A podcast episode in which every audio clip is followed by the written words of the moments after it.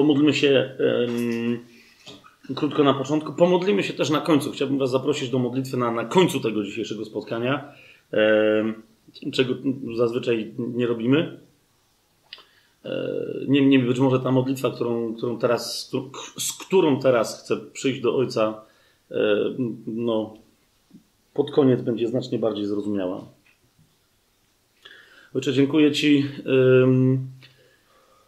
za to dzisiejsze spotkanie. Dziękuję Ci za to dzisiejsze nasze studium biblijne, ponieważ wreszcie w ramach tego sezonu doszliśmy do ogłoszenia pełnej zrębów, ale jednak ogłoszenia pełnej Ewangelii o Królestwie. W zrębach, ale pełnej Ewangelii o Królestwie. Dziękuję Ci, Ojcze, że do tego dotarliśmy, ponieważ w tym wieku idzie nie tylko o to, żeby przyjąć łaskę, jaka przychodzi wraz e, z wiarą w zmartwychwstanie Twojego Syna, ale żeby przyjąć łaskę związaną z objawianiem Twojego Królestwa już tutaj, na tej ziemi, przed powrotem Pana Jezusa. Dziękuję Ci, Ojcze, bo, bo wierzę, że to dzisiejsze spotkanie, to dzisiejsze studium, to dzisiejsze nauczanie jest dla nas otwarciem na naszym przyczółku, tutaj w Polsce, w naszym języku jest, jest dla nas otwarciem ostatniego rozdziału tego wieku, a mianowicie głoszenia pełnej Ewangelii o Królestwie, w której sam Pan Jezus powiedział, że kiedy ta Ewangelia o Królestwie będzie głoszona, yy, to będzie oznaczało, że bliski jest koniec i że, i, i że Pan Jezus wreszcie, na którego z takim utęsknieniem czekamy, powróci. Dzięki Ci, Ojcze, za to, że Ty dzisiaj przez to studium dokonasz w nas swojego dzieła i że królestwo, które się ma przejawiać nie tylko w słowie, ale i w mocy, wreszcie w tej części ciała Chrystusa, w której my się znajdujemy, i w tych wszystkich częściach ciała Chrystusa, do których dotrze mm, to studium i to nauczanie, że, że wreszcie tam objawi się królestwo nie tylko w słowie, ale jak ty tego chcesz i w pełnej mocy, którą dla swojego kościoła, dla ciała Chrystusa przewidziałeś. Który żyjesz, który królujesz w naszych sercach i królować będziesz zawsze. Amen. Kochani, e, podczas ostatniego naszego e, e, spotkania mm, mówiliśmy o, o, o jakby takim szerokim zarysie, jak to powiedzieć, horyzoncie, o otoczeniu, o klimacie związanym z królestwem i jego charakterem tutaj, na ziemi. Ale to jeszcze nie było, mówiliśmy sobie o, o nadziei chwały, że to jest charakter królestwa tutaj, w tym okresie pomiędzy Chrystusowym wykonało się na krzyżu i jego zmartwychwstaniem, a jego powtórnym przyjściem na, zieje, na ziemię, w ramach którego zaprowadzi królestwo. Pomiędzy tym a tym żyjemy nadzieją chwały. Ten okres ma się charakteryzować oczekiwaniem, a to oczekiwanie jest związane tak mocno z kontrowersją, że tak powiem, przeciwko ciału, że nawet, y, no jak sami pamiętacie, bo niektórzy podczas tego spotkania y, byli samo takie nauczanie, nawet wśród wierzących, dotyka ciała y, i wywołuje e, w nas starcie. Ale, ale jak powiedziałem, doczekajcie do następnego spotkania. To jest właśnie dzisiaj, ponieważ dzisiaj chciałbym, e, żebyśmy od początku do końca idąc z rębami, bo jeszcze raz, jakbyśmy chcieli to zrobić, trzeba by po prostu przeczytać wszystkie księgi Nowego Przymierza od początku do końca i byśmy mieli pełną Ewangelię o Królestwie. Dziś, dzisiaj będziemy szli z rębami, ale chciałbym, żeby wreszcie pełna dobra nowina o Królestwie została ogłoszona od początku do końca. Czym ona jest? Tak? W związku z tym, e, kochani, to dzisiejsze spotkanie może być e, najdłuższe z wszystkich, jakie do tej pory mieliśmy, ale jak zaczniemy, nie chciałbym kończyć, yy, aż dopóki nie wybrzmi wszystko, co jest związane z dobrą nowiną o królestwie, aż do dzisiaj. Jasne to jest? Teraz, yy, ponieważ nas czeka, yy, co prawda z jednej strony ekscytująca przygoda, ale już ostatnio, jak żeśmy dopiero wchodzili wreszcie mocnymi krokami w dobrą nowinę o królestwie, to już ciała się odzywały, więc chciałbym trochę tak jak w dobrym hollywoodzkim filmie, jak scenariusze y, najlepsze wielu dramatów i tak dalej powiadają, jak chcesz kogoś przeciągnąć przez długą opowieść i, i pozwolić mu skorzystać z wszystkich e, owoców tej długiej opowieści, najpierw trzeba tej, tej zapraszanej do takiej przygody e, osobie przedstawić, co jest, jak mówią właśnie ci hollywoodcy scenarzyści, what's at stake. Czyli o co w ogóle w całej tej akcji, w całej tej przygodzie, w całym tym działaniu będzie chodzić. Czy jest to aż tak ważne i aż tak mocne, żeby w ogóle tam włazić? Otóż, kochani, kochani, powiedzieliśmy sobie, że jeżeli otworzycie Księgę Objawienia, bo nawet się zastanawiałem dosłownie przed chwilą, tu wam o tym wspominałem, tak? Jak o pewnych rzeczach, jak o pewnych rzeczach opowiedzieć.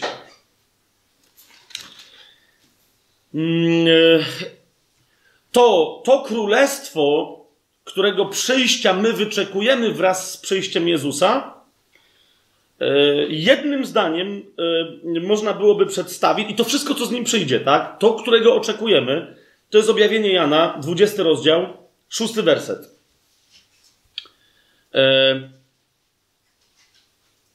o czym nam mówi ten werset? Błogosławiony, czyli szczęśliwy i święty jest ten, kto ma udział w pierwszym zmartwychwstaniu. Rozumiecie już, dlaczego mówiliśmy wczoraj tak wiele o zmartwychwstaniu, tak?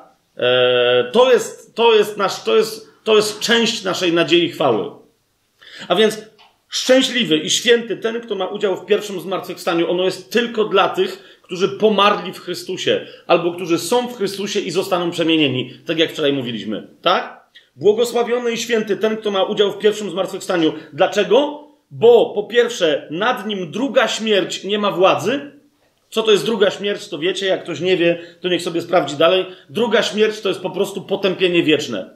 Kto zmartwychwstanie pierwszym zmartwychwstaniem, ten może być pewny, że nie pójdzie na drugi sąd i że na tym drugim sądzie nie spotka go potępienie wieczne, którym jest druga śmierć. Czy jest to jasne, o czym mówimy, tak? Więc z tego powodu szczęśliwi i święci są ci, yy, którzy mają udział w pierwszym zmartwychwstaniu, bo nad nimi druga śmierć nie ma władzy, ale też dlaczego?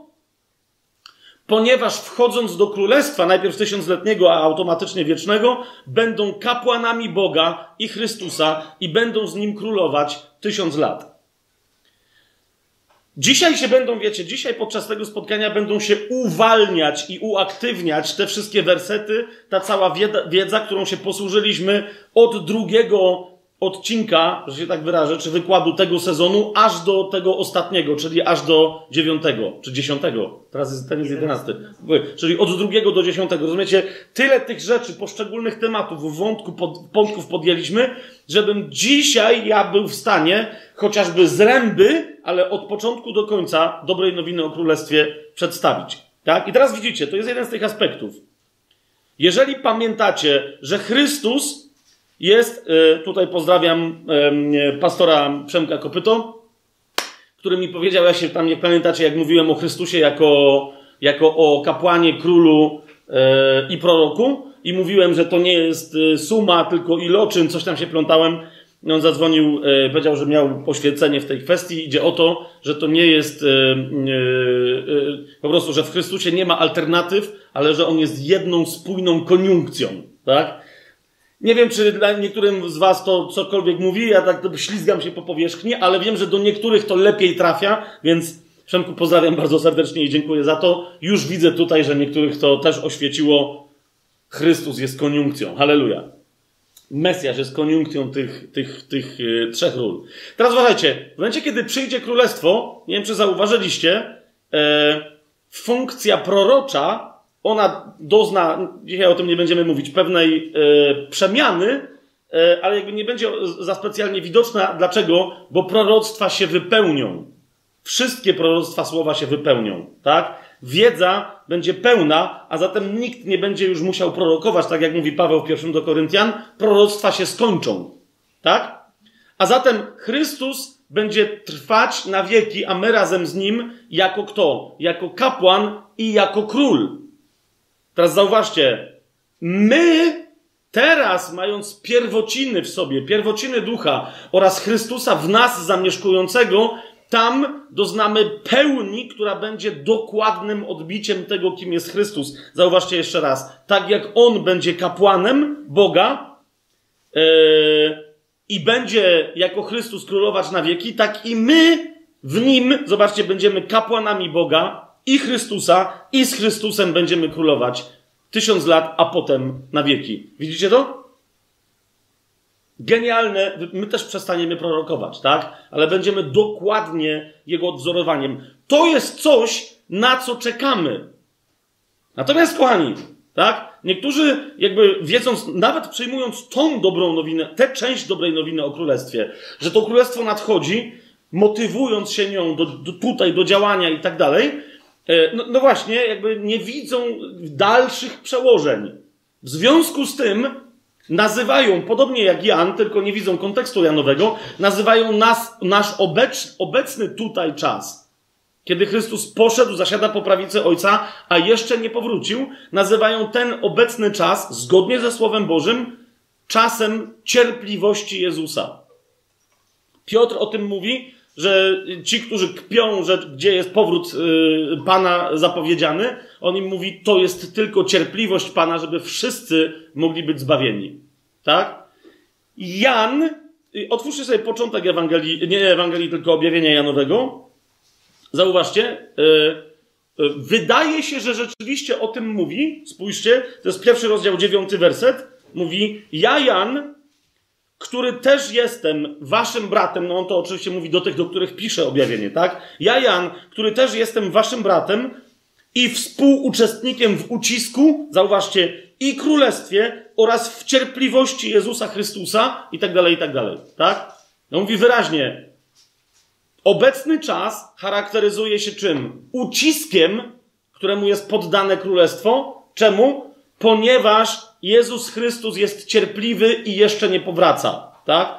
To jest coś charakteryzującego wszystkich chrześcijan. Tak? Że jesteśmy dla siebie braćmi i siostrami i wzajemnie współuczestnikami w czym? W ucisku, w królestwie oraz w cierpliwości Jezusa Chrystusa. Ale uważajcie, ale uważajcie. Ucisk ok, oznacza to, co robi nam świat z zewnątrz. Natomiast królestwo nie oznacza cierpliwego teraz czekania razem z cierpliwym Jezusem. I zaraz wam pokażę dlaczego. Tak? Królestwo oznacza to, co my mamy zrobić światu, który nas uciska, w tym czasie, gdy Jezus jest cierpliwy. Otóż, kochani, my w pełni wybuchniemy jako kapłani i jako królowie i jako królowe w królestwie, ale uważajcie, my już nimi jesteśmy. A zatem my się objawimy jako kapłani i jako królowie wtedy, kiedy Chrystus objawi się w pełni jako kapłan i król, ale uważajcie, tu na tej ziemi my teraz i to jest królestwo.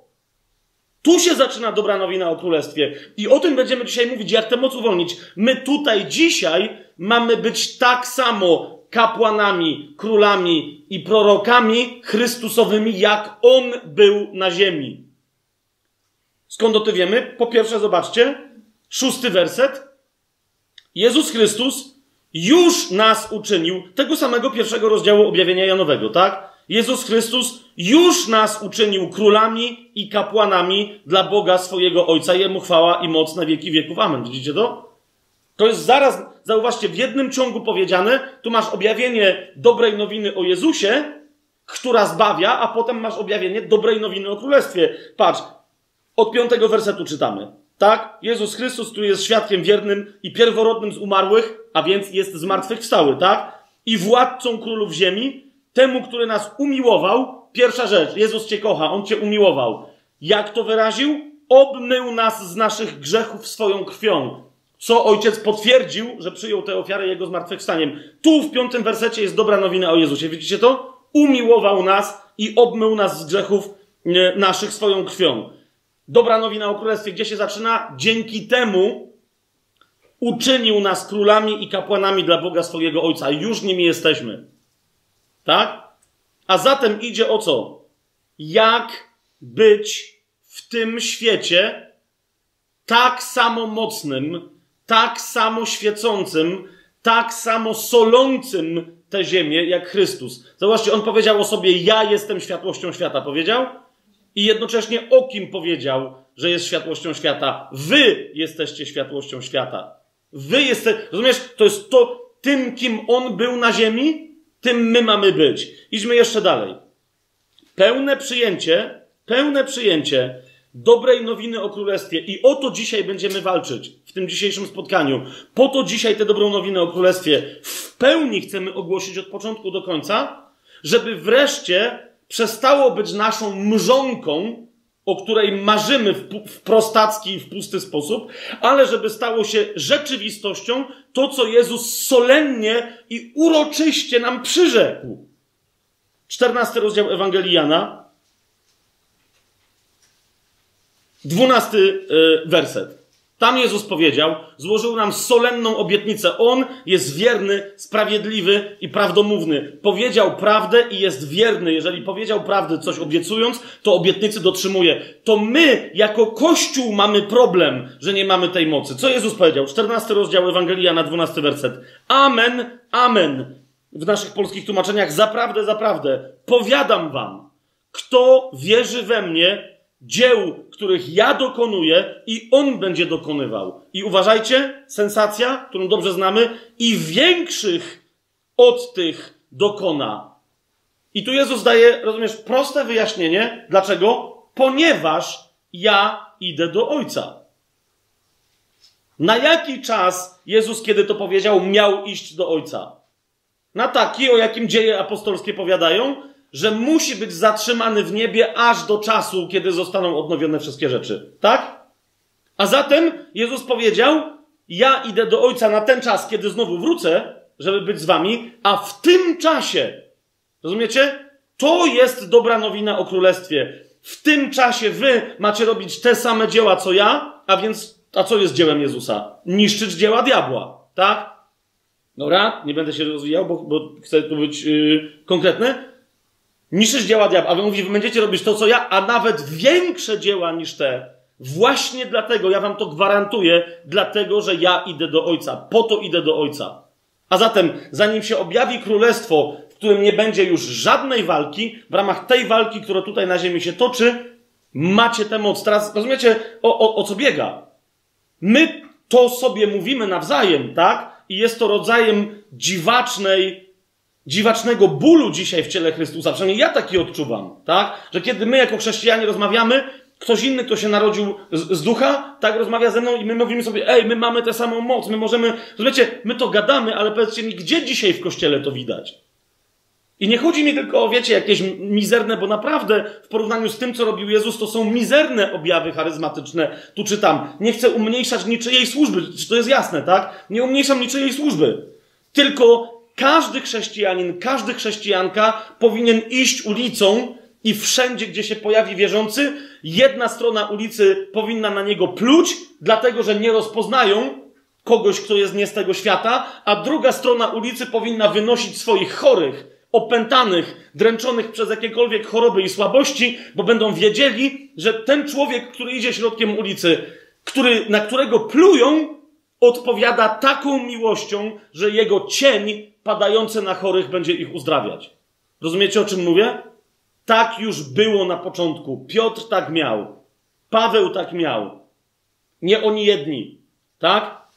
Teraz, czy, czy my żyjemy w jakiejś innej obietnicy niż oni mieli?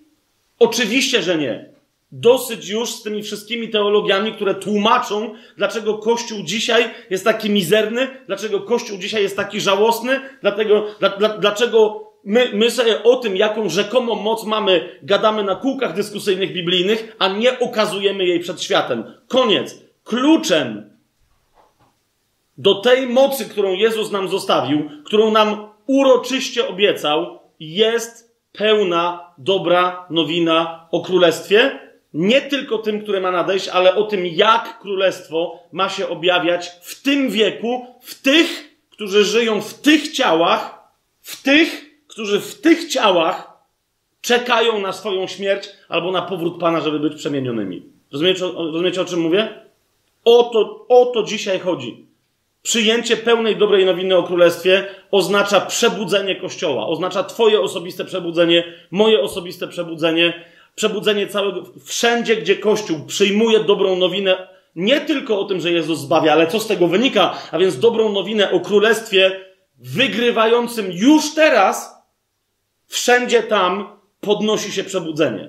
A więc, what's at stake? Moc, przebudzenie, nawrócenia, ratunek wielu zgubionych dusz. Chwała, nadzieja chwały, która zostanie potwierdzona, gdy Pan Jezus powróci. Spojrzy nam w oczy i powie: Sługo, dobry i wierny. Nie powie już wtedy sługo nieużyteczny, powie: Sługo, dobry i wierny. Służyłeś mi dobrze i wiernie. Daj, żebym ja ci teraz posłużył. To o to chodzi, rozumiesz? O ten moment. Koniec już z cieszeniem się tylko tym, że wyszliśmy na zero. Czy nawet z zera na jeden, że krew Chrystusa obmyła nas z grzechów i mamy spokój. Z czym? Z tym, że nie pójdziesz do piekła? Czas najwyższy wreszcie zająć się tym, do czego jesteśmy stworzeni. Jasne? To jest dobra nowina o królestwie. Jedźmy. Czujecie? Czujecie, co, co, co tu, co teraz jednocześnie się zastanawiacie, bo okej, okay, okej, okay, to żeś teraz położył na wadze. Teraz połóż z drugiej strony, żeby się okazało, że nie były to płonne obietnice, tak? Bo my świetnie znamy te wszystkie fragmenty, które wynikają z tego, co teraz przeczytałeś. Zaprawdę, zaprawdę powiadam wam, kto wierzy we mnie, dzieł, których ja dokonuję i on będzie dokonywał. I większych od tych dokona, bo ja odchodzę do mojego Ojca.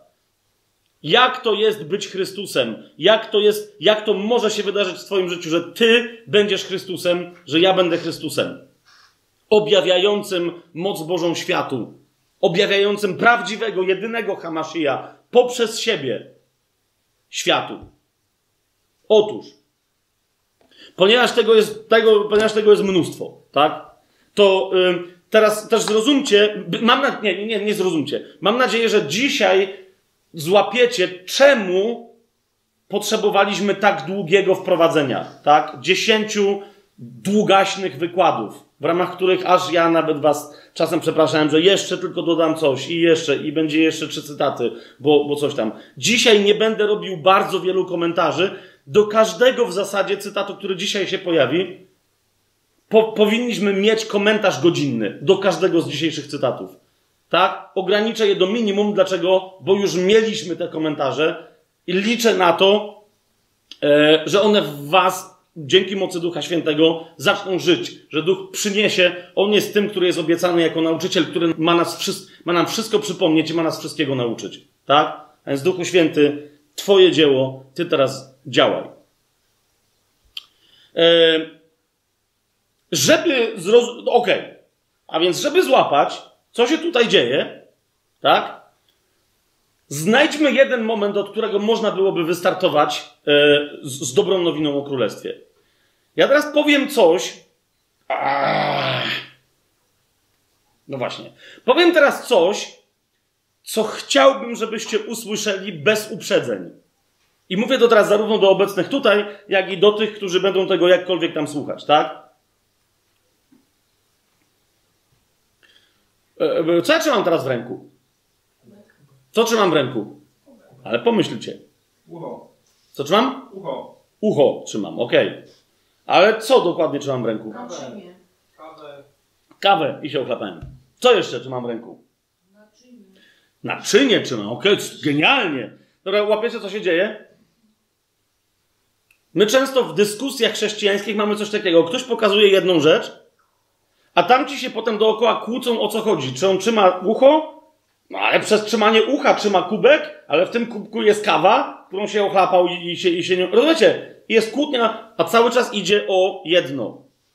To, co teraz powiem, chcę, żebyście zrozumieli nie na bazie tego, co do tej pory słyszeliście, zwłaszcza jeżeli słyszeliście jakieś kłótnie teologiczne na ten temat, ale żebyście po prostu przyjęli to, co powiem, nie, również nie na wiarę, ale jako wstęp do czegoś, co się na bazie tego, o czym już wielokrotnie mówiliśmy, wyjaśni, wyjaśniało lub co się dzisiaj wyjaśni. Tak?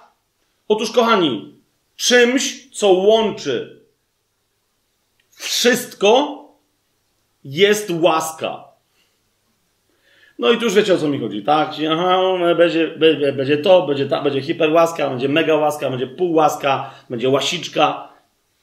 Jeszcze raz, czymś, co wszystko łączy, co związane między Bogiem a nami, jest łaska.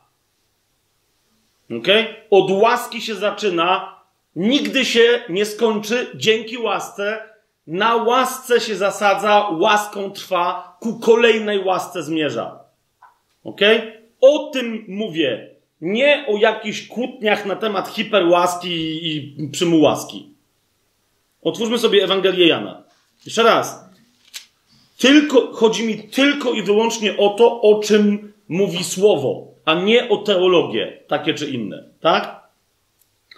Jako, w ten sposób, właśnie w ten sposób, jak to teraz powiedziałem, łaską prolog Ewangelii Jana de facto definiuje Jezusa oraz Jego dzieło w każdym i każdej z nas.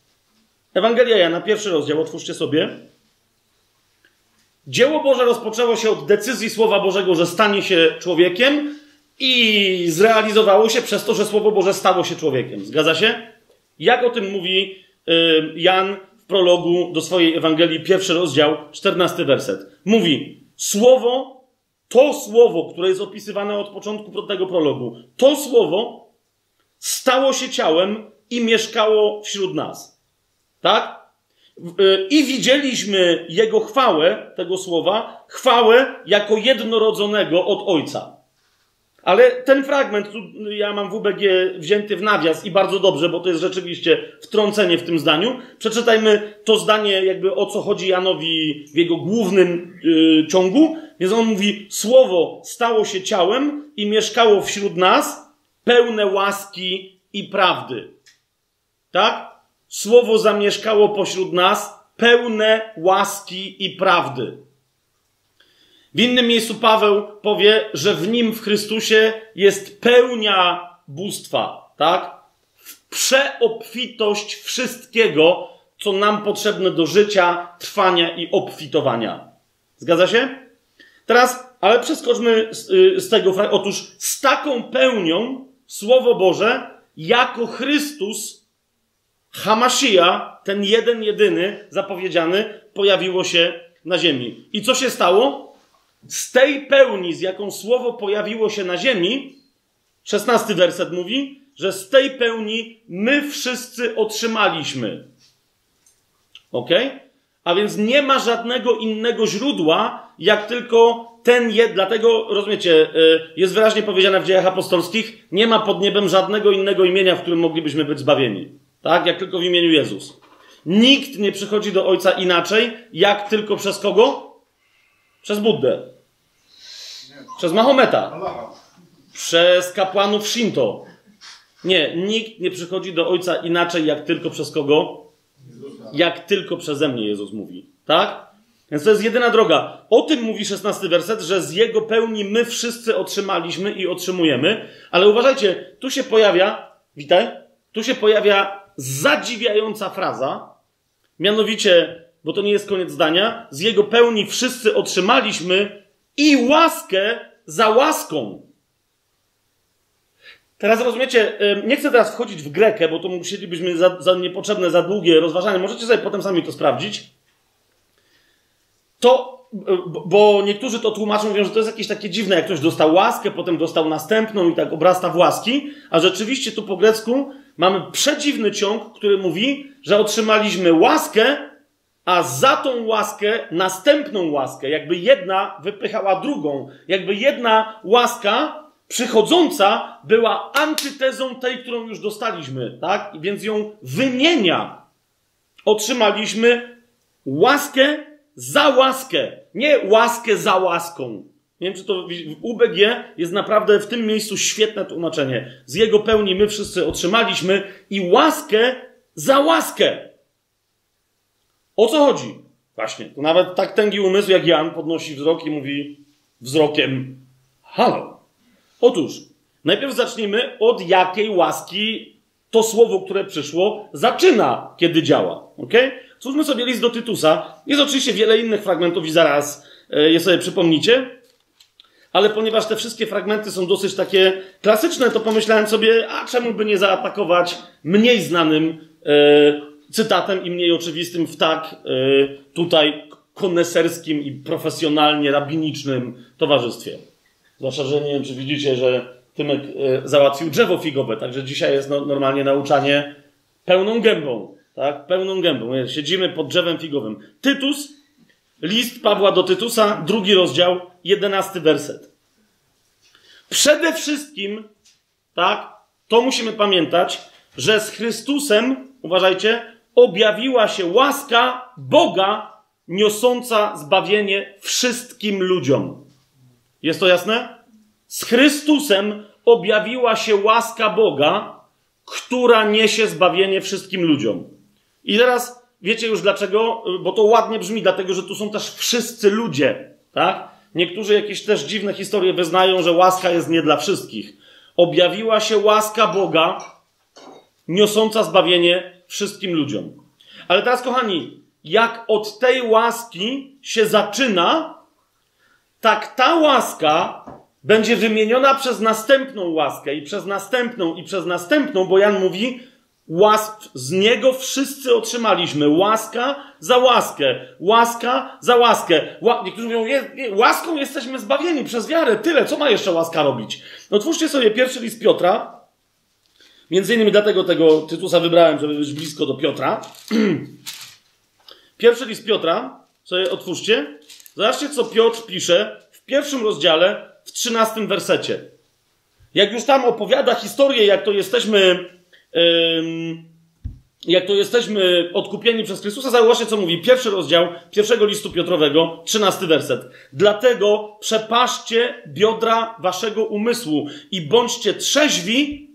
Pamiętacie, jak mówiliśmy ostatnio o czuwaniu? Przepaszcie biodra waszego umysłu i bądźcie trzeźwi, pokładając doskonałą nadzieję w czym? W łasce, która dopiero będzie wam dana przy objawieniu Jezusa Chrystusa. Widzicie to?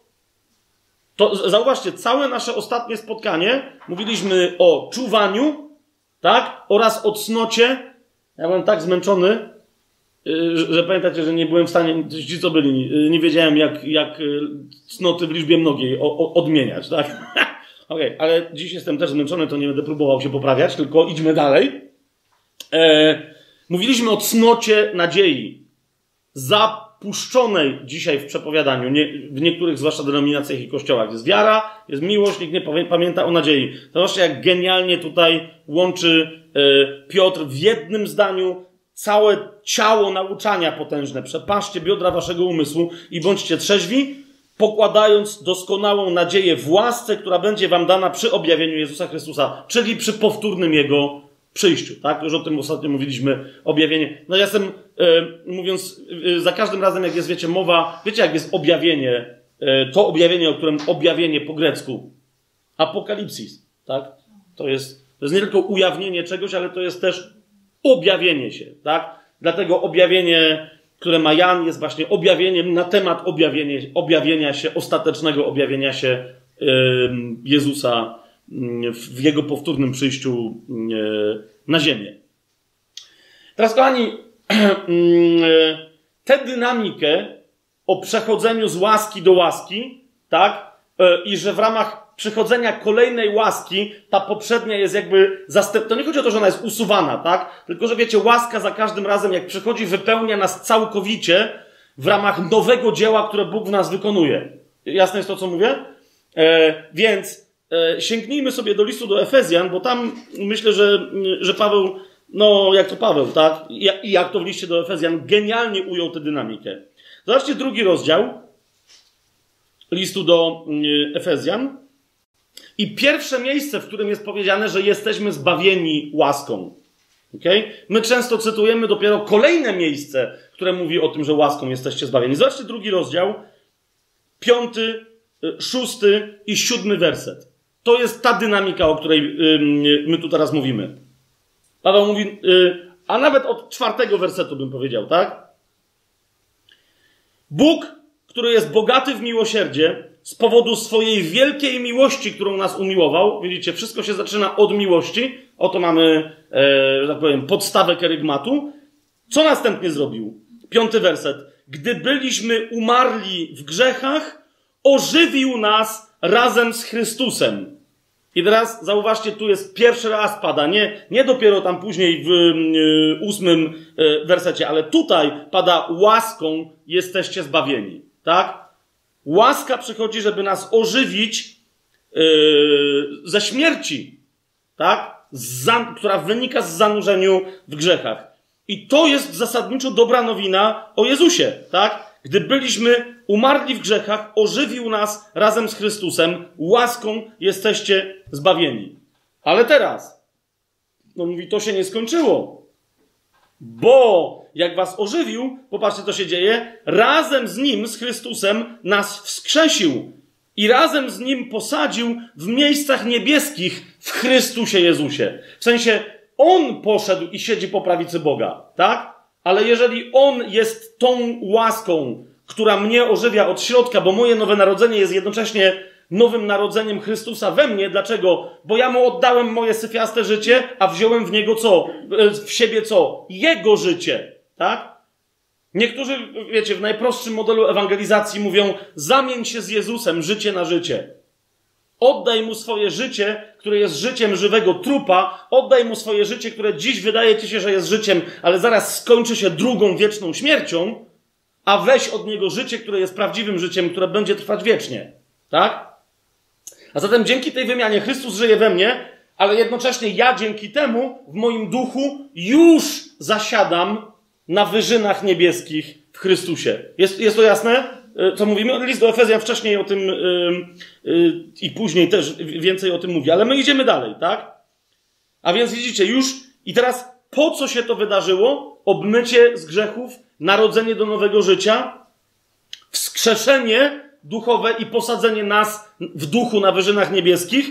Zobaczcie siódmy werset, aby okazać w przyszłych wiekach przemożne bogactwo swojej czego? Łaski. Po raz kolejny, widzicie? Łaską jesteśmy zbawieni, łaską dokonują się te wszystkie rzeczy, o których Paweł mówi w piątym i szóstym wersecie tego drugiego rozdziału listu do Efezjan, ale mówi, że do czego to zmierza? Do tego, żeby się przemożne bogactwo y, Jego łaski objawiło w przyszłych wiekach. Jeden wiek, o którym wiemy na pewno, to jest tysiącletnie królestwo. Następny wiek to jest cały ten wiek, który przychodzi po sądzie yy, białych, yy, białego tronu, po, ostatecz, po tak zwanym sądzie ostatecznym. Tak? Kiedy już wszyscy wrogowie zostaną wrzuceni, nie tylko bestia i fałszywy prorok, bo oni będą wrzuceni na początku tysiącletniego królestwa, ale także yy, piekło, śmierć, szatan, że się tak wyrażę, we własnej osobie, cała jego banda, wszyscy będą wrzuceni yy, ostatecznie, tak? Z tych przeciwników bożych zatwardziałych będą wrzuceni do, do jeziora ognia. A więc to są te jeszcze nadchodzące przed nami przynajmniej dwa przyszłe wieki różne, tak? Eony nadchodzące. A więc widzicie, łaska nie tylko nas zbawiła, to co zrobi, ale będzie w nas działać, działa i będzie działać i będzie dalej się zamieniać łaska za łaskę. Kiedy? W przyszłych wiekach. Dlaczego? Bo Bóg jest przemożnym bogactwem, które się nigdy nie wyczerpie. Po prostu. I chce nam okazywać, zauważcie końcówkę siódmego wersetu, swoją dobroć, jaką ma dla nas w Chrystusie Jezusie. To się nigdy nie skończy. Łaska za łaskę. Łapiecie o co chodzi?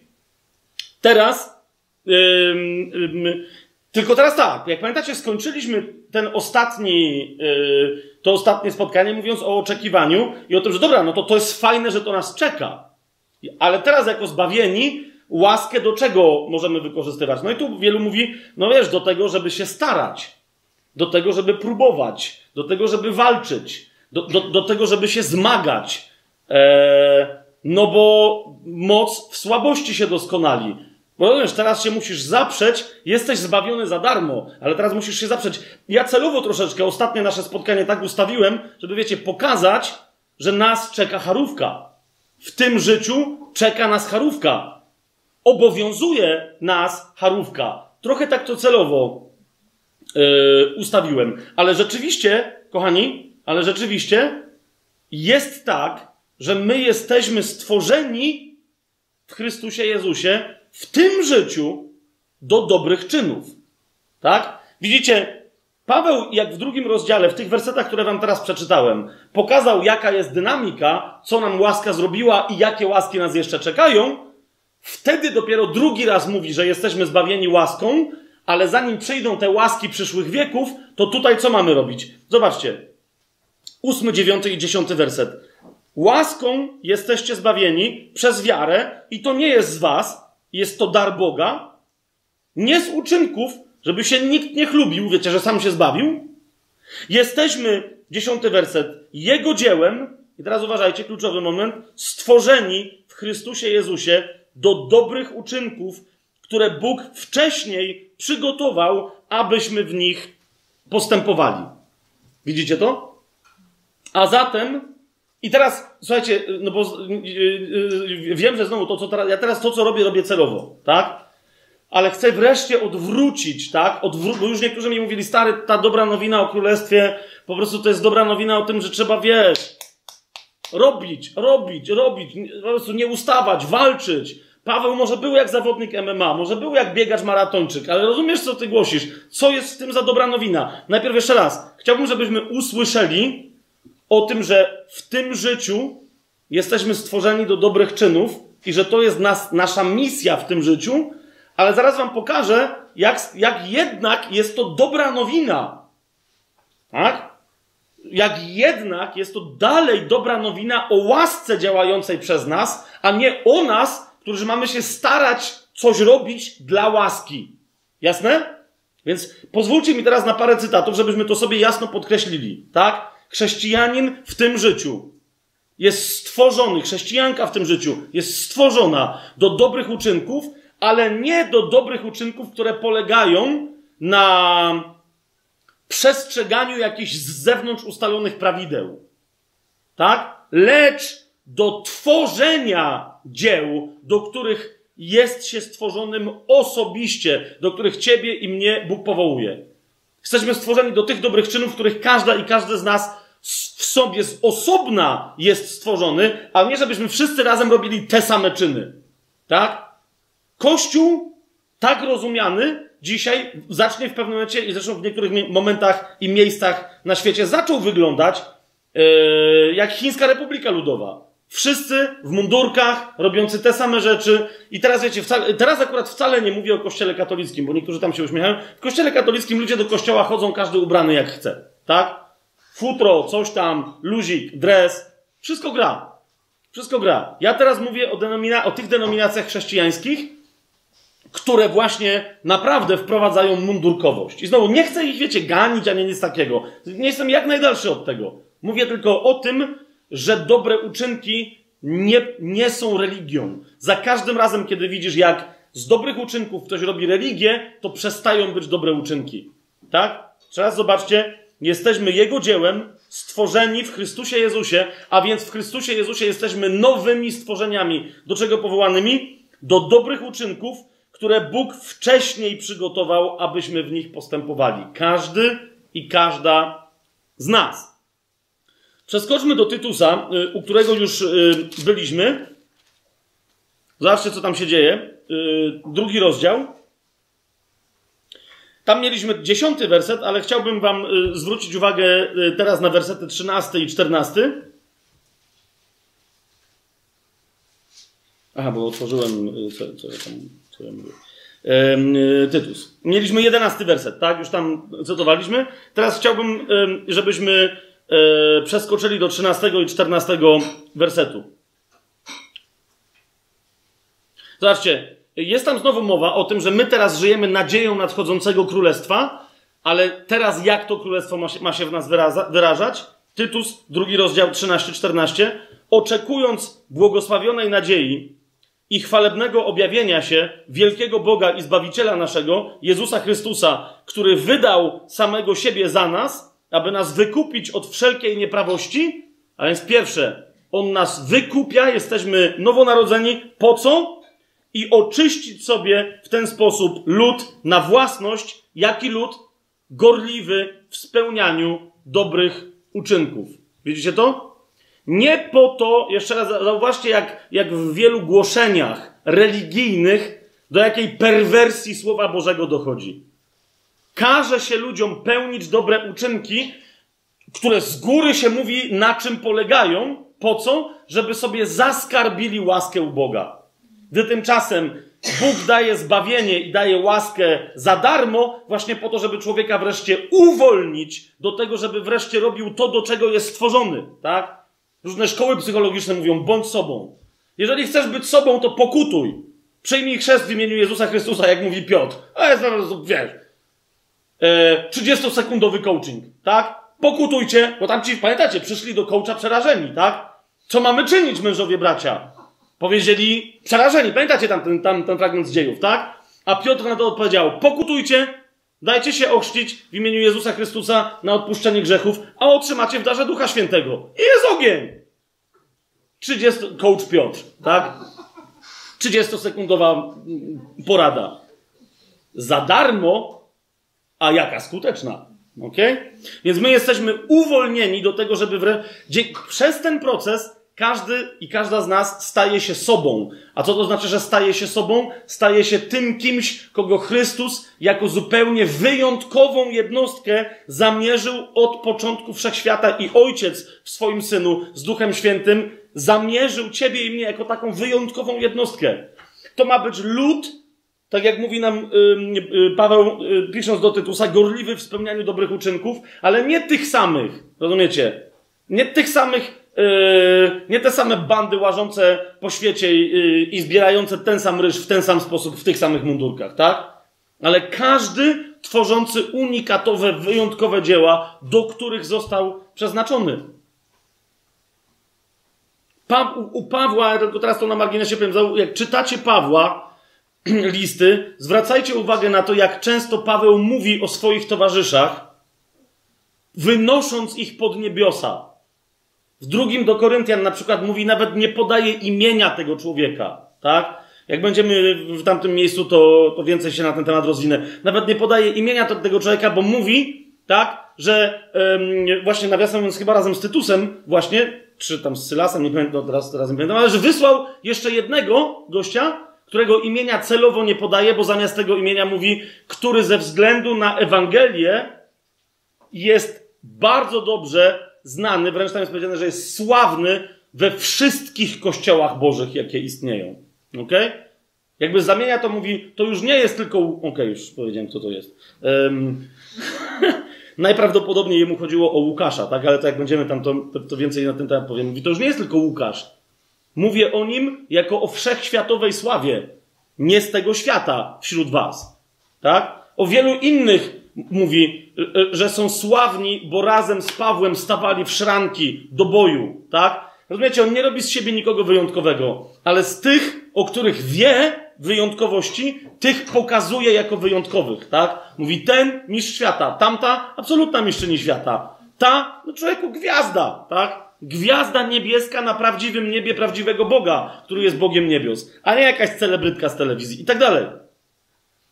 Paweł to nieustannie podkreśla. A więc to o taki lud gorliwy w spełnianiu dobrych uczynków chodzi, tak? Każdy powstający do wyjątkowych dzieł, o których inni będą pamiętać i które inni będą e, e, wskazywać. W tym, skoro jesteśmy u Tytusa, zobaczcie trzeci rozdział, ósmy werset. Paweł, e, jeszcze raz, nawiasem mówiąc, e, listy dwa, listy do, Tytus, do Tymoteusza i jeden do Tytusa, jak sobie policzycie, mają tak nieprawdopodobne zagęszczenie yy, tej frazy dobre uczynki, a zauważcie, to są dwa listy do następnego pokolenia starszych kościoła. Nie wiem, czy to zauważyliście kiedykolwiek. Jeden z nich to jest Tymoteusz, drugi to jest Tytus. W dwóch różnych warunkach, tak? Jeden zostawiony sam na wyspie z młodym kościołem, yy, Tytus, i jeden, który długo, Tymoteusz, który długo walczył przy Pawle, tak? a jednak jednemu i drugiemu Paweł przypomina tak często, że mam wrażenie, że, że w ogóle cała reszta Nowego Przymierza, cała reszta pism Nowego Przymierza, nie tylko Pawła, ale cała reszta pism Nowego Przymierza nie jest tak, nie ma tyle razy wykorzystanej frazy dobre uczynki, co Paweł w tych trzech listach do tych dwóch gości. Tak? Więc jest to interesujące, tak? Następne pokolenie Kościoła, pamiętajcie, dobre uczynki. Zobaczcie, trzeci rozdział, Ósmy werset.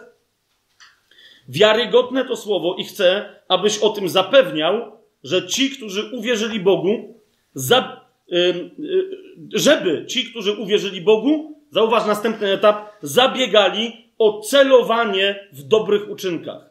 Jest to dobre i pożyteczne dla ludzi. Widzicie, co się tu dzieje? Jeszcze raz, chcę to, kochani, chcę to na nas nałożyć. Chcę to na nas nałożyć, bo potem to nam wybuchnie z mocą, tak? Nawet jak teraz uważasz, że nakładam, rozumiesz, na, na siebie i na ciebie jakieś ciężkie jarzmo, tak? Ale zauważcie, tu nie chodzi po prostu o to, żeby czasem pyknąć jakiś dobry uczyneczek. Paweł mówi, jesteś zbawiony z łaski przez wiarę, zauważ? Chcę, abyś o tym zapewniał, że ci, którzy uwierzyli Bogu, żeby teraz co? Zabiegali o celowanie w dobrych uczynkach. Nie, żeby pełnili dobre uczynki, nie, żeby celowali w dobrych uczynkach, ale żeby całą swoją mocą zabiegali, walczyli o to, żeby to, co robią, było celowaniem w dobrych uczynkach. Patrz, jak Paweł podnosi poprzeczkę. To jest stary Paweł, tak? Ten, który w innym miejscu powie o sobie, pisze do ciebie ja, starzec. I, i on mówi, że nie, nie. To, co widzieliście u nas, mój sufit Pawła ma być twoją podłogą. Więcej, bo masz więcej mocy, bo jesteś dalej, bo już widziałeś, co można zrobić. Pokaż następnemu pokoleniu, co jeszcze można zrobić. Jeszcze raz, nie stresujcie się, tak, że to na nas nakłada jakiś ciężar, tylko chcę wam pokazać wielkość naszego um, powołania. Czternasty werset. Tam Paweł mówi o Zenasie uczonym w, prasie, w prawie, Apollosie i tak dalej i mówi, niech nasi uczą się przodować w dobrych uczynkach, gdzie tego potrzeba, żeby nie byli bezowocni. Zwracam wam uwagę na to słowo, tak? Jak potem słyszę jakieś rozważania, że nie wiadomo, Jezus powiedział, nie wyście mnie wybrali, ale ja was wybrałem, żebyście szli i co? Żebyście owoc przynosili. Jaki owoc? Owoc, który będzie trwały, tak? I są rozważania, o co to chodzi. O to chodzi. Przodujcie w dobrych uczynkach. Nasi niech się uczą przodować w dobrych uczynkach, żeby nie byli, nie okazali się bezowocni. Owocami są dobre. Potem jeszcze więcej o tym sobie powiemy, ale na razie nałóżmy to na siebie. Dosyć z lenistwem w chrześcijaństwie, dosyć z gnuśnością, bo się okaże, że jak kretyni, bo ekshibicjoniści jak latają nago, to z tego przynajmniej jakąś perwersyjną, ale przyjemność czerpią. Rozumiecie? Że, żeby się nie okazało, że my na końcu nawet zboczeńcami nie byliśmy, tylko jak idioci biegaliśmy nago. Zwracam wam na to uwagę, tak? Dobre uczynki, ale właściwie rozumiane, wynikające z właściwie przyjętej łaski, są szatą, którą potrzebujemy mieć, żeby móc wejść na gody, na wesele baranka. Więc jeszcze dlatego o tym mówię, bo my teraz mówimy o szacie. Okej, okay. Przeskoczmy szybciutko dalej. Zobaczmy list do Galacjan, szósty rozdział. Dziewiąty werset. A w czynieniu dobra, mówi Paweł, nie bądźmy znużeni, bo w swoim czasie rządź będziemy, jeśli tylko nie ustaniemy. Widzicie o co mi chodzi? To jest jeden z wielu momentów, w których, w których Paweł mówi: pamiętaj, łaska Pierwsza łaska, która przyszła, przyszła za darmo, dała ci zbawienie, ożywiła cię. Ale pamiętaj, jaką dostaniesz zapłatę, jaką dostaniesz nagrodę, tak? Lub też ile będziesz mógł zrządzić dla siebie, zależy od tego, jak dzisiaj będziesz w czynieniu dobra nie ustawać. W czynieniu dobra nie bądźmy znużeni, bo w swoim czasie rządź będziemy, jeśli yy, nie ustaniemy. W jakim swoim czasie? No zobaczcie w ósmym wersecie E, tam, gdzie będzie już życie wieczne. Tak? E, je, jeszcze raz e, do, do tego tematu wrócimy dzisiaj, ale w innym miejscu. List do Hebrajczyków. Otwórzmy sobie.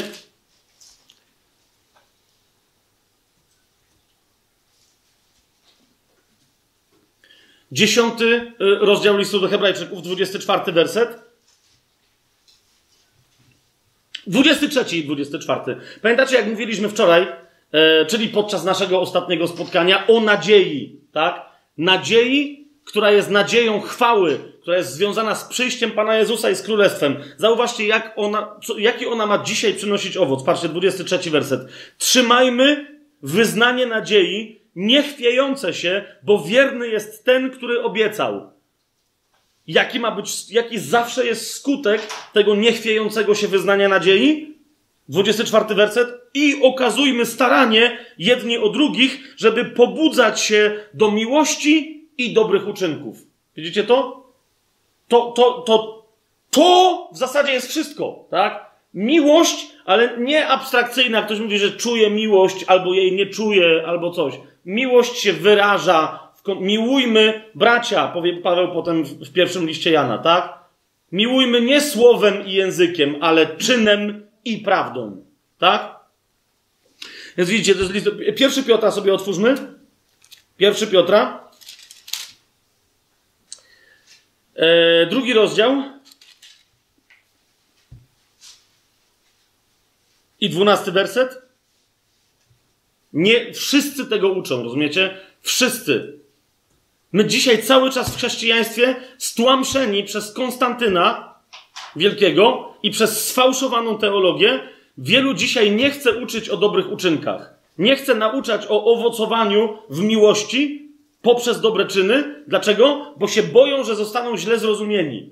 Że jak ktoś dzisiaj głosi dobre uczynki, to się boi, że zostanie źle zrozumiany. I reszta chrześcijan powie, e, ale łaską jesteśmy zbawieni przez wiarę za darmo, nie z uczynków, żeby się nikt nie chlubił. Jeszcze raz, miejmy rozjaśnioną dobrą nowinę o Jezusie, o darmowej łasce tamtej, ale wiedzmy, okay, o tym, że kiedy już tak się stanie, to kluczem do naszego życia tutaj, naszym znakiem markowym, nie wiem jak to nazwać, po prostu znakiem rozpoznawczym, tak? Autentyczności tego banknotu mają, ma być miłość i dobre uczynki. Pierwszy Piotra, drugi rozdział, dwunasty werset, patrzcie co, co Piotr pisze. Postępujcie wśród pogan nienagannie, aby ci, którzy oczerniają was jako złoczyńców, przypatrując się waszym dobrym uczynkom, chwalili Boga w dniu nawiedzenia. Jasne? Jakuba jeszcze sobie y, otwórzmy i na tym poprzestaniemy, ale domyślacie się, że ja teraz tylko naprawdę y, wrzucam, y, no po prostu, tak? Wycinki tylko tego nauczania. Jakub drugi rozdział. Teraz będzie szoker, no ale właśnie najwyższy czas, żeby to powiedzieć. Będziemy czytać od 14 wersetu aż, aż do 26. Widzicie?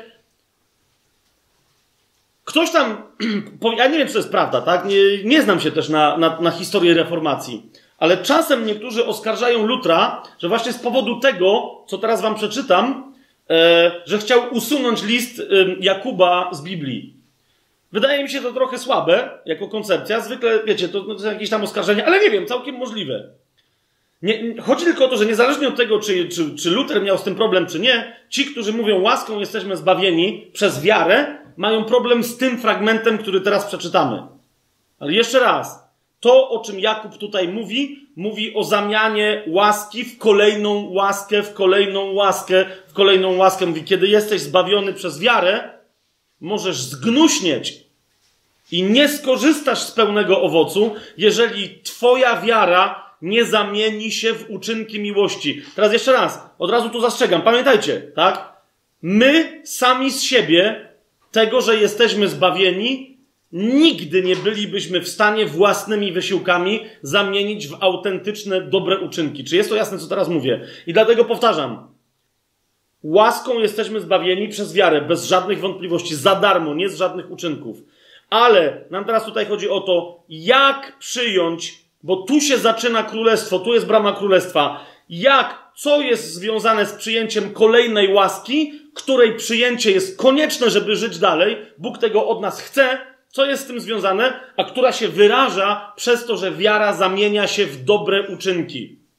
Ok? Przeczytajmy to. Drugi rozdział Jakuba od 14 wersetu.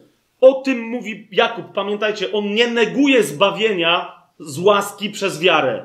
Nie neguje tego, ale neguje, jeżeli ktoś chciałby na tym tylko etapie pozostać.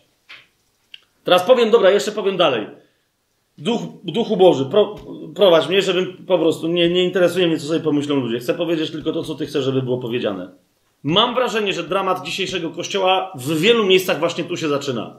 Czyli, że ludzie przyjmują zbawienie z łaski przez wiarę, a następnie nie robią w swoim życiu nic, zachowują tylko pozory pobożności, chodzą w niedzielę do zboru, tak? Czy, nie wiem, w, w, w, szabat, czyli w sobotę, chodzą e, na, na, na wspólne zgromadzenie, zachowują inne przepisy. Teraz znowu nie chodzi mi zaś o adwentystów, tak? Tylko mówię o różnych, którzy zachowują różne przepisy, jeżeli nie widzą w swoim życiu owoców, to właśnie dlatego, że albo ktoś im nie głosił, albo nie chcą się zdecydować na następny krok.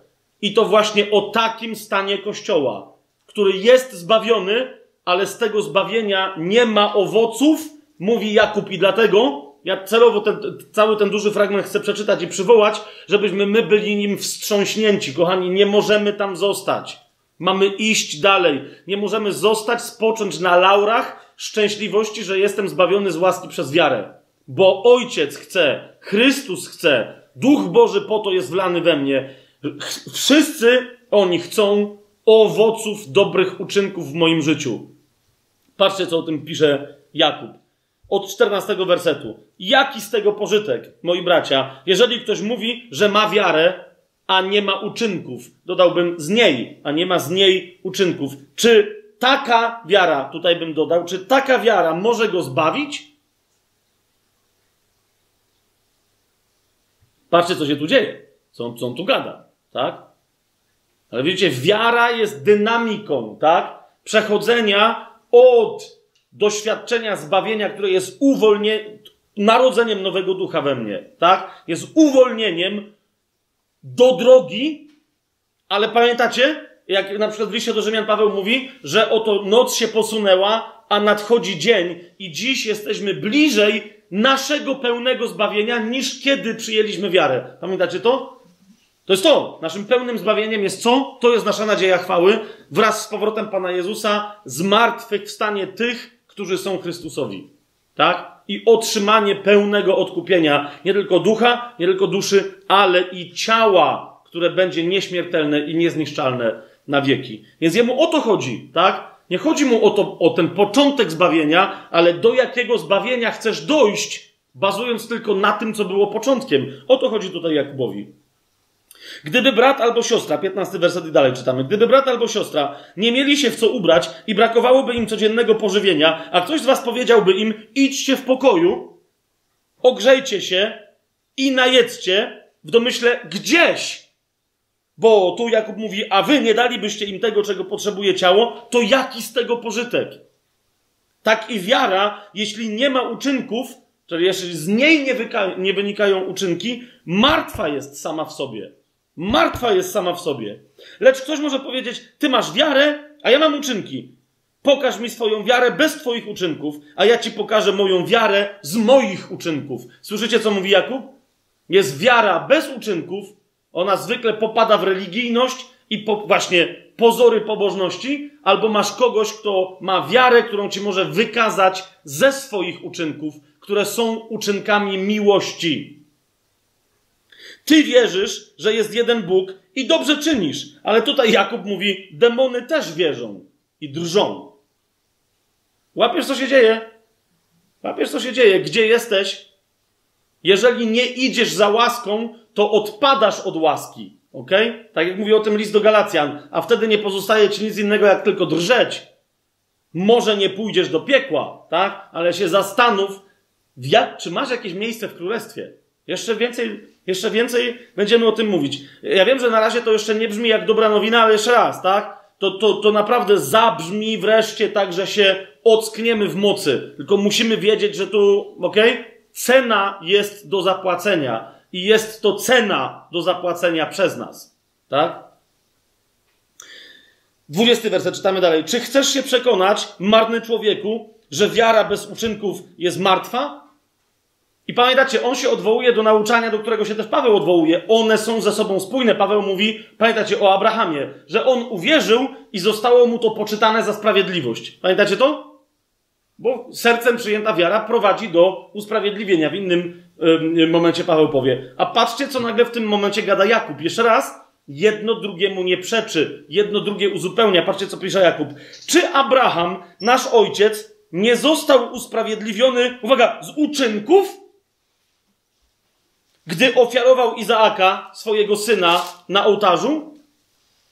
I dalej Jakub mówi: Widzisz, że wiara współdziałała z jego uczynkami, i przez uczynki wiara jego stała się doskonała. Czy widzicie to? Zaczyna się od jakiejś wiary, ale nawet Twoja wiara ma się wydoskonalić. Tu tylko wrzucę, nie będę tego rozwijał, ale zauważcie, kochani, my zawsze, żeby się narodzić na nowo, i teraz to będzie może bardziej szokujące niż to, co Jakub tutaj mówi, my zawsze, żeby się narodzić na nowo, nie ma innej, innego wyjścia, jak tylko rozpocząć od wiary, która nie ma niczego wspólnego z duchem. Od wiary duszewnej. Nie wiem, czy słyszycie, co mówię. Dlaczego? Ponieważ człowiek, który nie jest narodzony na nowo, nie ma miejsca, w którym mogłaby obfitować duchowa wiara. Dlaczego? Bo nie ma ducha żyjącego. Nowego ducha, tak? Nowego ducha tchnę do waszego wnętrza. Wezmę wam serce kamienne, a dam wam serce mięsiste, tak? A zatem wiara początkowo rodzi się w człowieku na poziomie jakim? Duszewnym. Tak? Dlatego ewangeliści niektórym się nie podobają, bo głoszą na emocjach. Ale jak mają głosić do ludzi, rozumiecie, którzy są cieleśni i duszewni? Jak mają być niby duchowi? Ich zadaniem jest przemawiać do duszewnego człowieka, żeby obudzić w nim duszewną wiarę. Ta duszewna wiara prowadzi do wyznania, do wyznawania Jezusa ustami, ale teraz widzisz, kiedy to się stanie, ta wiara ma się zamienić w wiarę Jezusa Chrystusa, ma się wydoskonalić. A wiara Jezusa Chrystusa działa miłością, nawet nie w miłości, ale działa miłością. W Jezusie wiara Jezusa, która jego wiara będzie trwać na wieki, znowu to jest inny temat, który kiedyś poruszymy. W wielu miejscach Biblii zwracaj, jak, to, jak macie UBG, to tam jest, są wiele, jest dobrze przetłumaczonych fragmentów, które odróżniają naszą wiarę w Jezusa Chrystusa, a naszą wiarę Jezusa Chrystusa, którą my też mamy, do której mamy dostęp. Tak? To jest duchowa wiara, wiara wydoskonalona, którą mamy pozyskać, oddając wreszcie i wyby, rozumiecie, rozbierając się z tej wiary, która początkowo nam pozwoliła się rozpędzić, czyli z wiary duszewnej. Tak? O tym tu mówi y, Jakub. 22 werset. Widzisz, że wiara współdziałała z jego uczynkami i przez uczynki wiara stała się doskonała. Dobra, przeskoczmy 23 werset, tam są jakieś wnioski. 24. Widzicie więc, że człowiek zostaje usprawiedliwiony z uczynków, a nie tylko z wiary. Podobnie i nierządnica Rahab, czy nie z uczynków została usprawiedliwiona, gdy przejęła wysłanników i wypuściła ich inną drogą? W sensie, wiecie, jej uczynki były wyrazem jej wiary, tak? Nawet zresztą w samym, wiecie, miejscu list do Rzymian, dziesiąty rozdział, jeżeli w sercu swoim uwierzysz, a następnie co? Ustami wyznasz. Już masz pierwszy uczynek wynikający z wiary, tak? To usprawiedliwienie przemienia się w zbawienie dopiero dzięki wyznawaniu yy, ustami. 26 werset. Jak bowiem ciało bez ducha jest martwe, nawet jeżeli żyje mocą duszy, tak? Ciało bez ducha jest martwe, tak i wiara bez uczynków martwa jest. Jasne? Żebyśmy my mogli żyć życiem wiary, potrzebujemy uczynków. To one są na, rozumiecie? I dlatego oprócz modlitwy potrzebujemy czuwania. Czuwania pamiętającego o tym, że my idziemy do Jezusa, a Jezus biegnie w naszą stronę. Tak? Zobaczcie objawienie Jana 16 rozdział, 15 werset. Przypomnę tylko to, o czym yy, żeśmy mówili ostatnio. Ale popchnę ten temat troszeczkę dalej. W 16 rozdziale, w 15 wersecie, w całym tym szalonym kontekście największego zwiedzenia ostatnich czasów, Jezus przypomina jeszcze raz, ostatni raz w Biblii, bo to nie jest pierwszy raz, ale jest ostatni, mówi: Oto przychodzę jak złodziej. Błogosławiony, czyli szczęśliwy. Kto? Kto czuwa i strzeże swoich szat, aby nie chodził nago i aby nie widziano jego hańby. Czuwanie jest konieczne do tego, żebyśmy ustrzegli swoich szat. Co jest szatą? Zauważcie, że dla Jezusa to jest bardzo istotny temat. W Księdze Objawienia w trzecim rozdziale mamy werset czwarty i piąty. To jest list do, do y, anioła zboru kościoła w Sardes. On, tam Pan Jezus ma parę zarzutów, ale mówi w pewnym momencie, ale masz kilka osób w Sardes, które nie splamiły swoich szat. Widzicie, y, on tam im nie mówi, y, y, że niektórzy latają goli. Niektórzy nie latają goli, ale mają splamione szaty. To jest jeszcze inna rzecz, tak? Goły to jest najgorszy stan wierzącego, tak? Ktoś, kto dostał szatę czystą od Chrystusa, białą, a pozwolił ją sobie splamić, powinien ją wyczyścić. No I to i wiecie, czym się czyści szatę, tak? Ale problem jest, jeżeli ktoś tak przestał czuwać, że pozwolił diabłu sobie ukraść tę szatę, albo ją zgubił gdzieś. Najgorszy wstyd dla wierzącego. Więc on tu mówi, masz kilka osób w Sardes, które nie splamiły swoich szat. Będą chodzić ze mną w białych szatach, zauważ, bo są godni. Są godni. Piąty werset. Kto zwycięży, będzie ubrany w białe szaty. I osiemnasty werset, przeskoczmy sobie szybko.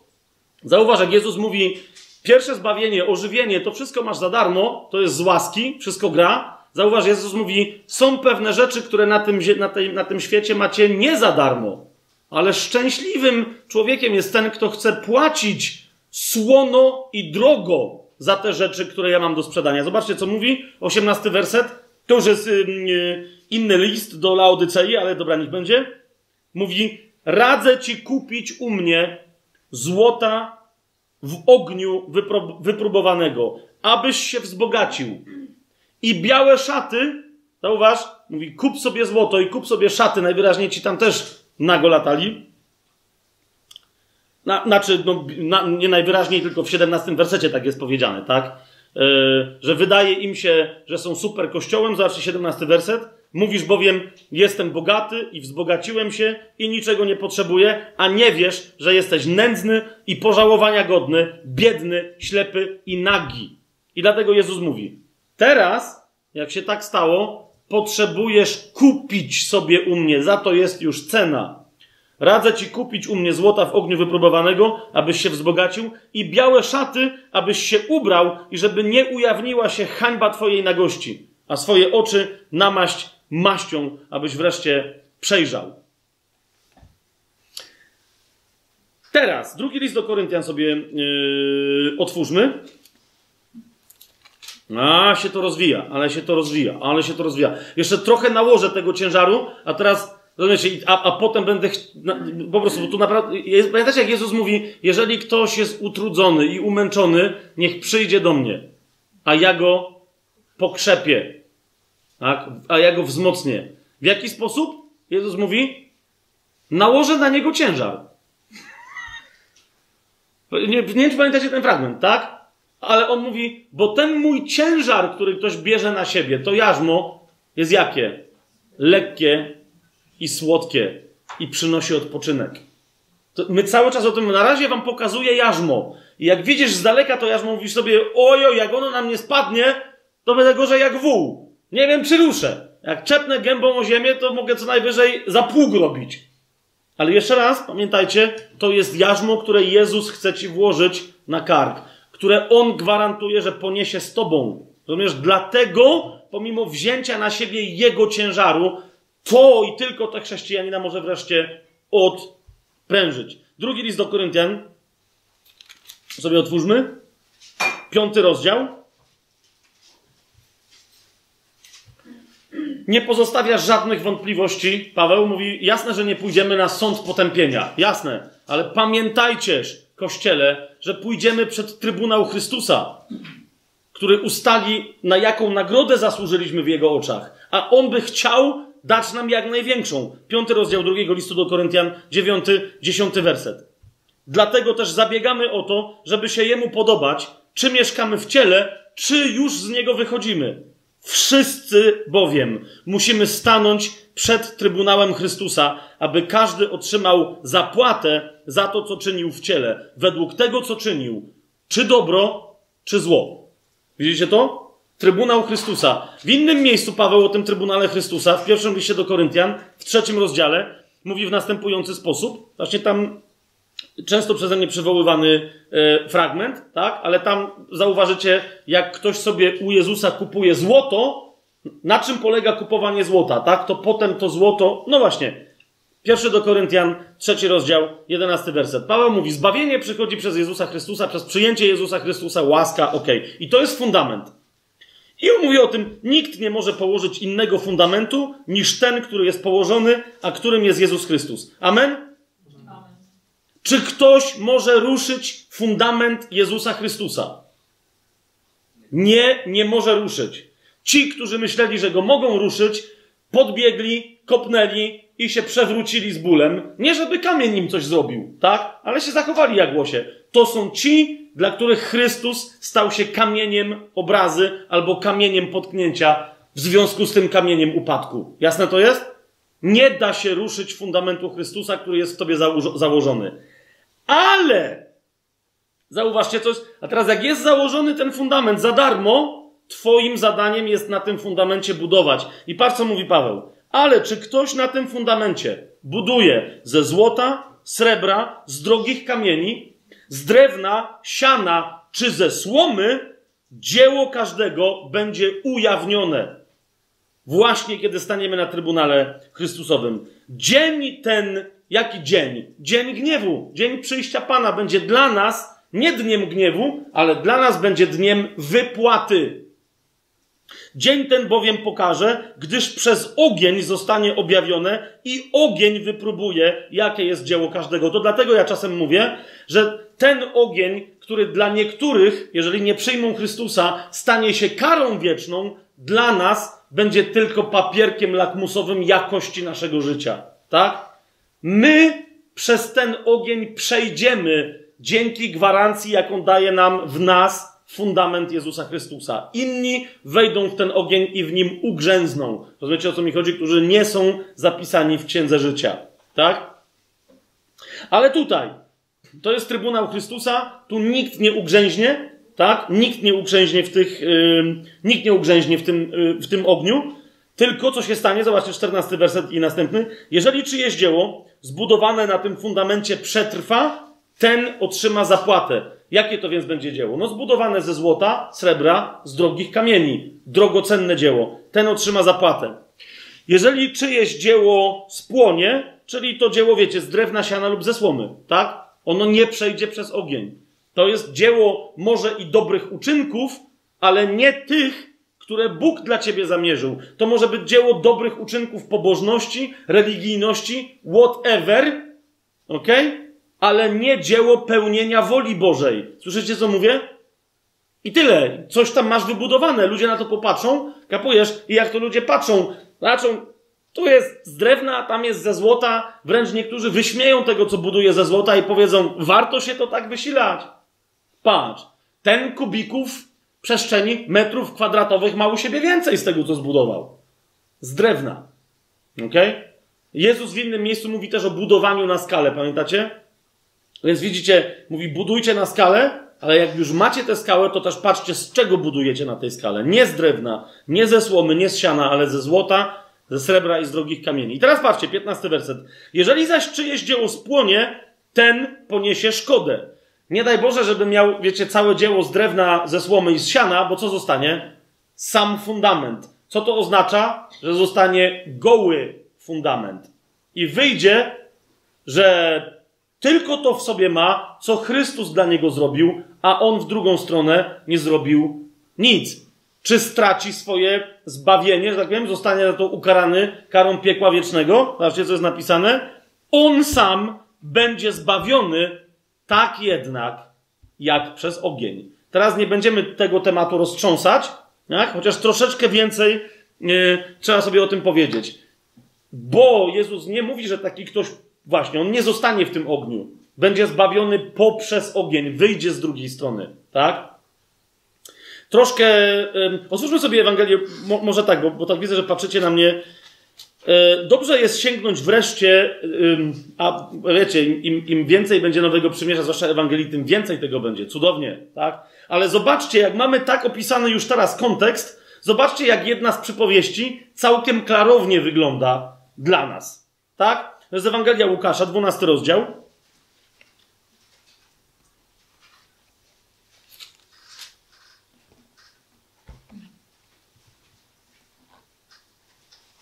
Najpierw, y, okej, w 12 rozdziale spójrzcie na 35 i 36 werset. Tak? To jest jeden z tych momentów, gdzie Jezus mówi: Czuwajcie, bo ja nadchodzę. A z tym są związane konsekwencje. Patrzcie, Łukasz 12, 35, 36. Niech będą przepasane wasze biodra i zapalone lampy.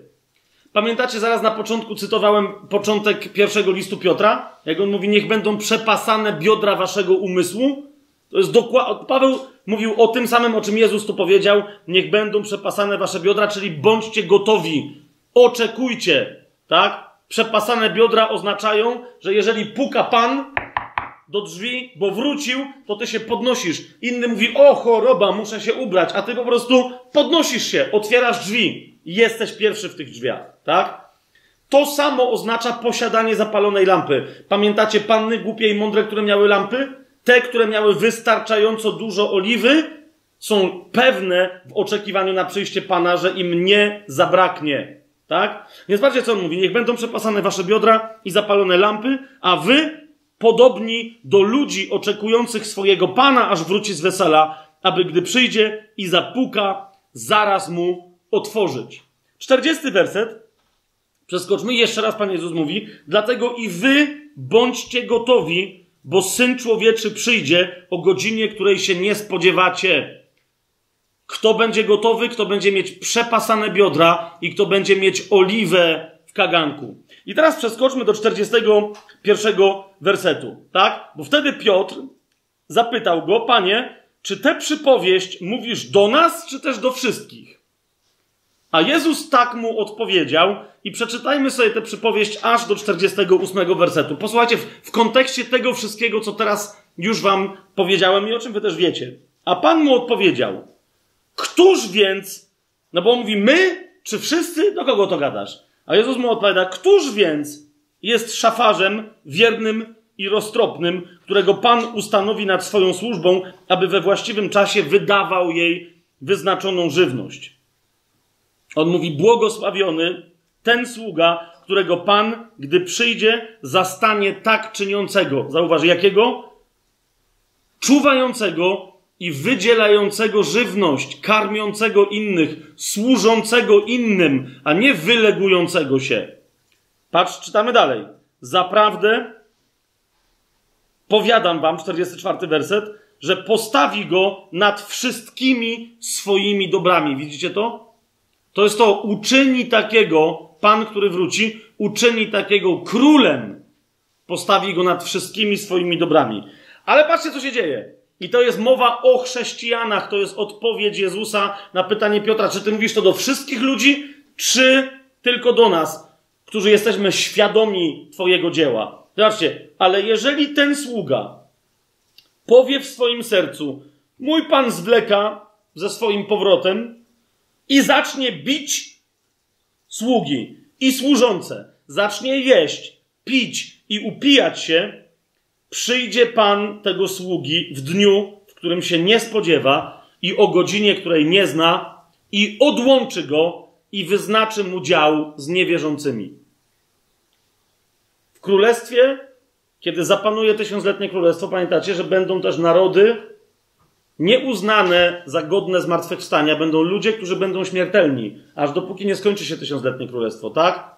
Oni zaczną być wierzący, ale tu chodzi o pogan, tak? Taki ktoś wyląduje z poganami po to, żeby pójść na potępienie. Zobaczcie, co jest dalej. 40, tu Pan Jezus rozróżnia. 47, 48 werset. Odpowiada Piotrowi. My czy wszyscy? W zależności od świadomości. Patrzcie, co mówi. Ten sługa, który znał wolę swojego Pana, a nie był gotowy i nie postąpił według jego woli, otrzyma wielką chłostę. Lecz ten, który jej nie znał, a uczynił coś godnego kary, otrzyma małą chłostę. Teraz obczajcie, co ja już wam zrobiłem. To, co teraz, to, co teraz robię. Nikt, żadna z was i żaden z was, wybaczcie mi, a jednocześnie kiedyś mam nadzieję, nieważne, ja mogę się okazać, że najmniej z tego, co gadałem, posłuchałem sam, tak? Ale wiem, że kiedyś z was, po prostu, każdy mi za to podziękuje, że teraz go wrobiłem, tak? Teraz na razie spowodowałem przez poszerzenie naszej świadomości, że jesteśmy, ma, wiemy, w którą stronę zmierza Boża, Boża wola. Tak? A więc już jesteśmy sługami, którzy jak jej nie wypełnią, dostaną wielką chłostę, a nie małą. Okej. Okay. Dlaczego? Dlaczego? Zobaczcie. Komu wiele dano, komu wiele, ale nie chodzi o to, żebyśmy my chłosty unikali. Chodzi o to, żebyśmy się wreszcie zajęli odbieraniem od Pana nagrody. Wyobraź sobie taką sytuację, wyobraźcie sobie taką sytuację. Rozumiesz, masz kogoś, na kim ci bardzo zależy. Rozumiesz, i ten ktoś w ciebie wierzy, tak? Założył się ten ktoś z kimś innym, kto w ciebie bardzo wierzy i mówi, słuchaj, to dam Ania. Mówi, mówi Ania jest genialna. A ja Ania, tak? Naprawdę, Ania jest genialna. No, umie tańczyć, umie śpiewać, jest, jest ładna, jest mądra, jest... Nie, nie wiesz nic na temat Ani.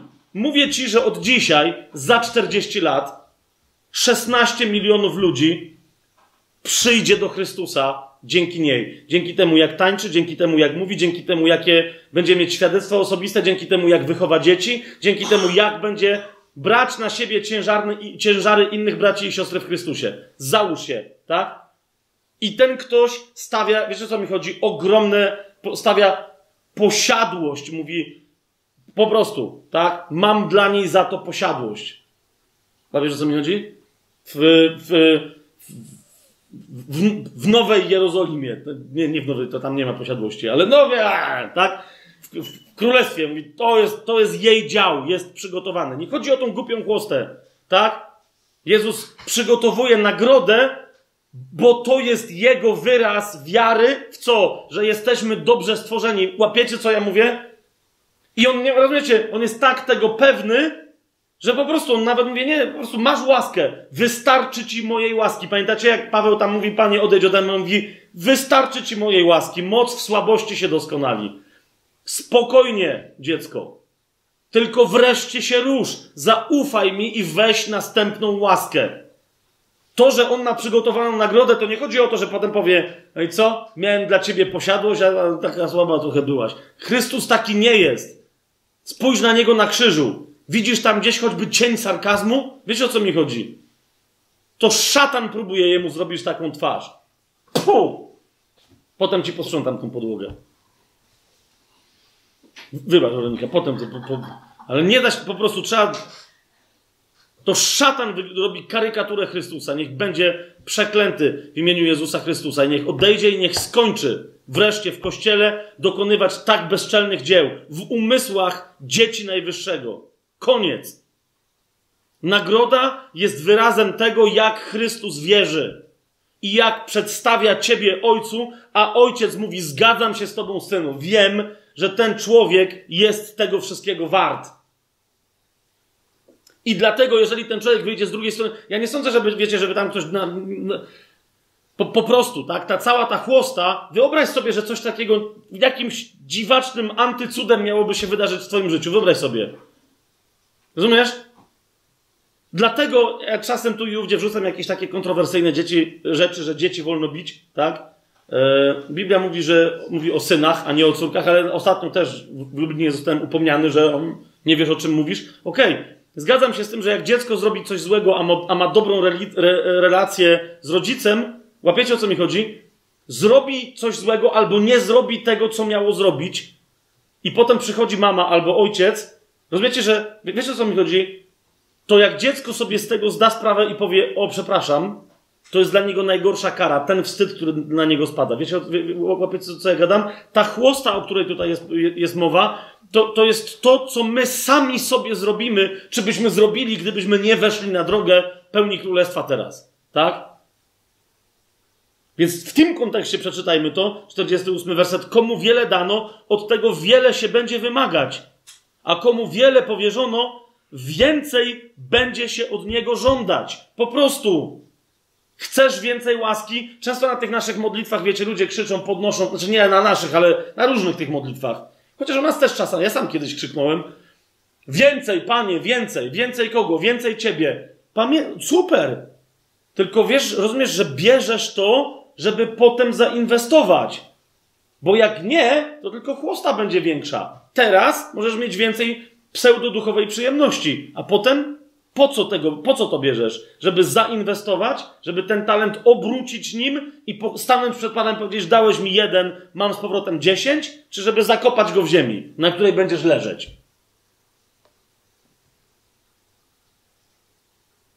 Pierwszy Piotra sobie otwórzmy i, i będziemy szli dalej. Jeszcze raz do, do, do Piotra yy, wracamy. Pierwszy Piotra. Ten y, cytat, co prawda, już był, ale dopiero teraz zauważcie, że mogę go rozwinąć. To jest pierwszy Piotra, pierwszy rozdział, 13 do 17 wersetu. Dlatego, dlatego, po tej przypowieści, którą teraz zacytowałem, jeszcze raz to powtórzę, dlatego, dlatego, co ma przyjść, dlatego, jak On nas umiłował, dlatego, jak wielką zapłatę dla nas przygotował, którą chce nam dać, dlatego, teraz, przepaszcie biodra waszego umysłu i bądźcie trzeźwi, pokładając doskonałą nadzieję w łasce, która ma nam być dana przy objawieniu Jezusa Chrystusa. I dalej, jak posłuszne dzieci, pamiętacie, jak Jezus powiedział, że kto nie przyjmie królestwa jak dziecko, nie jest niegodzien? Masz przyjąć królestwo jak dziecko, i potem są rozważania, co to znaczy, jak to się robi. Tu masz wyraźnie napisane, jak posłuszne dzieci, nie ulegajcie porządliwościom, jakie władały wami wcześniej w czasie waszej nieświadomości, lecz jak ten, który was powołał, jest święty, tak i wy bądźcie świętymi we wszelkim waszym postępowaniu, gdyż jest napisane: Świętymi bądźcie, bo ja jestem święty. A jeżeli ojcem nazywacie tego, który bez względu na osobę sądzi każdego według uczynków, spędzajcie czas waszego pielgrzymowania w bojaźni. Nie, rozumiecie, nie w bojaźni, bo nie dał nam Bóg ducha bojaźni, ale mocy, miłości, trzeźwego myślenia. W bojaźni jakiego rodzaju? W, w, która jest szacunkiem wobec Boga, w bojaźni Bożej, tak? Dzięki której możesz być święty, dzięki której możesz być święta, a więc oddzielony od świata, a przyłączony do Ojca. Być świętym niczego innego nie oznacza, tylko przylgnięcie do Ojca, a przylgnięcie do Ojca oznacza radykalne zerwanie ze światem. O tym jeszcze sobie więcej, e, o tym sobie jeszcze więcej powiemy. No i teraz kapujecie, aha, bo teraz tam ktoś się uśmiechnął, tutaj nie pokażę kto, pod nosem, bo rozumiem, co się jeszcze teraz stało, tak?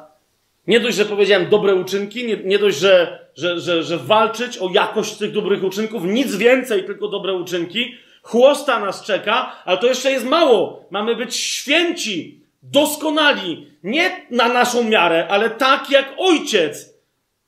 Nie rozumiecie, co jest grane? Kto o zdrowych zmysłach śmiałby wysunąć choćby wstępną hipotezę, że jest w stanie osiągnąć świętość taką, jak ma ojciec o własnych siłach. Kto? Rozumiesz? To wszystko jest zaproszeniem. I teraz znowu, jak przyjmujemy zaproszenie? Przyjmując kolejną łaskę, kolejny krok na drodze łaski, który może nas uzdolnić i uzdatnić do tego, żeby zacząć przynosić owoce. Widzisz, pierwsza łaska przychodzi z wyznaniem wiary w co? W zmartwychwstanie. Tak? Tym, którzy są kompletnie niewierzący, głosimy zmartwychwstanie jako dowód od Ojca, że przyjął ofiarę Syna. Tak? Kto w sercu swoim uwierzy, list do Rzymian 10 rozdział, że Bóg Jezusa wskrzesił z martwych. Zgadza się? Kto w sercu swoim uwierzy, że Bóg Jezusa wskrzesił z martwych, a ustami wyzna Jezusa Panem, będzie zbawiony. Zgadza się? Kochani, drugi krok, drugi krok, i to jest brama do królestwa, jest krokiem wiary w śmierć. Po prostu.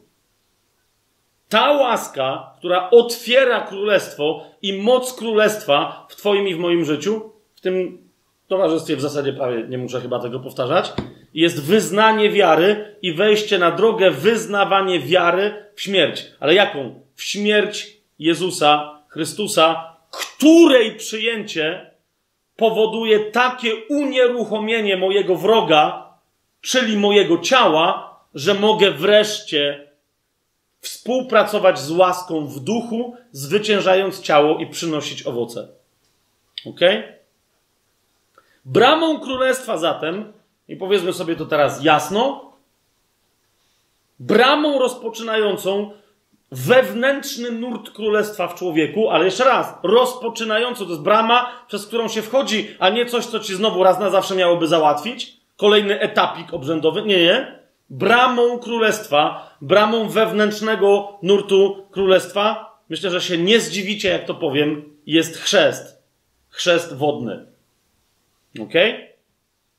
Ale teraz podejdźmy, yy, otwórzmy sobie pierwszy list do Koryntian. żeby to mieć y, dosyć tak jasno yy, opowiedziane. Pierwszy list do Koryntian, 15 rozdział sobie otwórzmy.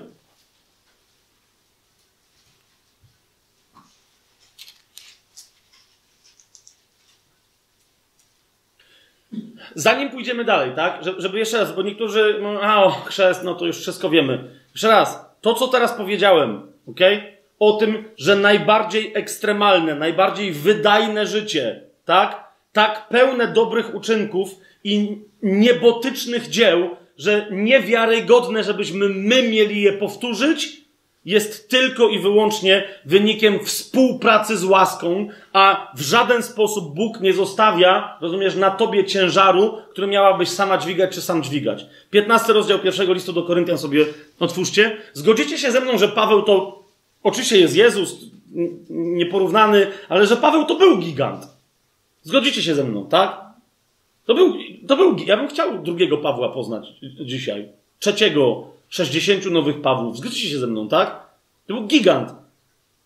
Przełaził przez całą Europę, przez całą znaną bliskowschodnią Azję, tak? Na nogach. Gdzie go nie było, tak? W jednym miejscu, w jednym z listów, zostawiam wam pytanie, gdzie? Planował podróż do Hiszpanii. Czujecie to? Tam nie było dla niego żadnych, żadnych przeszkód. Fizycznie się w pewnym momencie skończył. I zobaczcie, co on o tym mówi. 15 rozdział pierwszego listu do Koryntian, 10 werset. W dziewiątym wersecie, co prawda, mówi, i wcale się nie kryguje, tylko on naprawdę tak o sobie myśli. Wszędzie to, to z niego wychodzi. Mówi, ja jestem najmniejszym z apostołów i nawet nie jestem godny nazywać się apostołem, bo prześladowałem Kościół Boży. Ale patrzcie, dziesiąty werset. Co mówi? Ale z łaski Boga. Zwróćcie uwagę, bo to słowo tutaj rządzi w tym wersecie. Ono wszystko tutaj oznacza. Ale z łaski Boga jestem tym, czym jestem. A Jego łaska względem mnie nie okazała się daremna, ale pracowałem więcej od nich wszystkich.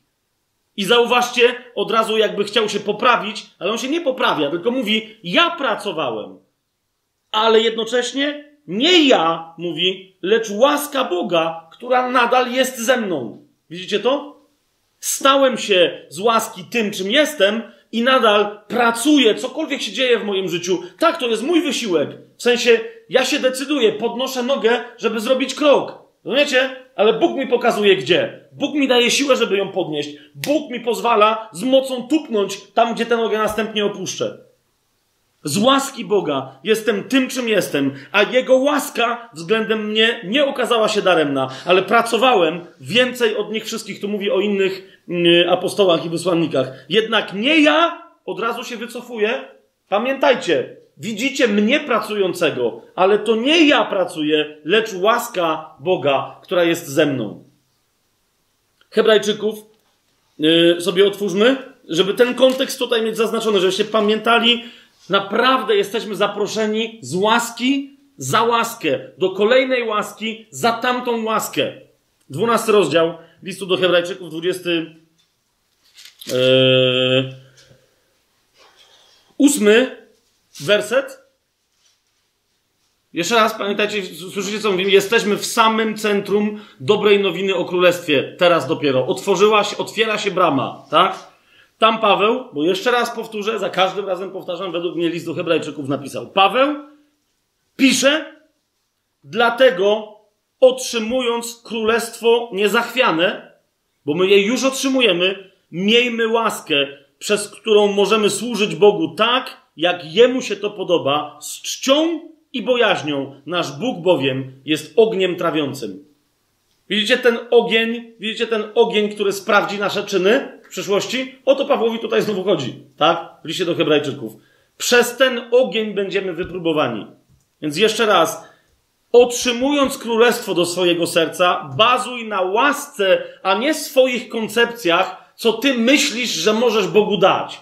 Przestań mu robić prezenty. Patrz, co on, pozwól wreszcie jego mocy zacząć działać przez ciebie. Wpuść tę łaskę. Wielu z tych, którzy nawet są ochrzczeni w wodzie, bo powiedziałem, że to jest brama, wciąż nie pozwalają łasce, która wynika z, z, z, tego kolejnego kroku wyznania wiary, bo chrzest jest po prostu kolejnym krokiem wyznania wiary w moc śmierci Jezusa. Wielu wciąż jeszcze nie uwolniło tej łaski, która tam jest e, związana. Chronologia łaski. Przyjrzyjmy się temu. Pierwszy list Piotra, jak tu jesteśmy, pierwszy list Piotra, pierwszy rozdział, trzeci werset. Błogosławiony niech będzie Bóg i Ojciec naszego Pana Jezusa Chrystusa, który według swojego wielkiego miłosierdzia zrodził nas na nowo do żywej nadziei przez wskrzeszenie Jezusa Chrystusa z martwych. Widzicie, nowe narodzenie jest związane z wskrzeszeniem Jezusa z martwych. Tak? Mamy tą jasność? Czy jeszcze ktoś będzie miał jakąś wątpliwość? Nie rób mi takich żartów teraz, bo jesteśmy w ciągu, Kamil. Tak jak wczoraj zrobiłeś, że tam, ja, ja nie mam jasności, wytłumacz mi więcej. Ten nawet dzisiaj nie wie o co chodzi. Dobra. Rzymian, Rzymian 10. Rzymian 10. Nie, nie wytniemy tego. To musi, to musi, to musi zostać za wczoraj. Rzymian 10, 9, 10. Dlatego, jeżeli ustami wyznasz Pana Jezusa i uwierzysz w swoim sercu, że Bóg wskrzesił go z martwych, będziesz zbawiony. Sercem bowiem wierzy się ku sprawiedliwości, a ustami wyznaje się ku zbawieniu. Jasne? Otwieramy list do Galacjan. To jest to, chciałem tylko wam pokazać te wersety, ja czasem gadam, nie, nie wskazuję ich, a potem ludzie mi się i tak pytają, gdzie to było. List do Galacjan, trzeci rozdział. Co się w związku z tym dzieje, skoro jesteśmy zrodzeni na nowo? Trzeci rozdział. 26-27 werset. Wszyscy jesteście synami Bożymi przez wiarę w Chrystusa Jezusa. Widzicie? Przez wiarę w Chrystusa Jezusa jesteśmy dziećmi, dziećmi Bożymi. Tak? Tak? Okej. Okay. 27 werset. Bo wszyscy, którzy zostaliście ochrzczeni w Chrystusie, przyodzialiście się w Chrystusa. Tak? Nowonarodzony człowiek ma się przyodziać w Chrystusa, które to przyodzianie, jeszcze raz pamiętajcie, jest związane z pełnieniem dobrych uczynków, do których zostaliśmy stworzeni. Tak? Do tego potrzebny jest chrzest w Chrystusa, który, który to akt wiary wyraża się w chrzcie wodnym. List do Rzymian, w związku z tym sobie otwórzmy, żeby to mm, mocniej zobaczyć, jak rodzi nas wiara w zmartwychwstanie Jezusa, tak list do Rzymian mówi nam wyraźnie, że dopiero chrzest wodny, a więc wyznanie już zmartwychwstałego duchowo człowieka, wyznanie wiary w moc śmierci Jezusa, którą się wyraża w chrzcie, prowadzi de facto do uśmiercenia ciała. Tak? Przez wiarę rodzi się w nas duch, który, go, który może być wypełniony przez Ducha Świętego, tak? Ale przez chrzest otrzymujemy moc nad ciałem. List do Rzymian, szósty rozdział, nie będziemy całego go tu analizować, bo o chrzcie będziemy mówić kiedy indziej. Teraz tylko chcę na to zwrócić uwagę, na te najważniejsze, że tak powiem, takie punchliny. Szósty rozdział, trzeci, czwarty werset. Czyż nie wiecie, że my wszyscy, którzy zostaliśmy ochrzczeni w Jezusie Chrystusie, w Jego śmierci zostaliśmy ochrzczeni? Pierwsza rzecz. Chrzest co robi? Zanurza mnie w śmierci Jezusa. Po co ja się mam chować w śmierci Jezusa? Czwarty werset. Zostaliśmy więc pogrzebani z Nim przez chrzest w śmierci, jak Chrystus został wskrzeszony z martwych przez chwałę Ojca, tak, żebyśmy i my, co? Postępowali w nowości życia. Widzicie o co mi chodzi? To, że ktoś dostał nowe życie, to jest noworodkiem. Żeby móc zacząć postępować w nowości życia, a więc zacząć przynosić owoce tego nowego życia, potrzebuje zanurzyć się w śmierci Chrystusa.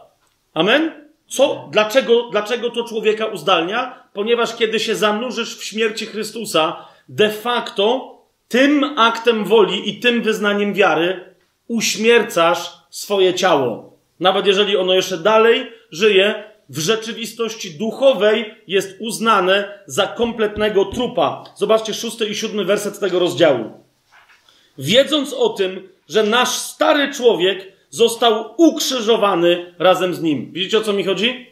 To jest dopiero akt, którym przybijasz starego grzesznego człowieka wyrażonego w ciele, które jest ciałem grzechu i śmierci, przybijasz go do krzyża tak jak Chrystus był przybity aby ciało grzechu zostało zniszczone, żebyśmy już więcej nie służyli grzechowi. Tu się pojawia moc do niesłużenia grzechowi. Patrz, siódmy werset. Kto bowiem umarł, a ty w chrzcie decydujesz się na śmierć. I w rzeczywistości duchowej to jest odebrane jako autentyczna śmierć.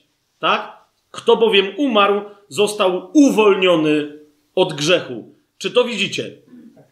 To jedenasty do czternastego wersetu. Co z tego dalej wynika? Tak i wy uważajcie siebie za martwych dla grzechu, a żywych dla Boga w Jezusie Chrystusie naszym Panu. Więc, kiedy już masz tę łaskę, Paweł mówi, to uruchom Twoje działanie. Po prostu odwróć się w tamtą stronę. Dwunasty werset i dalej. Niechże więc grzech nie króluje w waszym śmiertelnym ciele, żebyście mieli być mu posłuszni w jego porządliwościach.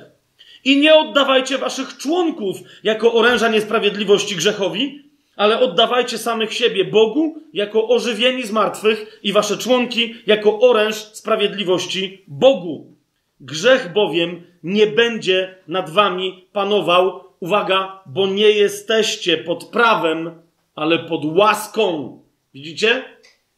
Łaska za łaskę. Łaska za łaskę. W tym, co się dzieje w chrzcie, jesteście znowu pod łaską, mocą tej łaski możecie nie grzeszyć, a żyć nowymi uczynkami. 22, 23 werset dlatego powiadają. Teraz, uwolnieni od grzechu, kiedy to staliście się sługami Boga, macie wreszcie swój pożytek ku uświęceniu, a na końcu życie wieczne. Widzicie to? Teraz, dzięki chrztowi, tak? Bo o tym mówi cały szósty rozdział. Uwolnieni od grzechu staliście się sługami Boga. Zapłatą bowiem za grzech, 23 werset, y, zapłatą bowiem za grzech jest śmierć, ale darem łaski Boga jest życie wieczne w Jezusie Chrystusie, naszym Panu. Tak? W tym życiu wiecznym nie chcemy się objawić jako golasy, ale w tym życiu wiecznym chcemy się objawić jako ubrani i to ubrani w czyste szaty, by się okazać godnymi wejścia na wesele baranka. List do Efezjan sobie otwórzmy, czwarty rozdział.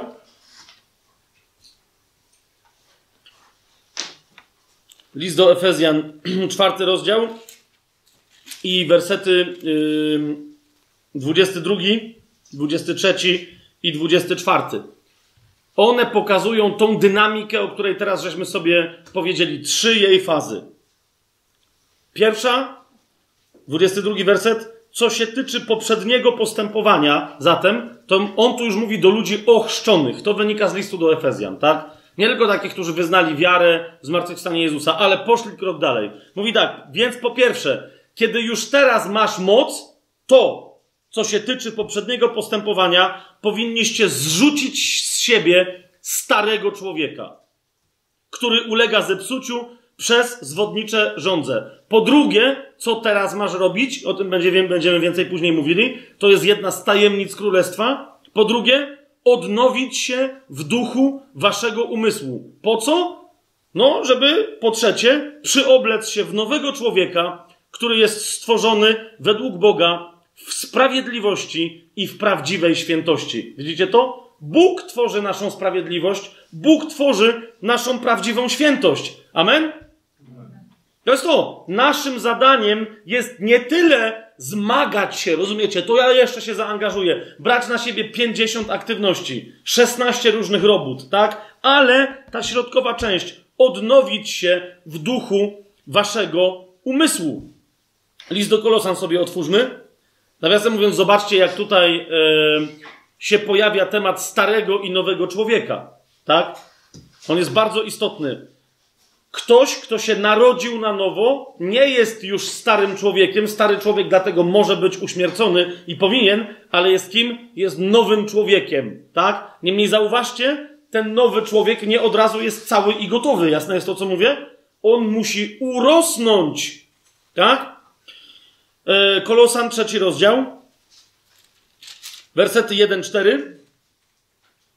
O tym Paweł mówi w liście do Kolosan w ten sposób. Jeżeli więc razem z Chrystusem powstaliście z martwych, szukajcie teraz tego, co w górze, gdzie Chrystus zasiada po prawicy Boga. Tak? Ten sam Chrystus, który mieszka w tobie. Nie musisz, rozumiesz, koniecznie leść do nieba, chociaż warto byłoby się tam przejść, tak? Ale tak czy siak nawet ta droga idzie przez twoje serce, bo on w tobie mieszka. Myślcie, czytamy dalej, o tym, co w górze, nie o tym, co na ziemi. Umarliście bowiem, zobaczcie, to jest, to jest ta prawda, umarliście bowiem i wasze życie jest ukryte z Chrystusem w Bogu. Lecz gdy się Chrystus, nasze życie, ukaże, wtedy i wy razem z Nim ukażecie się jak? W chwale. I o to idzie na tym etapie, na którym się teraz znajdujemy. Oto jest tajemnica Chrystusa w nas, który jest kim? Nadzieją chwały. Ten sam, yy, ten sam. O dobra, nieważne co ten sam, bo kolejny chciałem. Dziewiąty, czternasty werset. Co to więc oznacza? Wejście na następującą drogę. Od 9 do 14 wersetu. Nie okłamujcie się wzajemnie, skoro zrzuciliście z siebie starego człowieka z jego uczynkami. Zrzucenie starego człowieka oznacza, oznacza odwrócenie się od starych uczynków porządliwości i ciała, wszelkiego typu. Nie okłamujcie się, skoro zrzuciliście z siebie starego człowieka z jego uczynkami, a przyodzialiście się w nowego, który się odnawia w poznaniu na obraz tego, który go stworzył. Odnawianie swojego umysłu dokonuje się przez co? Przez poznawanie Jezusa Chrystusa. Nie inaczej, bo na Jego obraz jesteśmy stworzeni. Dalej czytamy. Nie ma Greka ani Żyda, obrzezanego ani nieobrzezanego, cudzoziemca ani Słowianina, niewolnika ani wolnego, ale wszystkim i we wszystkich Chrystus. Tak więc, jako wybrani Boga, święci i umiłowani, przyodziejcie się w serdeczne miłosierdzie, dobroć, patrzcie co się tu dzieje, serdeczne miłosierdzie, dobroć, pokorę, łagodność, cierpliwość, znosząc jedni drugich i przebaczając sobie nawzajem, jeśli ktoś ma skargę przeciw drugiemu, jak i Chrystus przebaczył wam, tak i wy przebaczajcie. A nade wszystko, i tu się pojawia nasz kluczowy temat, który za chwilę dokona sensacji pośród nas, a nade wszystko przyodziejcie się w miłość, która jest więzią doskonałości. Nic innego nie może być wyrazem Twojego podobieństwa do Ojca w Jezusie Chrystusie, jak tylko miłość. Świętymi bądźcie, bo ja jestem święty. Doskonali bądźcie, jak On jest doskonały. Tylko i wyłącznie miłość jest więzią doskonałości. Drugi do Koryntian, piąty rozdział, siedemnasty werset. Powiada, tak więc jeżeli ktoś jest w Chrystusie, widzisz, bo On jest w nas, ale jednocześnie naszym zadaniem jest przyoblec się w Niego. I ten, kto jest przyobleczony w Niego poprzez miłość, ten, kto jest w Chrystusie, jest nowym stworzeniem. Rozumiesz, dlaczego to jest nowe stworzenie? Bo nigdy wcześniej takiego nie było. Nie jest już człowiekiem, ale jest już człowiekiem wypełnionym Bogiem. Wypełnionym tym Bogiem, który stał się człowiekiem, żebyśmy my, my mogli się wypełnić Bogiem. W innym miejscu o tym Paweł powie, tak? Że on zrezygnał, zrezygnował ze swojego bogactwa i wstąpił w nasze ubóstwo, żeby swoim ubóstwem nas móc ubogacić. Tak więc, jeżeli ktoś jest w Chrystusie, nowym jest stworzeniem, to, co stare, przeminęło, a oto wszystko stało się nowe. List do Galacjan, otwieramy szósty rozdział. Zobaczcie, że ja tak skaczę, ale chcę wam pokazać pewną logikę, bo Paweł, wiecie, tu pisał w różnych czasach do różnych ludzi, tak? A, a wątek się przewija w taki sposób. Galacjan, szósty rozdział, nas teraz interesuje. Wersety 14 i 15. Śmierć w chrzcie jest zanurzeniem się w bezpieczeństwie krzyża. Na tej ziemi nie mamy żadnej innej mocy, jak tylko moc śmierci Chrystusowej na krzyżu. I dlatego w tak wielu miejscach Paweł mówi: Postanowiłem nie znać nikogo innego, jak tylko Chrystusa i to Chrystusa jakiego?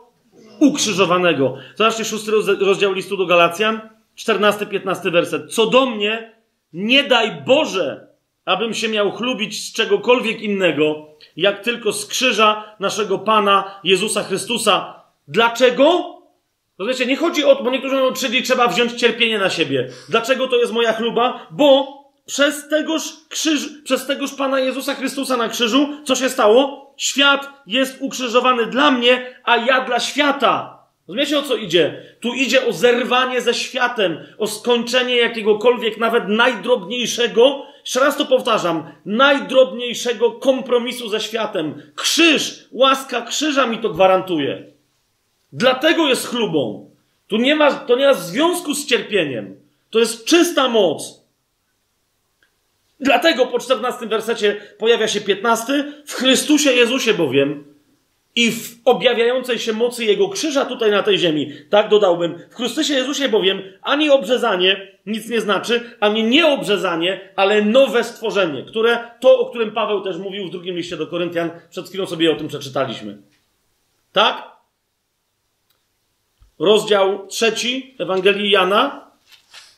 Teraz zobaczcie, ja nie dam żadnego komentarza do tego, co teraz przeczytam. Tak? Chodzi mi tylko o to, że to, co teraz przeczytaliśmy, z pisma, niech samo będzie komentarzem do tego, co przeczytam bez komentarza i pójdziemy dalej. Trzeci rozdział Ewangelii Jana, od trzeciego do ósmego wersetu. Odpowiedział mu Jezus: Amen, amen, powiadam ci. Jeżeli się ktoś nie narodzi na nowo, nie może ujrzeć Królestwa Bożego. Nikodem zapytał go, jakże może się człowiek narodzić, będąc stary? Czyż może powtórnie wejść do łona swojej matki i znów się narodzić? Jezus odpowiedział: Amen, amen, powiadam ci. Jeżeli się ktoś nie narodzi z wody i z ducha, nie może wejść do Królestwa Bożego. Co się narodziło z ciała, jest ciałem, a co się narodziło z ducha, jest duchem. Nie dziw się więc, że ci powiedziałem, musicie się narodzić na nowo. Wiatr wieje tam, gdzie chce i słyszysz jego głos, ale nie wiesz skąd przychodzi i dokąd zmierza. Tak też jest z każdym, kto się narodził z ducha. Nie komentuję, jak powiedziałem. Po przejściu przez bramę królestwa, nowe narodzenie, jak możesz zacząć żyć z Duchem Świętym? Wiecie, to jest kolejna rzecz. Niektórzy myślą, że nowe narodzenie, bach. Od razu człowiek jest cały, doskonały i dlatego już nic nie musi robić, tylko czekać, weźmie Panie Jezu. Pierwszy Piotra,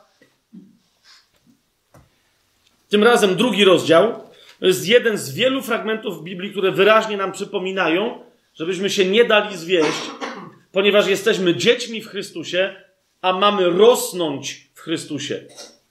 Tak? Między innymi po to potrzebujemy wejścia z łaską Bożą na drogę dobrych uczynków, bo to jest droga naszego dojrzewania. Zawsze w zgodzie ze Słowem Bożym. Drugi rozdział pierwszego listu Piotra, od pierwszego do trzeciego wersetu.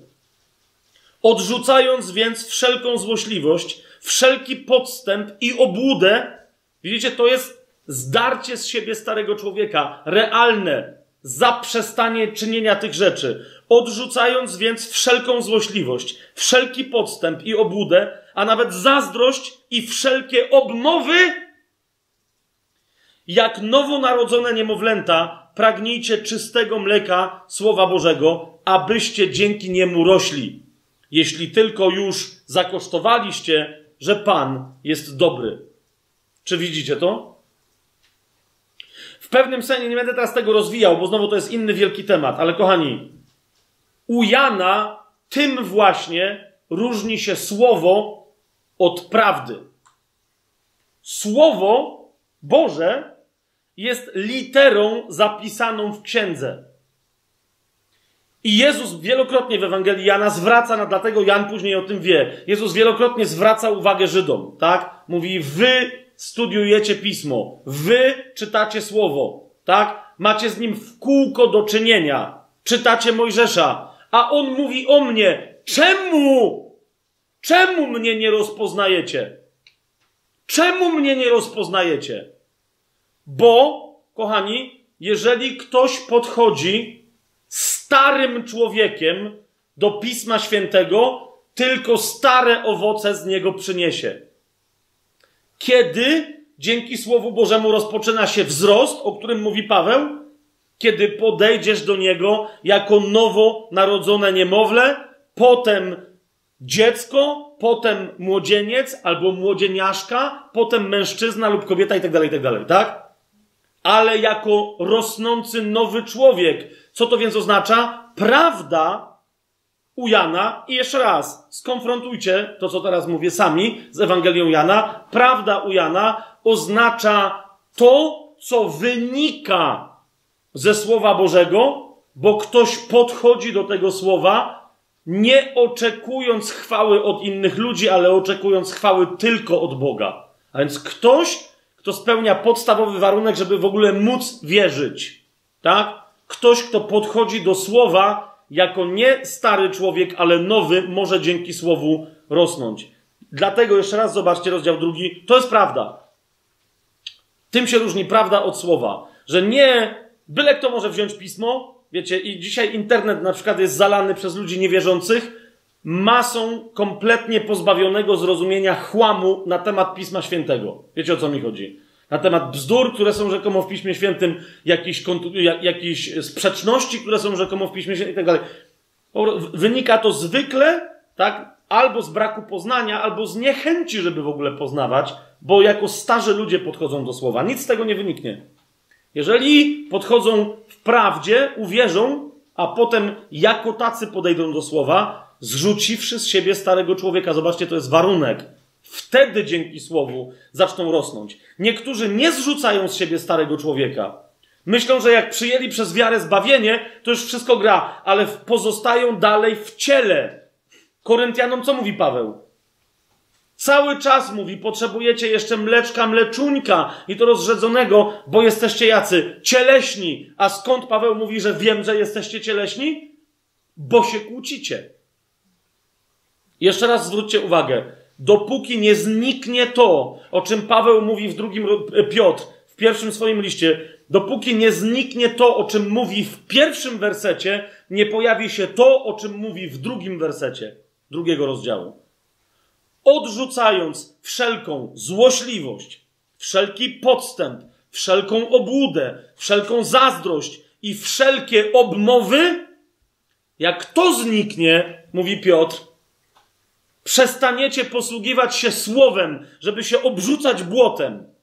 Jak to zniknie, podejdziecie jako dzieci, to co się wtedy stanie? Pragnąc czystego mleka Słowa Bożego, dostaniecie je, abyście rośli. Jasne jest to, co mówię? Druga rzecz. Yy, list do Efezjan sobie otwórzmy. Potrzebujemy yy, Ducha Świętego. Rzecz jasna. Dlatego w Ewangelii Jana, yy, widzicie, to jest prawda. Prawda to jest podejście do słowa z takim sercem. Z nowonarodzonym sercem. Tak? Ale widzicie, to ma na myśli Pan Jezus, na temat naszego życia teraz w królestwie, jesteśmy znowu, widzicie, kolejny krok królestwa objawiającego swoją moc tutaj, a sensacje dopiero są przed nami, tak? Pamiętacie, jak on mówi, ojciec chce mieć czcicieli jakich? W duchu i w prawdzie. Prawdę już sobie teraz wyjaśniliśmy, a duch jest oczywiście Duchem Świętym. List do Efezjan, piąty rozdział, 17, 18 werset. Dlaczego? Bo on we współpracy naszej ze Słowem Bożym, Duch Święty przychodzi i objawia nam wolę Ojca. Piąty rozdział, 17, 18 werset. Dlatego nie bądźcie nierozumni, ale rozumiejcie, jaka jest wola Pana. Słyszycie o co chodzi?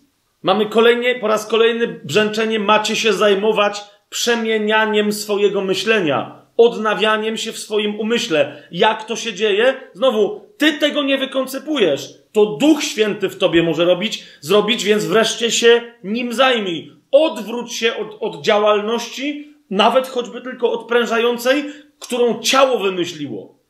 A pozwól duchowi rządzić na mocy łaski chrztu.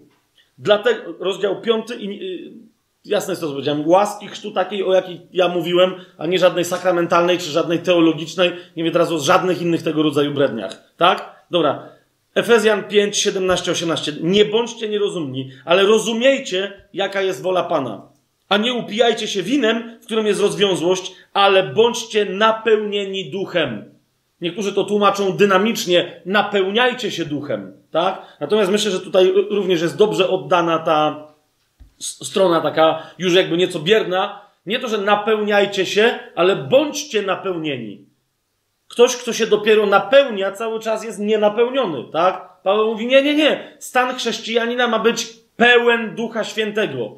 Ktoś, kto w tym sensie jest pełen Ducha Świętego, musi być gotowy, bo Duch Święty utrzymuje go w gotowości. Ten ktoś czuwa, ten ktoś jest mądrą panną, której nie zabraknie oliwy. Jasne to jest? A dzięki tej pełności ducha lampa będzie ci płonąć dobrymi uczynkami. Tak? Masz się nie napełniać duchem, bo to znaczy, że gdzieś jest dziura, ale masz chodzić w takiej pełności, żeby być przelewającym się naczyniem, z którego duch wypływa na, yy, na innych. Tak? Yy, kolosan sobie otwórzmy. Jeszcze raz, żeby to sobie podkreślić, kochani, nie ma w nas, dopóki żyjemy na tym świecie, nie ma w nas takiego stanu, w którym moglibyśmy powiedzieć: O, już tyle, wystarczy. Skończyło się. O, teraz już jest ok. Teraz już tylko muszę to utrzymać. Zobaczcie list do Kolosan, drugi rozdział. Szósty, siódmy werset. O tym, o tym mówi Paweł. Jak więc przyjęliście Pana Jezusa Chrystusa, tak teraz w nim postępujcie. Zakorzenieni i zbudowani na nim i utwierdzeni w wierze, jak was nauczono, obfitując w tej wierze z dziękczynieniem. Widzicie to? Nie będziemy teraz się rozwijać, ale chodzi o to, że ktoś, kto żyje Ewangelią Królestwa w tym czasie, jest kimś, kogo nie poznasz następnego dnia. W dobrym sensie. Jest kimś, kto dzisiaj, kogo dzisiaj korzeń w Chrystusie był głęboki, a jutro będzie jeszcze głębszy. Wiecie o co mi idzie? To ma być dynamiczne. Jeżeli spotykasz chrześcijanina jakiegoś i widzisz, okej, okay, nie chodzi mi o powierzchowne poznanie, tak? Ale widzisz jego życie, spędzasz z nim dwa, trzy dni i widzisz, że to jest ten sam człowiek co rok temu z miłością, ale siądźcie do upomnienia. Tak? Najwa- najlepszą rzecz, jaką może dla ciebie zrobić ktoś inny.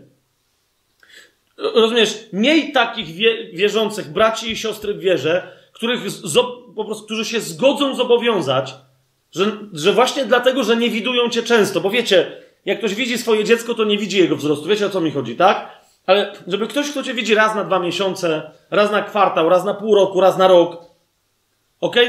Poproś go, żeby się zobowiązał. W tym sensie zobowiąż go, tak? Niech ci da feedback, jak się spotka za tobą za pół roku czy za rok, niech ci powie, tak? Czy widzi, że jesteś osobą silniejszą w Chrystusie, bardziej zakorzenioną, czy nie? Rozumiecie o co mi idzie? Nikt na tej ziemi z braci i sióstr naprawdę nie może ci wyświadczyć większej, w cudzysłowie, łaski, jak tego rodzaju feedback.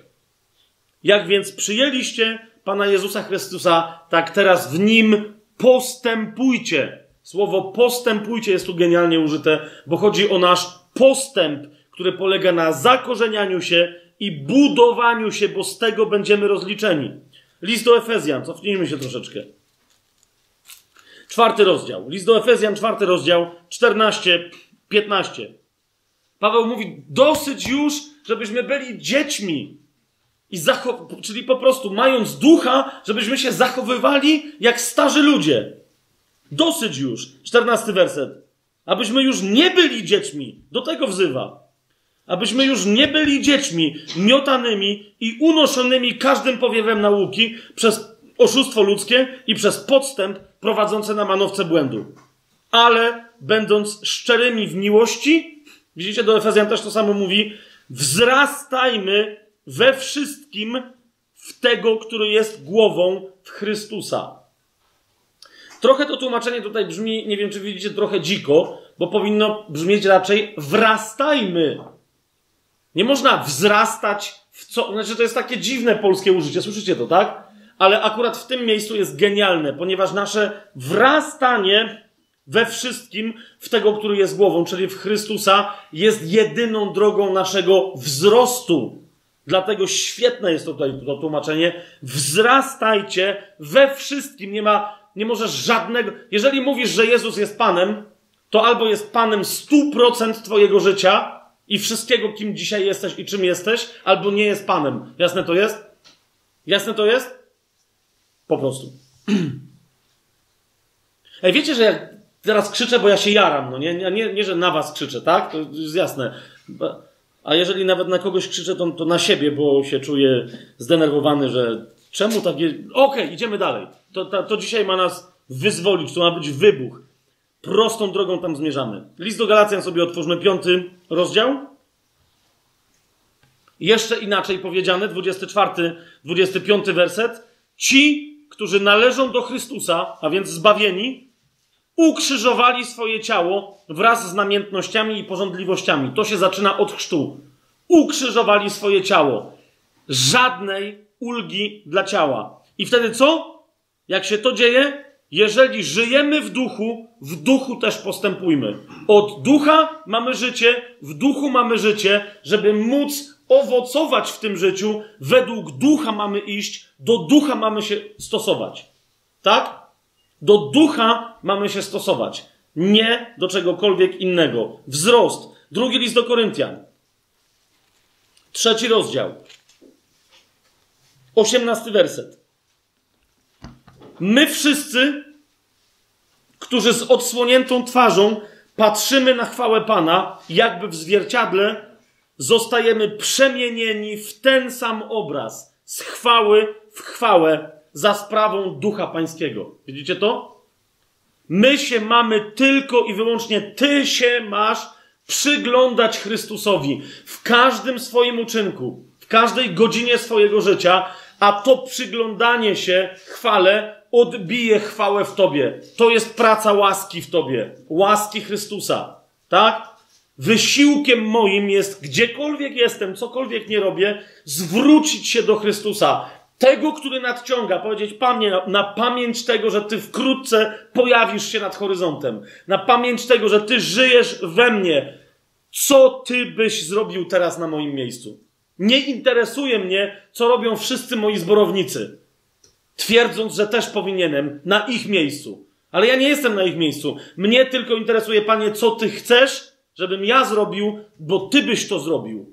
Bo chcesz Ty to zrobić przeze mnie, bo jesteś we mnie. Rozumiesz? Przez fakt, że jesteś nowonarodzoną osobą, nie możesz automatycznie powiedzieć za Pawłem, już nie ja żyję, ale żyje we mnie Chrystus. Bo oczywiście, że żyje w tobie Chrystus. Lecz, żeby powiedzieć, już nie ja żyję, musisz przestać żyć swoim życiem, a zacząć żyć tym nowym swoim życiem, które zagwarantował ci Chrystus, które chce w tobie rozwijać. Czy to jest czy to jest, to ma sens, to, co teraz gadam? Idziesz z chwały w chwałę. Zobacz, chodzi o to, żeby się przemienić w tym życiu w Chrystusa. Tak? Szawła, którego spotkał pod Damaszkiem, Szaula, Jeszua, Hamashia, kiedy go spotkał, co mu powiedział? Szawle, szawle, dlaczego co? Dlaczego mnie prześladujesz? A tam wcześniej jest powiedziane o mężczyznach i kobietach, że prześladował mężczyzn i kobiety wyznawców tej drogi, tak? A Jezus mu powiedział, czemu mnie prześladujesz? I Szaweł go koryguje, ale z lękiem, I mówi, panie, ja do ciebie nic nie mam, ja cię nie znam. Także spoko. A Jezus jeszcze raz mówi, nie, mnie prześladujesz. Myślę, że w tym momencie Szaweł później dopiero zrozumiał, co się stało, ale właśnie w tym momencie miał po pierwsze objawienie tajemnicy wewnętrznego nurtu królestwa, to jest życie Chrystusa w tobie, oraz miał objawienie zewnętrznego nurtu królestwa w tej epoce, a więc tajemnicy ciała Chrystusa. Tak? Chrystus żyjący we wszystkich swoich wyznawcach jest w nich naprawdę obecny i oni wszyscy razem przez tę jego obecność stanowią jedno ciało i jedyną prawdziwą obecność Chrystusa fizyczną tutaj na ziemi. To jest ciało Chrystusa. Amen? Więc jeszcze raz, widzisz, tu o to idzie, żeby pozwolić Chrystusowi wreszcie wybić się z ciebie, urosnąć w tobie tak, żeby ludzie patrząc na ciebie przestali ciebie widzieć. Rozumiesz? Dlatego powiedziałem, jeżeli ktoś nie pozna cię następnego dnia, chociaż widział cię dopiero co wczoraj, to i dlatego to się stanie, że następnego dnia będziesz o krok jeszcze bardziej, o parę centymetrów, o lekki odcień jasności, ale bardziej w chwale Chrystusa, którą On w tobie chce objawić, to jest to. To znaczy, że rośniesz. Aleluja? Rzymian. Zatem otwórzmy sobie piąty rozdział. Bo o tym tam Paweł, zobaczcie, i teraz posłuchajcie, zobaczcie, czujecie, czujecie dobrą nowinę tutaj? Bo to łaska ma w nas robić. Cała nasza robota to jest naprawdę wpatrywanie się w Chrystusa. I teraz posłuchajcie, posłuchajcie tego, co się tu dzieje. Piąty rozdział od pierwszego do piątego wersetu. Będąc więc usprawiedliwieni przez wiarę, mamy wreszcie pokój z Bogiem przez naszego Pana Jezusa Chrystusa. Dzięki któremu też otrzymaliśmy dostęp przez wiarę do tej łaski, w której teraz trwamy. Ja dodaję to teraz, ale chodzi mi o to, że no bo y, jesteśmy usprawiedliwieni przez wiarę, to jest wcześniejsza łaska, tak? Ale dzięki któremu też otrzymaliśmy dostęp przez wiarę do tej łaski, w której trwamy i chlubimy się nadzieją chwały Boga, a więc która też utrzymuje nas na powrót Jezusa, tak? I utrzyma nas aż do przyjścia królestwa. To jest nadzieja chwały. Pamiętacie, mówiliśmy o tym na poprzednim spotkaniu. Patrzcie dalej. Ale nie tylko to. Paweł mówi. Tu już, tu zobacz, jaka tu jest dobra nowina. Ale nie tylko to. Lecz chlubimy się też uciskami. Widzicie, co się dzieje? Ktoś, kto przyjmie, zaraz będziemy to jeszcze bardziej rozwijać. Jak to zrobić, żeby to było łatwe? Ktoś, kto przyjmie dobrą nowinę o królestwie, zaczyna się cieszyć z każdego ucisku, który na niego spada, a następnie podnosi ten ucisk i mówi: Patrzcie, halleluja! Pan uznał, że wytrzymam następną próbę. Jak wielki jest to zaszczyt. Nie tylko to mówi, ale chlubimy się też uciskami. Dlaczego? Bo wiemy, że ucisk wyrabia cierpliwość. Cierpliwość, doświadczenie. Doświadczenie nadzieję wyrabia. Rozumiecie? To ta nasza kotwica w niebie, o której mówiłem na ostatnim spotkaniu, tak? A nadzieja nie może zawstydzić. Nadzieja nie przynosi żadnego wstydu. wstydu. Dlaczego? Ponieważ miłość Boga jest rozlana w naszych sercach przez Ducha Świętego, który został nam dany. Rozumiecie? Miłość związana z nadzieją, jeżeli my dzięki wyrażaniu, chęci wyrażania tej miłości na zewnątrz, tak? Która pozwala duchowi wypełniać nas, rozszerzać się i wypływać z nas dalej. Bo każdy dobry czyn miłości na zewnątrz jest czynem ducha, tak?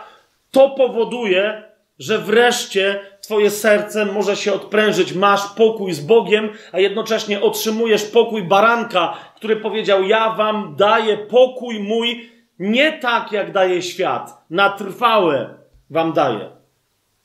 Więcej o tym powiemy sobie później. Zwracam Wam tylko uwagę, jak jesteśmy w liście do Rzymian, bo, bo to będą wielkie tematy królestwa, ale po to mamy e, następne sezony, mam nadzieję, że Bóg da, tak? Tajemnego planu, kiedy będziemy zgłębiać poszczególne księgi i tematy Nowego Przymierza. Chcę Wam tylko jeszcze raz przypomnieć, przemiana umysłu, to, to, patrzenie w Chrystusa, z chwały w chwałę, łaska za łaskę, to jest cały czas robota przemiany umysłu, rozdział 12 listu do Rzymian, w którym jesteśmy. Drugi werset. Odwróć się od świata, przemieniaj umysł, o to tylko się zatroszcz. Poznając Chrystusa, a cała reszta zacznie się dziać w Twoim życiu sama. Słodkie brzemię, lekkie jarzmo. 12 rozdział, drugi werset. Nie dostosowujcie się do tego świata, ale przemieńcie się przez odnowienie waszego umysłu. Widzicie? Przemieńcie się przez odnowienie waszego umysłu, abyście mogli rozeznać, co jest dobrą, przyjemną i doskonałą wolą Boga.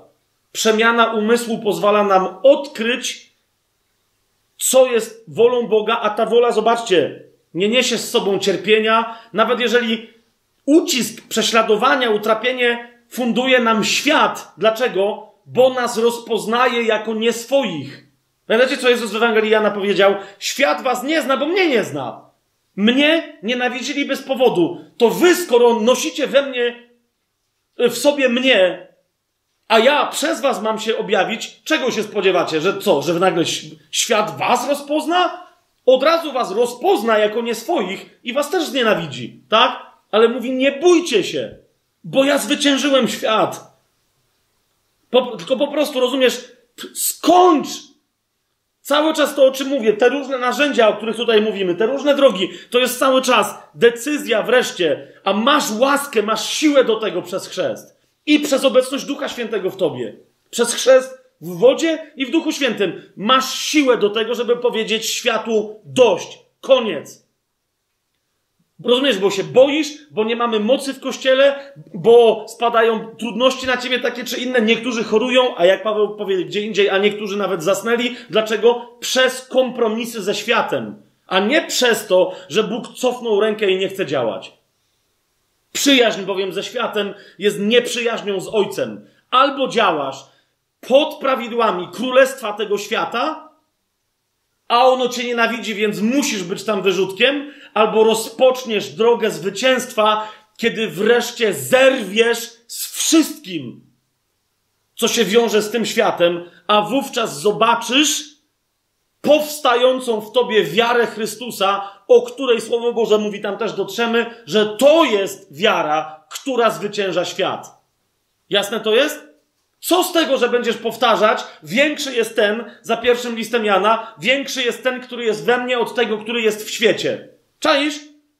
Co z tego, skoro następnie wychodzisz w dzień i nie żyjesz według ekonomii królestwa? Mówię o pieniądzach, mówię o finansach, mówię o zarządzaniu dobrami, mówię o podchodzeniu do bogactwa materialnego. Co z tego, skoro nie pytasz się ojca, jak wygląda ekonomia Królestwa Bożego i nie żyjesz według niej, tylko idziesz do świata, żeby świat ci dał pieniążki, a świat ci daje wtedy niewiele. Ukatrupia twoje finanse, wywołuje twoje długi, nie pozwala ich sprzedać, yy, spłacić.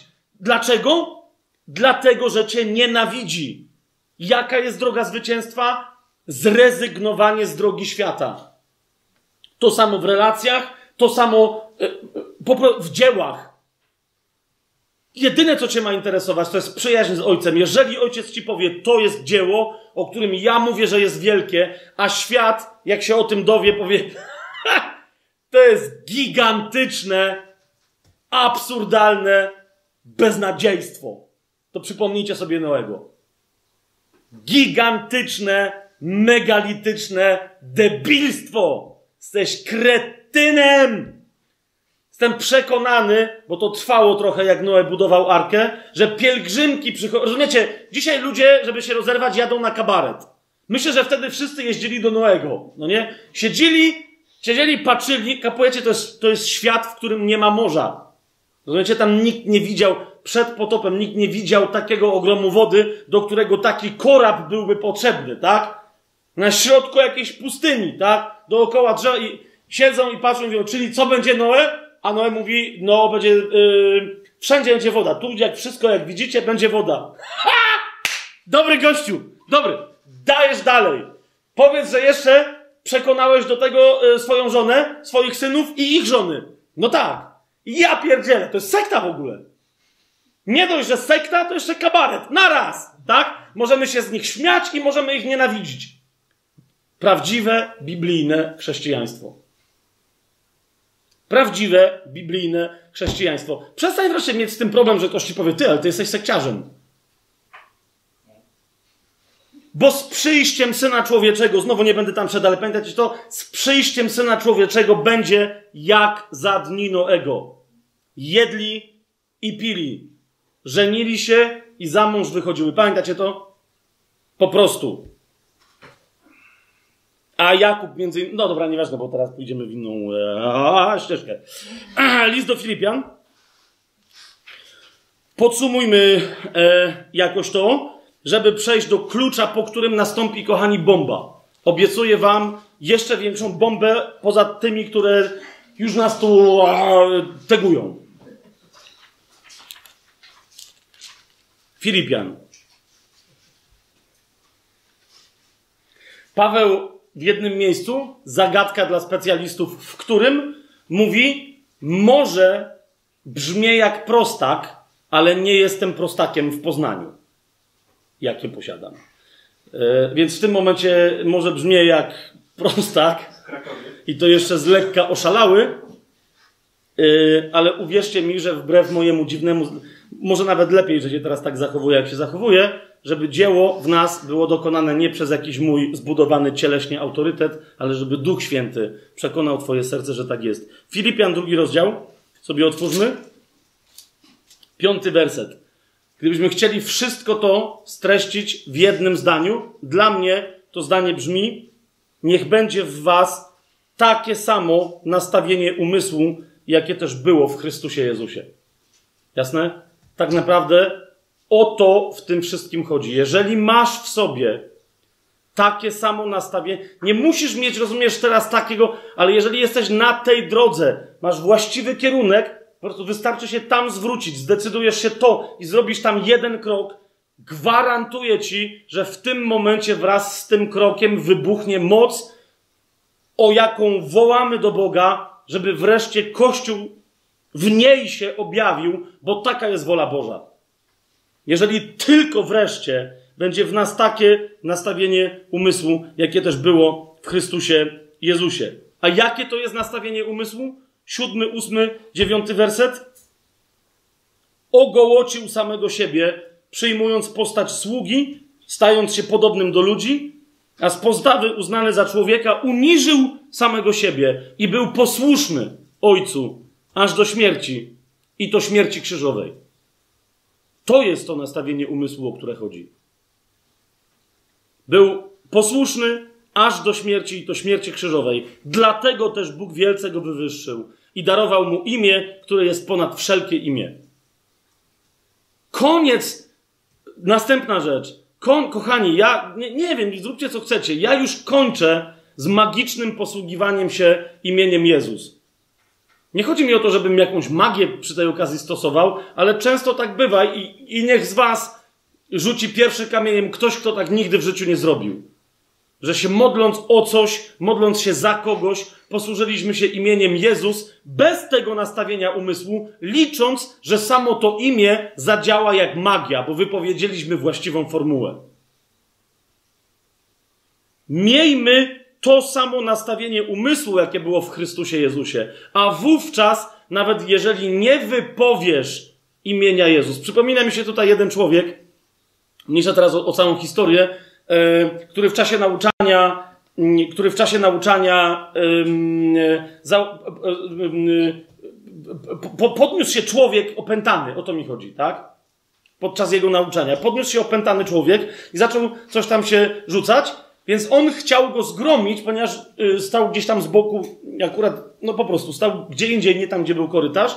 Tamten się podniósł, ale jednocześnie na, na scenie tam siedzieli ludzie, wiecie, z zespołu uwielbieniowego, tak? Y, y, I teraz ten, on chciał go zgromić, tak? Podchodził do tego korytarza, a tamten gość, w tym szale, wiecie, demona, który został ujawniony, po prostu rzucił się, po prostu spieniony i wściekły, centralnie prosto w ten zespół uwielbieniowy, tak? I teraz o co mi chodzi? Ten gość, głosząc wtedy Ewangelię, mając nastawienie, Chrystusowe nastawienie umysłu, mówi, że to było, właśnie to było wydarzenie, nie wiem, nie wiem, czy mogę y, powiedzieć, co to był. Nie mam pozwolenia, tak? Mówi, że nie zdążył nawet posłużyć się imieniem Jezus, ale odruchowo, instynktownie, jedyne co zrobił, to po prostu wszedł w drogę temu demonowi. Rozumiecie o co mi chodzi? Bo po prostu nie, chciał, żeby, przy, wiecie, wiecie, jak idziesz gdzieś i nagle musisz przyspieszyć, wskoczył mu w drogę, ale nie powiedział w imieniu Jezusa. Rozumiesz? Nie, wiecie o co mi? Nie powiedział, tak? I ku zdumieniu jego, a jeszcze większym zdumieniu całego kościoła, z wyjątkiem tych, którzy może tam gdzieś przysypiali i nie wiedzieli, co jest grane, wyobraźcie sobie, że w tym momencie demon wyszedł z tego człowieka i go opuścił. Nie powiedział nawet w imię Jezusa. Rozumiesz, zareagował instynktownie, bo wiedział, co? Tu jest Chrystus, tak? Chrystus stanął naprzeciwko tego demona, a on, rozpędziwszy ciało, błąd, błąd, błąd, Rozumiecie? Nie chciał się w tym ciele, w którym był, zderzyć z tym ciałem, które było częścią ciała Chrystusa. Amen? Słyszycie to, co mówię? Po, po prostu. I dlatego ten demon wyszedł, a ten gość rzeczywiście trochę e, jakby upadając, bo on upadł i zemdlał wtedy, tak? Upadł na kolana, także on go jeszcze tam zdążył lekko, lekko schwytać, tak? Tak bardzo demon boi się, ze, no też nie trzeba powiedzieć w imię Jezusa. Oczywiście, w momencie, kiedy mówisz w imię Jezusa, to ty również bądź w imieniu Jezusa. Czy jest jasne to, co mówię? Bądź w imieniu Jezusa, a to oznacza bądźże nim reprezentującym Go. Nie jesteś jakimś byle, rozumiesz, ty nie jesteś gołębiem pocztowym. Wiesz, Pan Jezus ci przywiązał list do nogi, ty lecisz, no nie, go tam patrzysz, czy będzie cię jaszczębie nie zeżarły, no nie, przelatujesz, ktoś go tam zdejmuje. Nie! Ty jesteś ambasadorem. Pamiętacie, kto z was oglądał 300? To jest, ja już dawno nie oglądam filmów, ale jeszcze ten, to oglądałem i to za zaciekłością. Pamiętacie tą sławną scenę, jak przyjeżdża ambasador tam chyba Persów, z tego co pamiętam, tak? I coś tam gada do tego tam Leonidasa, a ten wypowiada sławną, kultową kwestię This is Sparta! Kopie tego dziada i on tam wpada do dołu, tak? Kiedy ty jesteś ambasadorem Chrystusa, wychodzisz naprzeciwko jeszcze większych świrów niż Leonidas. I w momencie, kiedy ten świr krzyczy na ciebie, nawet nie, że wiesz, this is Sparta, tylko krzyczy this is Satan. I w tym momencie, rozumiesz, bo to jest blef, no nie? W momencie, kiedy stoisz, ty stoisz i mówisz diable, a on mówi, this is Sparta, Satan, szmatan. Rozumiesz, się zamachuje i teraz w nogę podnosi. Ty stoisz dalej i mówisz, serio? Na, na, naprawdę chcesz tym kopytkiem tu się gdzieś zbliżyć? Szmatan. Szmatan, to nie doleci do mnie w ogóle nawet. We, weź się uspokój. Mówię ci, idź stąd. Nie mogę cię na razie jeszcze wrzucić do piekła, bo to się stanie po tysiącletnim królestwie, ale odwrót, dzieciaku. W imieniu Jezusa Chrystusa jestem ja. Mam władzę od tego, który we mnie mieszka, bo on ma wszelką władzę. Dana mu jest władza na niebie i na ziemi. Wszelka, tak? I mam moc od niego, bo taka była obietnica Ojca. A zatem, takie mam nastawienie umysłu w imieniu Jezusa. Powiedz mi, co może się przeciwstawić wtedy tej mocy? Czajcie, co gadam? Otóż, kochani,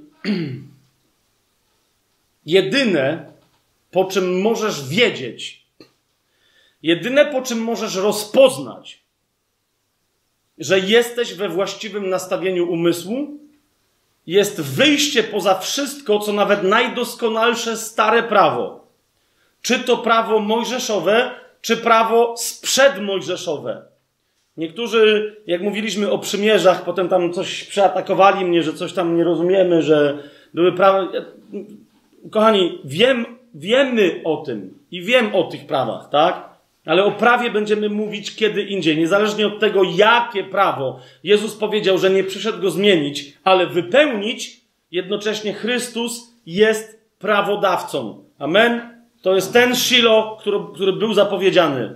Prawodawca, który nie jest berełkiem w ręku króla, ale jest prawodawcą we własnej osobie. On przyszedł i wyznaczył standard, po którym się go rozpoznaje.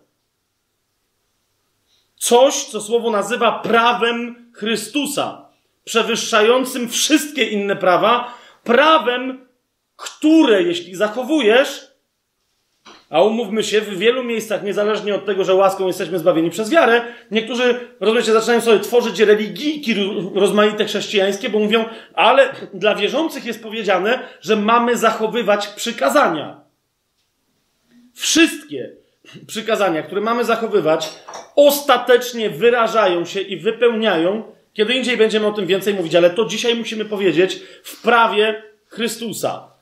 A ono między innymi wybrzmiewa tak jasno, że nie ma nad czym dyskutować w Ewangelii Jana w 13 rozdziale. Ewangelia Jana, 13 rozdział, 34, 35 werset. Jezus powiedział: jako prawodawca. Daję wam nowe przykazanie. Abyście się wzajemnie miłowali, tak jak ja was umiłowałem, abyście i wy wzajemnie się miłowali. Jezusa rozpoznaje się po miłości. Można spokojnie w hymnie o miłości, miłość Pamiętacie hymno, hymno miłości? Można spokojnie wyjąć słowo miłość, wstawić Jezus. Ok? Po prostu, bo Bóg jest miłością. Jezus demonstruje Boga, kto mnie widział, widzi i Ojca. Tak? A zatem On jest wcieloną miłością.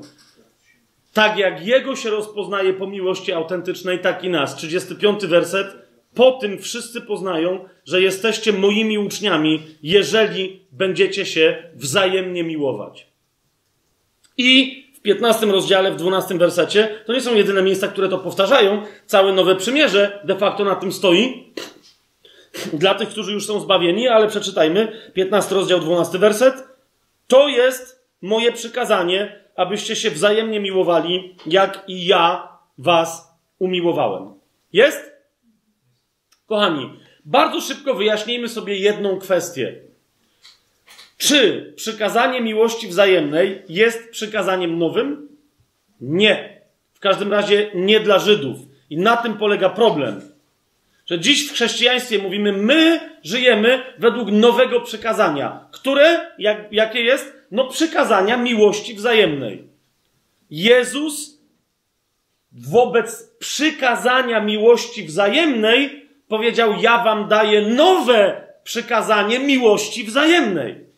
A zatem, żebyśmy zrozumieli, o jaki standard chodzi Jezusowi, ponieważ uważajcie, jak chrzest jest bramą do królestwa, tak to, o czym teraz mówimy, chociaż wielu z Was już złapało ten wątek, ale to jest kluczem do mocy królestwa. To są klucze królestwa, to o czym teraz mówimy. Otóż Standard, który Jezus wyznaczył, jest nowy wobec jakiego starego. Otwórzmy sobie Księgę Kapłańską, ponieważ między innymi tam jest zapisane w prawie, czyli trzecią Mojżeszową, ponieważ między innymi tam jest zapisane właśnie w prawie mojżeszowym przykazanie miłości wzajemnej. Ok? Księga Kapłańska to jest 19 rozdział.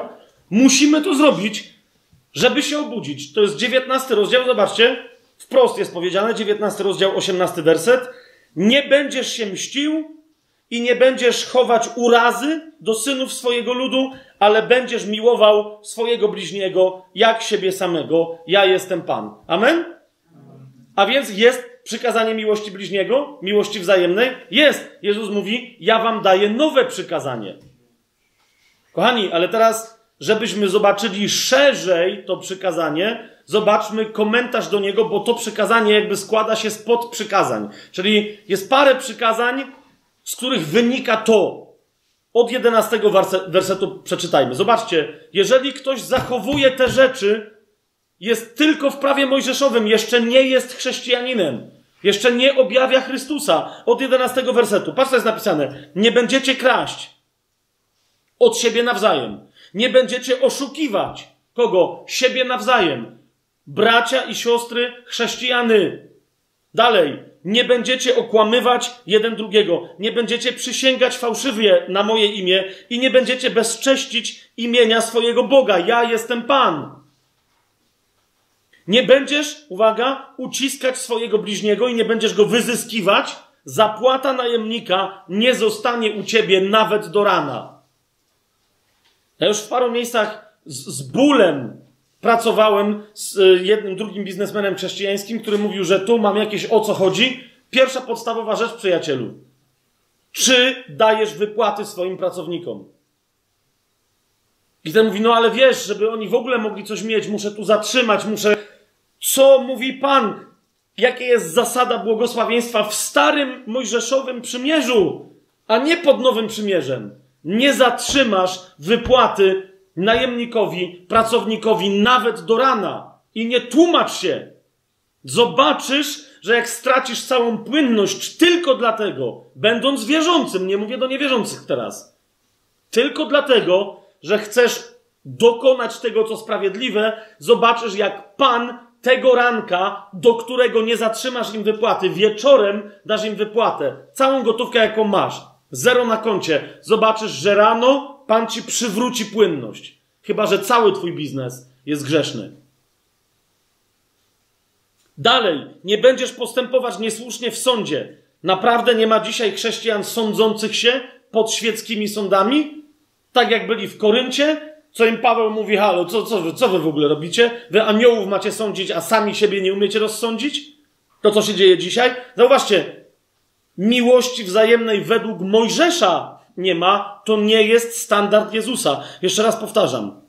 Dalej, nie będziesz mieć względu na osobę ubogiego, ani też nie wyróżniaj osoby bogatego. Serio? Zboże? Boży? Ktokolwiek mnie teraz nie słucha, naprawdę tak macie? I teraz nie chodzi mi o to, że wszystkie zbory, wiecie, preferują bogatych. Bo są też takie, ostatnio o tym rozmawialiśmy, bardzo boży ludzie. Tu nagle ktoś do mnie podszedł i mówi: Ty, my naprawdę woleliśmy biednych. Bo liczyliśmy na błogosławieństwo większe z tego powodu. I rozumiesz, zaraz po tym, jak o tym gadaliśmy, poszli pokutować. Halleluja, dzięki Ci, Panie, za tych ludzi. Ale rozumiesz, to jest tylko zderzenie się, ja cały czas mówię o prawie miłości bliźniego według Mojżesza, nie według Jezusa. Dalej. Sprawiedliwie będziesz sądził bliźniego. Nie będziesz szerzył oszczerstw wśród swojego ludu. Nie komentuje. Nawet tego nie skomentuje, tak? To jest prawo Mojżesza, nie standard Jezusowy bracia chrześcijany, siostry chrześcijanki. Nie będziesz nastawać na krew swojego bliźniego. Ja jestem Pan. Nie będziesz w swoim sercu nienawidzić swojego brata. I ktoś powie, no nie, no to już aż tak źle to nie ma. Uważaj, bo w drugim zdaniu, a w tym samym wersecie Pan mówi przez Mojżesza, będziesz napominać swojego bliźniego i nie zniesiesz u niego grzechu.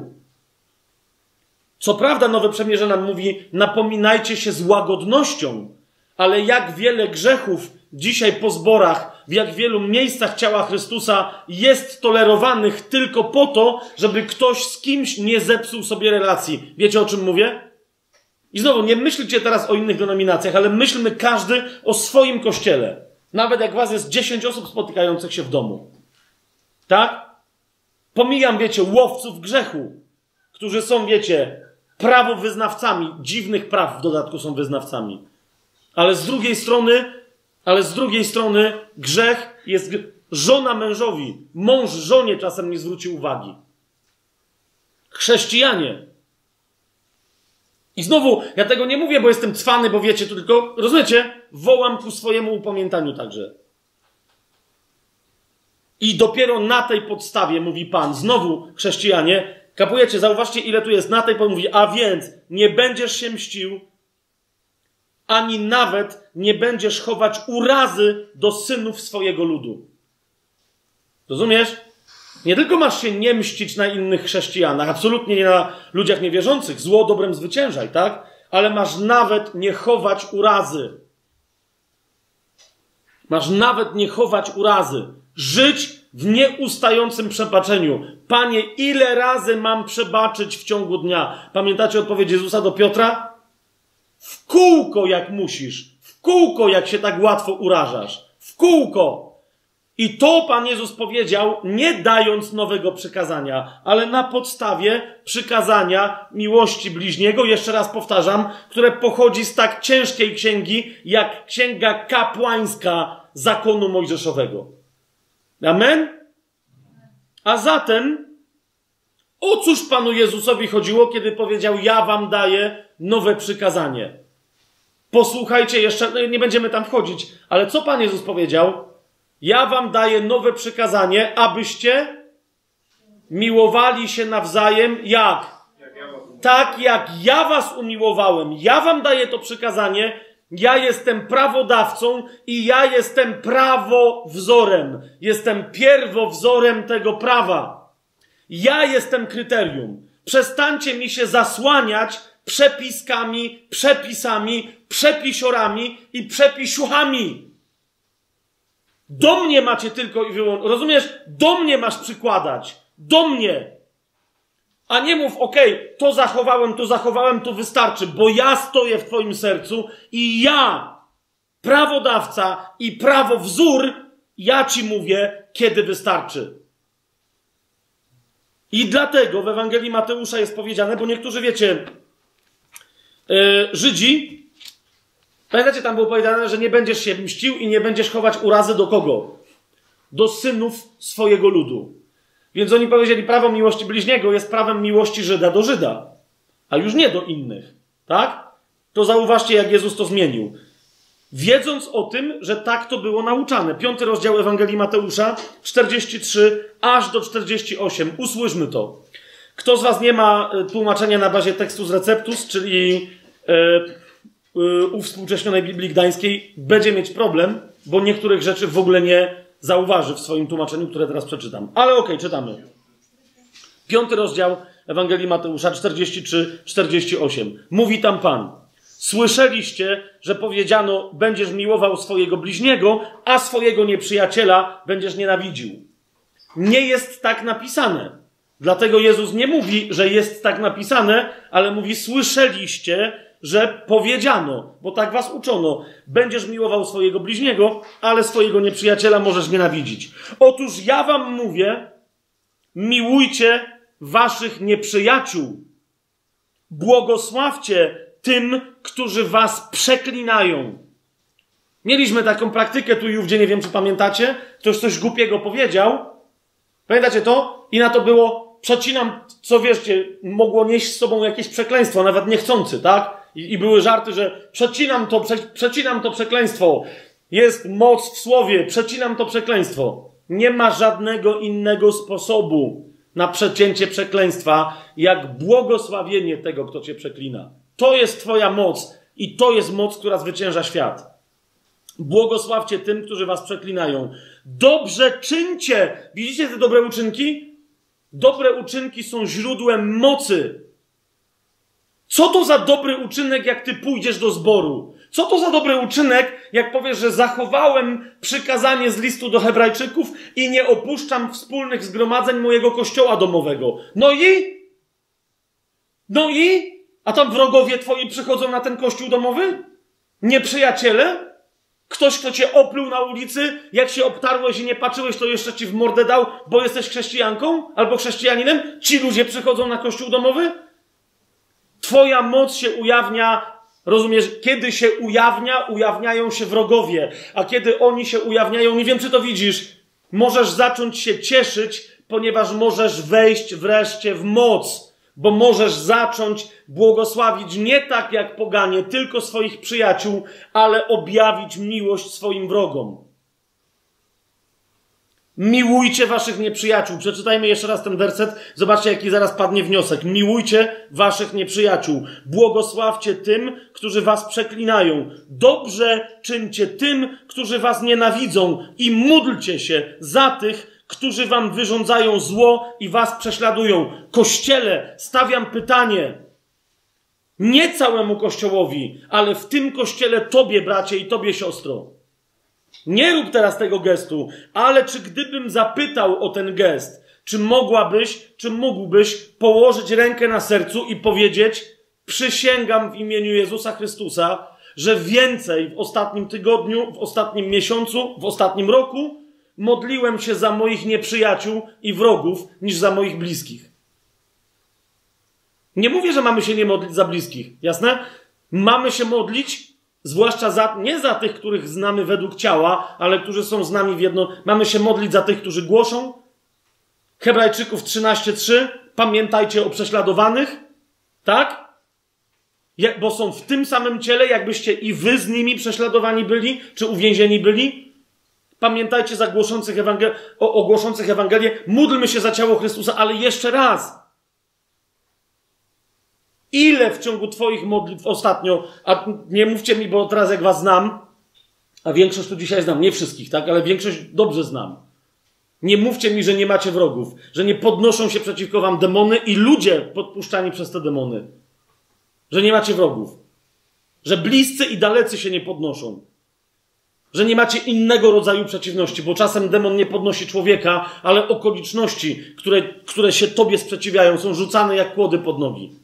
I tak dalej. A za tymi kłodami stoją też ludzie, których łatwo obwinić, że to oni rzucają te kłody. Jeszcze raz się ciebie pytam.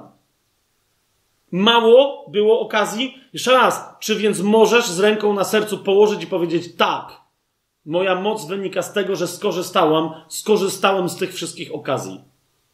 Bo jak nie, to pytam się ciebie, masz klucze do królestwa, jak z nich nie korzystasz, nie wiążesz na ziemi, żeby było związane w niebie i nie rozwiązujesz na ziemi, żeby było związane w niebie, to czemu się dziwisz i mówisz na przykład, że twoich modlitw Bóg nie wysłuchuje?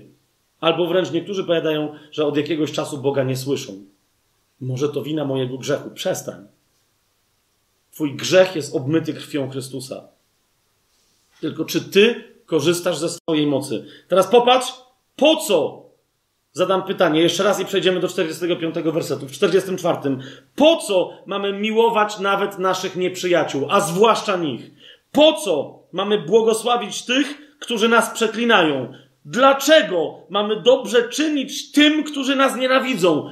Z jakiego powodu mamy się modlić za tych, którzy nam wyrządzają zło i nas prześladują? Dlaczego? Po co? Z jakiego powodu? 45 werset. Abyście byli synami waszego Ojca, który jest w niebie. Rozumiecie? Jeżeli tego nie robisz, nie jesteś w tym stanie umysłu i w tym kierunku, który miał Chrystus. A więc nie objawiasz go. Oczywiście, że z łaski i w potencjale jesteś córką Bożą i jesteś synem Bożym w środku, w swoim duchu. Ale nie objawiasz tego dzieciństwa, tego synostwa Bożego, tego córczaństwa, rectwa, cór. Nie objawiasz na zewnątrz. Abyście byli synami waszego Ojca, który jest w niebie. Zauważ, dlaczego? Ponieważ widzisz, kiedy robisz takie rzeczy, a więc tak samo błogosławisz dobrych i złych, tak samo udzielasz dobra dobrym i złym, tak samo jesteś sprawiedliwa dla dobrych i złych, i tak dalej, i tak dalej, robisz po prostu to samo, co ojciec. A więc, rozumiesz, to jest proste rozwiązanie. Świętymi bądźcie, jak ja jestem święty. Wystarczy to robić. Doskonałymi bądźcie, jak On jest doskonały. Wystarczy, wystarczy to robić. Czemu? Czytaj 45 werset. On, ponieważ On sprawia, że Jego słońce wschodzi nad złymi i nad dobrymi i deszcz zsyła póki co na sprawiedliwych i na niesprawiedliwych. Dlatego. Rozumiesz, to nie są jakieś cuda. Musisz przejść 60 lat, noc ciemną zmysłów, noc jasną czegoś tam, oświecenie przeświecenia. I wtedy może kiedyś gdzieś, jak umrzesz, ledwo będziesz tykać świętości Bożej. Nie! Ewangelia jest prosta. Rób to, a jesteś taki sam, taka sama, jak ojciec. Jeżeli bowiem, 46 i następne, jeżeli bowiem miłujecie tych, którzy was miłują, jakąż macie nagrodę. Słyszycie to? Jakąż macie nagrodę, a nagroda czeka na ciebie w niebie. Jakąż macie nagrodę? Czyż i celnicy tego nie czynią? Nie musisz być nawróconym, żeby dobrze czynić tym, którzy tobie dobrze czynią. 47 werset. A jeżeli tylko waszych braci pozdrawiacie, cóż szczególnego czynicie? Czyż i celnicy tak nie czynią? I 48 werset. Bądźcie więc doskonali, tak jak doskonały jest wasz ojciec, który jest w niebie. Jeszcze raz, gdzie jest klucz? W 44 wersecie tak brzmiącym, jak go przeczytałem, ale nawet jak ktoś ma te nie na bazie tekstu z receptus tłumaczenia, to i tak znajdzie tę prawdę w wielu innych miejscach, na przykład w liście do Rzymian, tak? Wokół tekstu, który brzmi zło, dobrem zwyciężaj. Jasność? List do Galacjan sobie otwórzmy.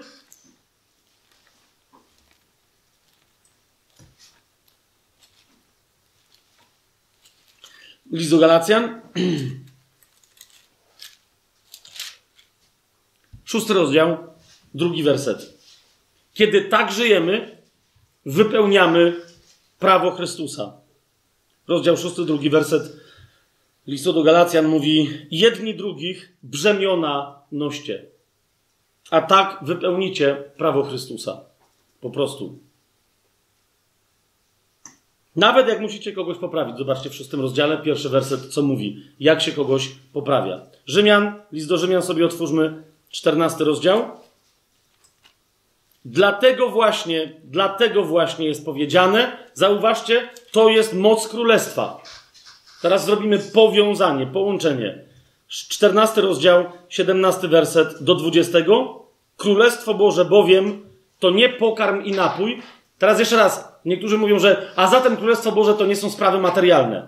Tu nie chodzi o pokarm i napój jako reprezentację rzeczy materialnych, ale jako powód, dla którego chrześcijanie albo okazują sobie miłość, albo się kłócą. Zobaczcie rozdział 14, od czego się zaczyna pierwszy werset. Tego, kto jest słaby w wierze, przyjmujcie, lecz nie po to, żeby się sprzeczać wokół spornych kwestii. O, i, I potem jako przykład podaje sprzeczanie się o jedzenie mięsa ofiarowanego demonom i tak dalej, i tak dalej. A więc, Paweł mówi, Królestwo Boże, 17 werset 14 rozdziału. Bowiem to nie pokarm i napój, żeby się nie. Zresztą zobaczycie, że dalej to wyniknie z tych kontekstów, ale sprawiedliwość, pokój i radość w Duchu Świętym. Kto bowiem, bowiem nas łączy z poprzednim zdaniem, w tym służy Chrystusowi, podoba się Bogu i cieszy się uznaniem ludzi. Tak więc dążmy do tego, co służy pokojowi i wzajemnemu zbudowaniu. Widzicie to? Kto jest gotowy dźwignąć cudzy ciężar, ten jest, może być pewny, że jest Chrystusowy. I że służy pokojowi i wzajemnemu zbudowaniu. Dwudziesty werset. Z, z powodu czegoś tak błahego dodałbym, tak? Jak pokarm, nie niszcz dzieła Bożego. Widzicie o co mi idzie? Jedna denominacja, tego nie wolno jeść. Druga denominacja, a właśnie, że wolno to jeść. Kto z nich jest lepszy? Żaden, jak sobie tymi swoimi prawdami o wolności albo o prawie wybijają oczy. Rozumiecie o co mi chodzi? Nie. Reszta będzie kiedy indziej, żebyśmy o tych postawach tu praktycznych rozmawiali, tak? Ale z powodu pokarmu nie niszcz dzieła Bożego. Widzisz? Nie ma żadnego dzieła Bożego ani w tym, który jest zacietrzewiony ze względu na swoją wolność, ani w tym, który jest zacietrzewiony ze względu na sprawiedliwość, jako, jaka rzekomo, albo może naprawdę wypływa z przestrzegania jakiegoś tam przykazanka, które sobie wynalazł. Jeden i drugi może zniszczyć dzieło Boże. Bo dzieło jest w czymś innym. Jest w miłości. Wszystko wprawdzie jest czyste, ale staje się złe dla człowieka, który je ze zgorszeniem z Twojego serca to wypływa, co jest zgorszeniem, czyli powodem do grzechu. Ok?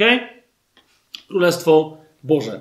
I teraz, kochani, dochodzimy do. Yy, widzicie, jak żeśmy połączyli te rzeczy, tak? Co z tego wynika?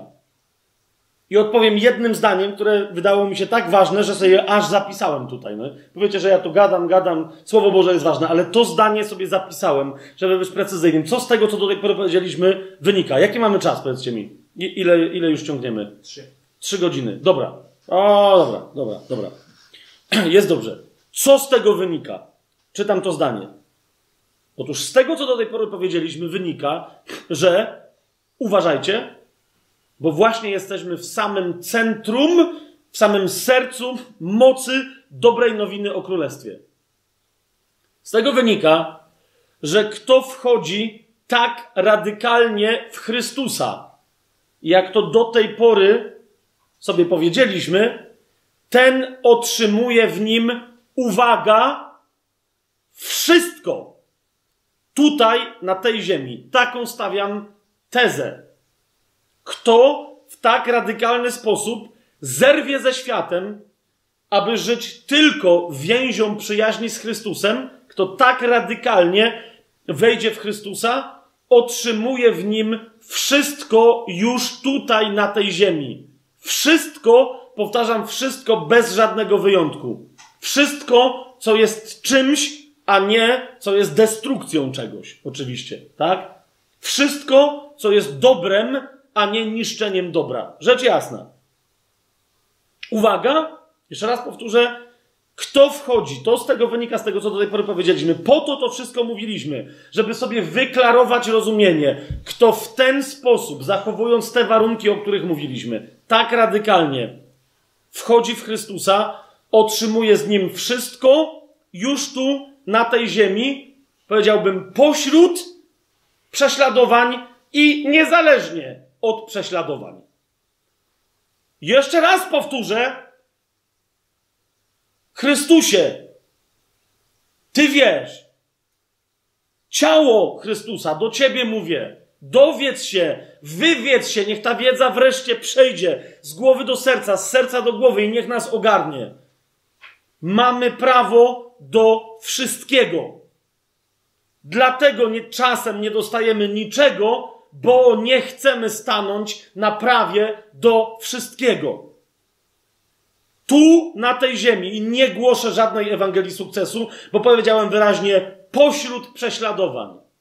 Kiedy jesteśmy ducha Chrystusowego, nie spodziewając się niczego więcej niż miał Chrystus, ale zauważcie, przy całym prześladowaniu, jakie zniósł i chwalebnej śmierci, jaką poniósł, czy kiedykolwiek pokażecie mi chociaż jeden moment w jego życiu, żeby czegokolwiek mu zabrakło? A więc nie dostaniemy nigdy niczego mniej niż Chrystus. Nie dostaniemy też nigdy niczego więcej niż Chrystus, bo On miał wszystko, czego mógł zapragnąć i czego pragnął i czego potrzebował w swoim życiu. I teraz przejdźmy, nie zostając tylko przy tym, ale przejdźmy do tego, co to znaczy, co teraz powiedziałem. Bo jakby to teraz ktoś wziął z tego Nałóżmy tego nagrania, wyciął i o, teraz Błaszkiewicz głosi omnipotencjonizm i omni, omnimożliwość i nie wiadomo co tam jeszcze. List do Rzymian najpierw sobie otwórzmy, a to jesteśmy tutaj w nim. A jesteśmy otwarci. Ósmy rozdział. Dwudziesty ósmy werset do trzydziestego siódmego. Zaczyna się od wieści, że w nim mamy wszystko, i kończy się na wieści, że w nim mamy wszystko. To jest to, o czym powiedziałem, a dalej będziemy jeszcze rozwijać. Czego masz prawo, siostro, czego masz prawo, bracie, spodziewać się w tym życiu, zanim umrzesz lub zanim wróci Pan Jezus? Jakiej mocy, jakiego błogosławieństwa? Najpierw przeczytajmy to. Rzymian 8, 28 do 37. Wiemy, że wszystko współdziała dla dobra tych, którzy miłują Boga. To jest tych, którzy są powołani według postanowienia Boga. W innym miejscu się dowiemy, że miłować Boga, zwłaszcza od Jana, zwłaszcza w jego pierwszym liście, ale nie tylko, od Pana Jezusa też, dowiemy się, że miłować Boga znaczy przestrzegać Jego przykazań, które są wezwaniami do miłości. Jasne? Nie będziemy teraz tego rozwijać. Przykazanie miłości jest pełnią wszystkich innych przykazań. Wykracza poza Mojżesza. A wtedy, zauważ, jak więc objawiasz miłość do Boga w ten sposób, wtedy wszystko współdziała dla Twojego dobra. I dalej. Tych bowiem, których On przedtem znał, tych też przeznaczył, aby stali się podobni do obrazu Jego Syna. Widzisz, to jest Twoje przeznaczenie. Aby stać się podobnym do obrazu Jego Syna. Żeby On był pierworodny między wieloma braćmi i siostrami. Tych zaś, których przeznaczył, tych też powołał, a których powołał, tych też usprawiedliwił, a których usprawiedliwił, tych też uwielbił. Jezus mówi w pewnym momencie do Ojca: Ojcze, ja Ciebie uwielbiłem, uwielbij Ty teraz swojego syna. Pamiętacie to? To wzajemne uwielbienie, my wchodzimy w ten krąg miłości, która uwielbia. Ojciec chce Ciebie uwielbić. Cóż więc na to powiemy? Idziemy dalej w tekście. Otóż to na to powiemy. Jeżeli Bóg jest z nami, a jest z nami, to kto przeciwko nam? On, który nawet własnego syna nie oszczędził, ale wydał go za nas wszystkich. Uważajcie, klucz. Jakże nie miałby wraz z nim darować nam czego? Wszystkiego. I zaraz będziemy jeszcze bardziej precyzyjniej to rozbijać. Naprawdę.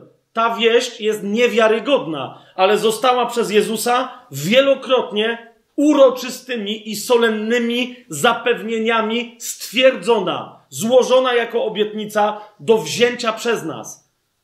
Szukasz w swoim życiu wiary biorącej w posiadanie, to właśnie jesteśmy w samym centrum, centrum tej wiary biorącej w posiadanie. Kto będzie oskarżał wybranych Bożych? Przestań, że się wreszcie przejmować oskarżeniem. Kto? Bóg jest tym, który usprawiedliwia. Przestań się przejmować potępieniem, bo kto miałby cię potępić? Chrystus? On jest tym, który umarł, więcej, zmartwychwstał, więcej, który też jest po prawicy Boga i wstawia się za nami. Miałby się rozdwoić, miałby Jezus schizofrenii dostać i z jednej strony być Twoim pośrednikiem, obrońcą, który się za Tobą wstawia, a z drugiej strony miałby być szatanem? Bo kto jeden jedyny stawał przed Bogiem, żeby ciebie im nie oskarżać? Szatan! I są tacy, którzy wręcz twierdzą, że no istnieje jakiś związek między Chrystusem w imieniu Jezusa Chrystusa. Gromie cię, duchu tej fałszywej nauki. I gromie też każdego ducha, który przychodzi mącić w umysłach sióstr i braci, twierdząc tak czy inaczej, siejąc podejrzenie, że ojciec może nie być dobry, że ojciec może nie mieć ostatecznie dobrych zamiarów wobec tych, których wybrał i o których tu jest mowa wobec nas, lub że Chrystus miałby się choć częściowo okazać, choć trochę taki jak oskarżyciel braci i sióstr. Nie może tak być. Nigdy, pod żadnym pozorem, w żadnej nie do pomyślenia czy do pomyślenia możliwości. Nigdy. Kto będzie oskarżał wybranych Bożych? Bóg jest tym, który usprawiedliwia. Kto potępi Chrystus? On jest tym, który umarł. Więcej, zmartwychwstał, który też jest po prawicy Boga i wstawia się za nami. A zatem, jeżeli tak, to następne pytanie warto postawić. 35 werset. Któż więc odłączy nas od miłości Chrystusa? Czy coś takiego może przyjść? Kiedy ja się zdecyduję radykalnie, że tylko Chrystus, wyrażający się swoją miłością, tylko miłość do Niego, a poprzez miłość do Niego tylko Jego miłość do braci i sióstr, jeżeli tak, to co może nam nie spaść w tym życiu? Wymyśl mi. Wymyśl mi, diable, co może nam nie spaść? Czym mnie oderwiesz? Utrapienie? Czy ucisk? Czy może prześladowanie? Czy głód? Czy nagość? Czy niebezpieczeństwo, czy miecz? Jak jest napisane, z powodu ciebie przez cały dzień nas zabijają i uważają nas za owce przeznaczone na rzeź. I tu bym dodał, i dodaję w didaskaliach pytanie, no i co? To jest dobra nowina o królestwie. No i co? 37 werset. Ale w tym wszystkim Całkowicie zwyciężamy przez tego, który nas umiłował. Czy widzicie to? Zwycięstwo się nie wyraża w tym, że przyjedzie jakiś nauczyciel i powie, że gdzieś tam zasiał, gdzieś tam przesiał, coś dosiał, tam gdzieś dał jakiś pieniądz i dlatego teraz jeździ złotym Mercedesem. Weźże się ogarnij. Są ludzie, którzy nie mają Chrystusa i mają lepszego Mercedesa jak ty. Z nimi chcesz konkurować w czym? W błogosławieństwie mamony i świata? Wiara, która w nas pracuje, ten, który w nas przez nią mieszka, który się wyraża poprzez miłość przez nas. On zwyciężył świat. Nie w tym, że daje nam to, co może nam dać świat, bo daje, kiedy potrzebujemy, ale w tym, że kiedy wchodzimy w te rzeczy, o których myśli nawet świat nie może znieść, my tam wchodzimy i dalej nic się nie zmienia. Rozumiecie o co chodzi? Kiedy Paweł mówi, a gdzie mówi? Wszystko mogę w tym, który mnie umacnia. To co ma na myśli? Jest New Age'owcem, który mówi, jak se zwizualizuję, to mi obok domu wyrośnie wieżowiec? I będę latać helikopterem? Nie! On tam mówi, wszystko mogę w tym, który mnie umacnia. To znaczy, mogę obfitować i mogę biedować. Mogę dobrze jeść i mogę głodować. O to chodzi. Świat, jak mówi, możesz wszystko, wzbudza tylko i wyłącznie Twoje porządliwości i mówi: zachciej czegoś, co ucieszy pychę Twojego żywota, Twoją duszę albo Twoje ciało tutaj na tej ziemi. Tego chciej i będzie Ci wmawiać: to możesz. Wizualizacja, monetyzacja, przepitolizacja umysłowizacji. A Chrystus mówi Ci: Twoje zwycięstwo nad światem jest w tym, że niezależnie od tego, w co wejdziesz, Twój stan się nie zmienia. Mój pokój w Tobie, moja miłość przez Ciebie, moja sprawiedliwość mojego królestwa będzie taka sama. Czy spotkasz przyjaciela, czy nieprzyjaciela, czy spotkasz błogosławieństwo, czy spotkasz przekleństwo, czy spotkasz dar, czy ktoś Cię okradnie.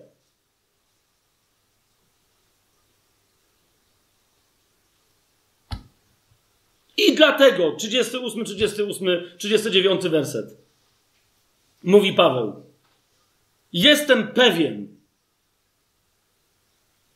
że ani śmierć, ani życie. Rozumiecie?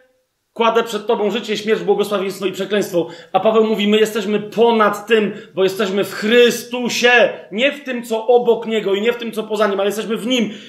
Ani życie, ani śmierć, ani aniołowie, ani nawet zwierzchności, ani nawet jeszcze potężniejsze od nich moce, ani teraźniejsze, ani przyszłe jakiekolwiek rzeczy, ani wysokość, ani głębokość, ani żadne inne to, co stworzone, nie będzie mogło nigdy odłączyć nas od miłości Boga, która jest w Jezusie Chrystusie, naszym Panu.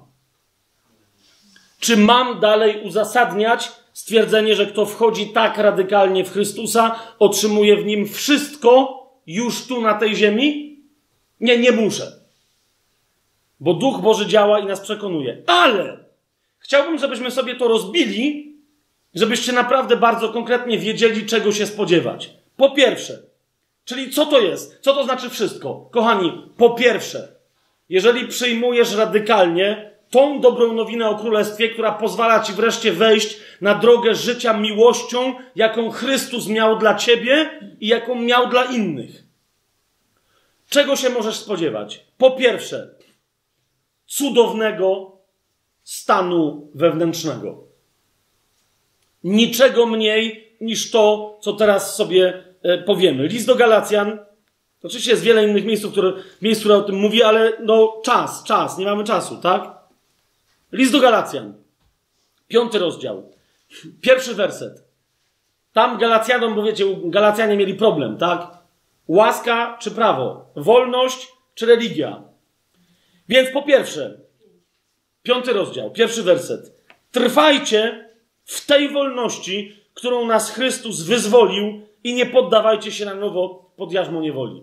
Wolność, swoboda, oddech, nic już nie musisz. Wszystko jest załatwione od tej pory, tylko możesz. I cudownie jest móc. A skoro możesz, to wybierasz, że chcesz. I robisz tylko to, co najlepsze. Nic mniej. Wolność. 16, 16 werset do 18. Komentarz leciutki. Mówię więc, postępujcie w duchu, a nie spełnicie pożądania ciała. Jeżeli się odwracasz od ciała, co się dzieje? Ciało bowiem pożąda na przekór duchowi, a duch na przekór ciału. Są one sobie przeciwne, także nie możecie czynić tego, co chcecie, jeżeli, jeżeli nie działacie według ducha, jeżeli działacie w ciele.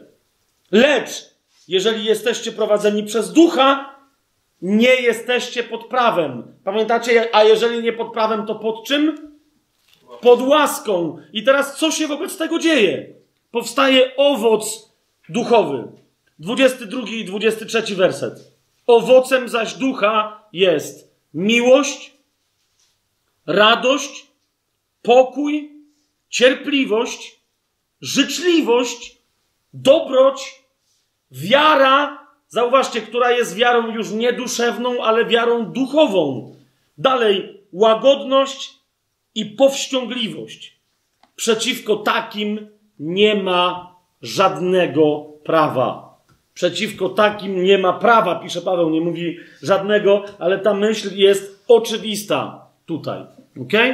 Pierwsza rzecz. Czego się możesz spodziewać? Co to znaczy, że wszystkiego? Możesz się spodziewać cudownego stanu wewnętrznego. Siostro, bracie, proste pytanie. Masz taki stan? Jeżeli nie, jeżeli się nie znajdziesz w takim stanie, albo w których w jakiś, że tak wiem, bo nie musisz przy...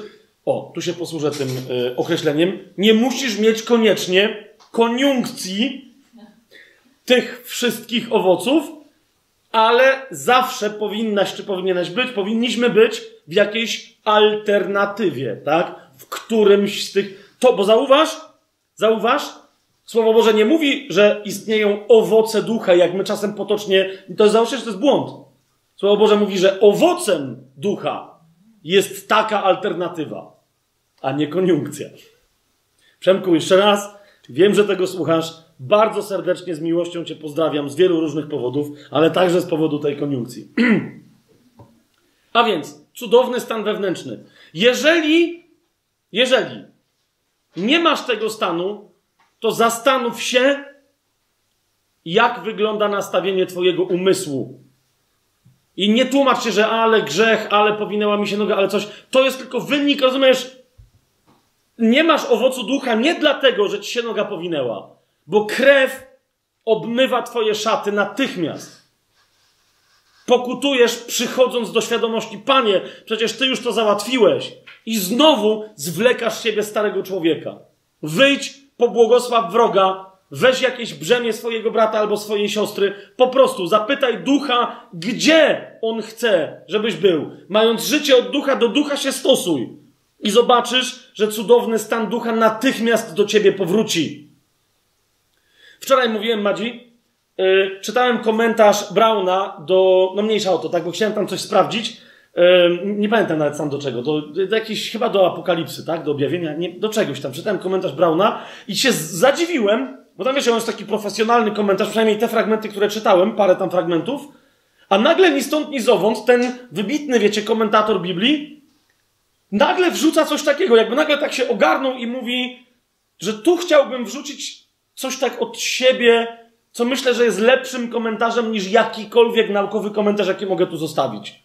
Chodziło właśnie, wiecie, o, bo tam chodziło o miejsce bezpieczeństwa, gdzie, jakby, gdzie jest ów owoc ducha, jak, gdzie jest to miejsce, że zawsze możesz mieć ten owoc, tak? Tylko to było w innym miejscu. I on mówi, że, że zapytał kiedyś dzieci, pracując chyba w, szkół, w szkółce niedzielnej, wiecie, żeby, że zapytał dzieciaki, tak? Mówi, słuchajcie, bo i o co, i co innego miał na myśli. Mówi, posłuchajcie, bo o, chciał ich nauczać o tym, że w domu jest dobrze, tak? Że w domu jest bezpiecznie. I mówi, zadałem dzieciom pytanie, gdzie jest najbezpieczniejsze miejsce na świecie? I mówi, miałem swój plan na to nauczanie, a zostałem przez Ducha Świętego, który poruszył jednego z małych braci, ośmiolatka, nie pamiętam teraz jego imienia, nie pamiętasz? Omniejsza o to. Mówi, zostałem zawstydzony. Dlaczego? Bo on mówi, zadałem pytanie dzieciom, gdzie jest najbezpieczniejsze miejsce na świecie. A, a zostałem zawstydzony przez Ducha Świętego, który poruszył ośmiolatka, który odpowiedział, najbezpieczniejsze miejsce na świecie jest zawsze tam, gdzie akurat chcecie mieć Bóg.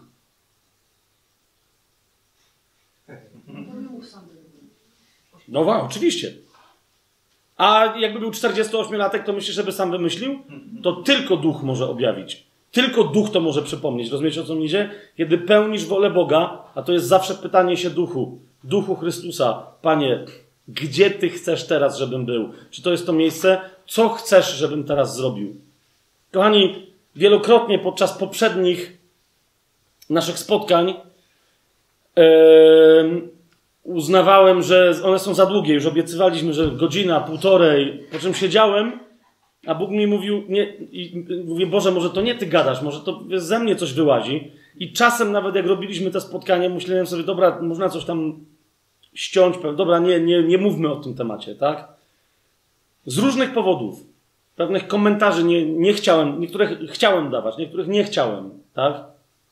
Nie mówię, że zawsze byłem w woli Bożej, ale jednak najczęściej działo się, zawsze się modlę przed takim spotkaniem, żeby Bóg zrobił to, co On chce zrobić. I czasem naprawdę wychodziłem zniesmaczony sam sobą, po ludzku i cieleśnie. Teraz już to wiem, tak? Że to nie było zbyt dobre, to nie było, wiecie, zbyt ekscytujące, tak? Po czymś takim ludzie nie mogą powiedzieć, mmm, Błaszkiewicz, to było dobre. Nikt nie może czegoś takiego powiedzieć. A jednocześnie w duchu miałem pewność, że ej, nie, Bóg mi dawał, rozumiecie, miałem pokój w sobie, tak? To było to, czego od ciebie chciałem, synu. Jeszcze nie wiesz, do czego to, to potem będzie przygotowane. I teraz, kochani, siedzi tu moja żona, może to potwierdzić. Nadal, nawet w tym momencie, zauważ, kiedy się pojawiał niepokój, kiedy chciałem nawet w tym momencie na chwilę ulżyć ciału. Tak? Które mówiło, ale to było bez sensu. Nikt cię nie będzie za to lubił. Wszyscy się z ciebie śmieją, stary, że pitolisz, za długo gadasz. Całkiem to jest możliwe. Modlę się o to, żeby powstali nauczyciele, którzy to samo, co ja bredzę przez parę godzin, powiedzą w 20 minut. Bóg by dał. Tak natchnieni i namaszczeni, żeby większe objawienie się rozlewało. Tak? Ale zamiast wrócić do miejsca pokoju, bo Bóg gdzie wtedy chciał mieć? Weź ode mnie tylko chwałę. Mnie się podobało to, co zrobiłeś. To jednak nie pytałem nikogo innego, bo już nie jestem taki głupi, ale jednak szedłem na kompromis i pytałem Madzie, moją żonę. Tak? Nie, czy to było dobre, co ja powiedziałem. Też nie jestem taki głupi, ale chociaż trochę, tak? Madzia, nie było jakiegoś kompletnie bezsensownego momentu w tym, co gadałem, którego, który naprawdę można byłoby wyciąć. Dziękuję Bogu, jak często Madzia jest bardziej wierna w takich sytuacjach Bogu niż ja i nic mi nie mówi. To patrzy na mnie i robi dosłownie tak. I dalej jedziemy, gdzieś jeszcze coś robimy, tak, jest, jest wieczór. I wtedy jeszcze drugi, rozumiecie, drugi nerw mi przychodzi, że patrz, patrz jaki jesteś biedny. Patrz, jakie, wiecie, jak, jak, już nie z tej strony, to z drugiej, no nie, zobacz. Z, zobacz, jak, albo jak jesteś dobry, patrz, no nie, nawet żona nie daje żadnej pociesze, pociechy cielesnej, rozumiesz, że ci powiedzieć, że spoko, było dobrze, no nie. Rozumiesz, a, a śmierdzi tam samoużalaniem. Czujecie, co ja gadam? Jeszcze raz, po czym, to parę razy tak było, tak? A wreszcie się kapnąłem, że po tym wszystkim, kurczę, wyszliśmy z tajemnego planu, miałem pokój i on mi się gdzieś zatracił. I wtedy, wiecie, już łatwo przyjść diabłu i powiedzieć, a widzisz, czyli jednak źle to zrobiłeś. I wtedy nagle się zorientowałem, nieprawda. Miałem pokój w sobie, ale chciałem dać lekką ulgę mojemu ciału. Dosyć. Żadnego kompromisu. Nie mówię, że dzisiaj jak wyjdę, to znowu nie będę miał, wiecie, jakiejś tam walki. Niech mam. Ale dzisiaj się już z niej cieszę. W najdrobniejszych rzeczach. To daję wam ode mnie, może to jest głupi przykład, ale niech będzie. Przemieniamy nasze umysły w pokorze. Druga rzecz, której się możesz spodziewać. Poza, jeszcze raz, żadnego kompromisu. Masz mieć taki cudowny stan. Jak nie, to znaczy, że coś jest nie tak z miłością. To są klucze królestwa. Dwa. Możesz się spodziewać doskonałego zaopatrzenia zewnętrznego oraz kompletnej wolności od troski o zaopatrzenie zewnętrzne, materialne. Jezus ci mówi, ba, to jest dobra nowina o królestwie, kochani. Jeszcze raz. Możesz się tego spodziewać bez żadnych dodatkowych warunków. Mateusz 6. Oczywiście z wyjątkiem tego jednego, że wchodzisz radykalnie w Chrystusa, a wychodzisz z zasad tego świata. Ewangelia Mateusza, szósty rozdział. No, tam jest cała długa opowieść, ale mnie chodzi tylko, skupmy się na wniosku i na właściwym punchline. Jezus mówi: skończcie z tym raz na zawsze. Wołacie chleba naszego powszedniego, daj nam dzisiaj do Ojca, ale spodziewacie się, że od ludzi go dostaniecie. O, i teraz niektórzy mówią, to jakby wszyscy chcieli tak żyć, to nikt by. Zrozum, że to. Ty się zajmij tym, czego wymaga od ciebie królestwo, a Bóg innego powoła na piekarza, innego powoła na tworzącego odpowiedni zasób pieniędzy i te pieniądze trafią do piekarza, piekarz będzie miał zapłacone, a inny da tobie tego chleba, rozumiesz? Bóg konstruuje i konstruuje swoje królestwo. I to nie są tylko ludzie z kościoła. Bóg konstruuje swoją ekonomię. Diabeł ma swoją ekonomię na tej ziemi, my mamy swoją jeszcze lepszą, bo jest ekonomią królestwa, które już wygrało i nadciąga, żeby osiągnąć pełnię władzy. Dlatego nie ma żadnego kompromisu w tym, co Jezus mówi. 31 werset do 34. Nie troszczcie się więc. Czy jest tu jakieś ale? Nie troszczcie się więc, mówiąc, co będziemy jeść, albo co będziemy pić, albo w co się ubierzemy. Bo o to wszystko poganie zabiegają. A wasz ojciec wie, ojciec niebieski, że tego wszystkiego potrzebujecie. To ci powinno wystarczyć. Jeżeli oczekujesz od niego i mówisz, ojcze nasz, chleba naszego powszedniego daj nam ty, to bądź konsekwentny. Od niego się spodziewaj. Wie bowiem nasz Ojciec Niebieski, że tego wszystkiego potrzebujecie. Ale wy szukajcie najpierw Królestwa Bożego i Jego sprawiedliwości. Jeszcze raz, która się wyraża wiarą aktywną w miłości. Mówiliśmy o tym przez te parę godzin, jak tu siedzimy. Tak? To jest szukanie Królestwa Bożego i Jego sprawiedliwości, bo to są uczynki sprawiedliwości. Za chwilę jeszcze więcej to rozszerzymy. Szukajcie najpierw Królestwa Bożego i Jego sprawiedliwości, a to wszystko będzie wam dodane. Ja wam to gwarantuję, mówi Jezus. Dlatego, 34 werset, jeszcze raz, nie troszczcie się także o dzień jutrzejszy. Gdyż dzień jutrzejszy sam się zatroszczy o swoje potrzeby. Dosyć ma dzień dzisiejszy swojego utrapienia. I jeszcze raz znowu, nie chodzi Jezusowi o to, żeby nie robić planów. Tak? Absolutnie mamy robić plany. To wielkie. Cały czas pamiętając, jak Bóg pozwoli, to zrobimy to czy tamto. On tylko mówi, że robiąc plany, mając pewność, że te plany są zgodne z miłością, która w tobie działa, a więc z wolą Ojca, mając tę pewność, nie musisz się przejmować, rozumiesz, zamartwiać na zaś o jutrzejszy dzień. Jasne? Ale teraz słuchajcie, bo niektórzy mówią, no okej, okay, fajnie, e, to jest, e, nie martwcie się, co macie jeść, co macie pić, i w co się ma się przeodziać. No ale to nie wygląda, jak powiedziałeś, o e, zaopatrzenie, pełne zaopatrzenie zewnętrzne. Więc tych fragmentów jest wiele. Czytajcie. Trzeba zdjąć, wiecie, jak Torben Zondegard czasem mówi, okulary różnych teologii z oczu, ale tylko jeden fragment przywołajmy. Ewangelię Marka, dziesiąty rozdział, dwudziesty dziewiąty i trzydziesty werset. Jeszcze raz. Ten, który jest prawdomówny, który jak coś obieca, to jest sprawiedliwy i jest wierny, to to wykona. Zauważ, jakie daje nam zapewnienie. Zaprawdę powiadam wam. Dziesiąty rozdział Marka 29-30. Zaprawdę powiadam wam, nie ma nikogo. Jeszcze raz pytam, czy jest, czy, czy teraz to zdanie, które zaraz nastąpi, kogoś wyłącza?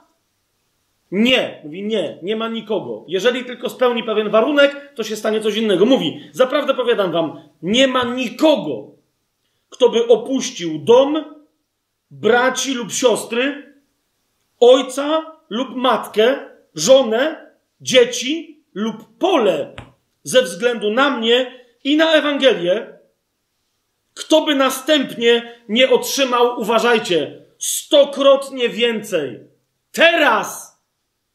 Bardzo wyraźnie postawione słowo. Ja go tu nie dodaję, ono tam jest. Kto by nie otrzymał stokrotnie więcej teraz, w tym czasie, Jezus podkreśla, czego? Domów, braci, sióstr, matek, dzieci. E, zauważcie, że nie ma żon. Kto opuścił żonę, nie dostanie w zamian wielu żon, także tu e, już nie ma takiej sytuacji. Więc jeszcze raz, kto by nie otrzymał stokrotnie więcej teraz, w tym czasie, domów, braci, sióstr, matek, dzieci, ciało Chrystusa i pól, i pól, domów i pól. Pan Jezus mówi, owszem, wśród prześladowań, ale jednak Zostawisz dom, dostaniesz sto. Zostawisz rodzonego brata albo siostrę, dostaniesz stu braci i sto sióstr. Zostawisz matkę, sto matek dostaniesz. Dlaczego? Bo kto pełni wolę ojca, ten dla mnie też jest matką, siostrą i bratem. Powiedział kto? Sam Pan Jezus. Tak? A więc jeszcze raz, jeżeli ktoś by to wszystko opuścił, otrzyma stokrotnie więcej teraz, w tym czasie, domów, braci, sióstr, matek, dzieci i pól wśród prześladowań, a w przyszłym świecie życie wieczne. Z tym wszystkim, co ono oznacza. W przyszłym świecie, czyli w przyszłym wieku, w tysiącletnim królestwie i dalej. Czy mamy tę kwestię jasną? Czy, czy, czy jeszcze mamy to uzasadniać? Kochani, pojadę hardcorem i pójdziemy jeszcze dalej. Ponieważ powiedziałem wszystko. Pojadę hardcore, hard, hardcore, e? jestem zmęczony. Pojadę hardcore, e? pójdziemy jeszcze dalej. Powiedziałem wszystko. Powiedziałem wszystko, bo wierzę, że Bóg powiedział wszystko. Wszystko to znaczy cudowny stan wewnętrzny, po pierwsze. Po drugie, pełne zewnętrzne zaopatrzenie w obfitości oraz wolność od troski o to zaopatrzenie. I teraz uważajcie, trzecia rzecz. Tu docieramy wreszcie do tego, na co niektórzy z Was, jak sądzę, czekali. Jaka jest trzecia rzecz? Uwaga. Wysłuchanie wszystkich naszych modlitw. Wysłuchanie co to znaczy wszystkich? Każdej Twojej modlitwy.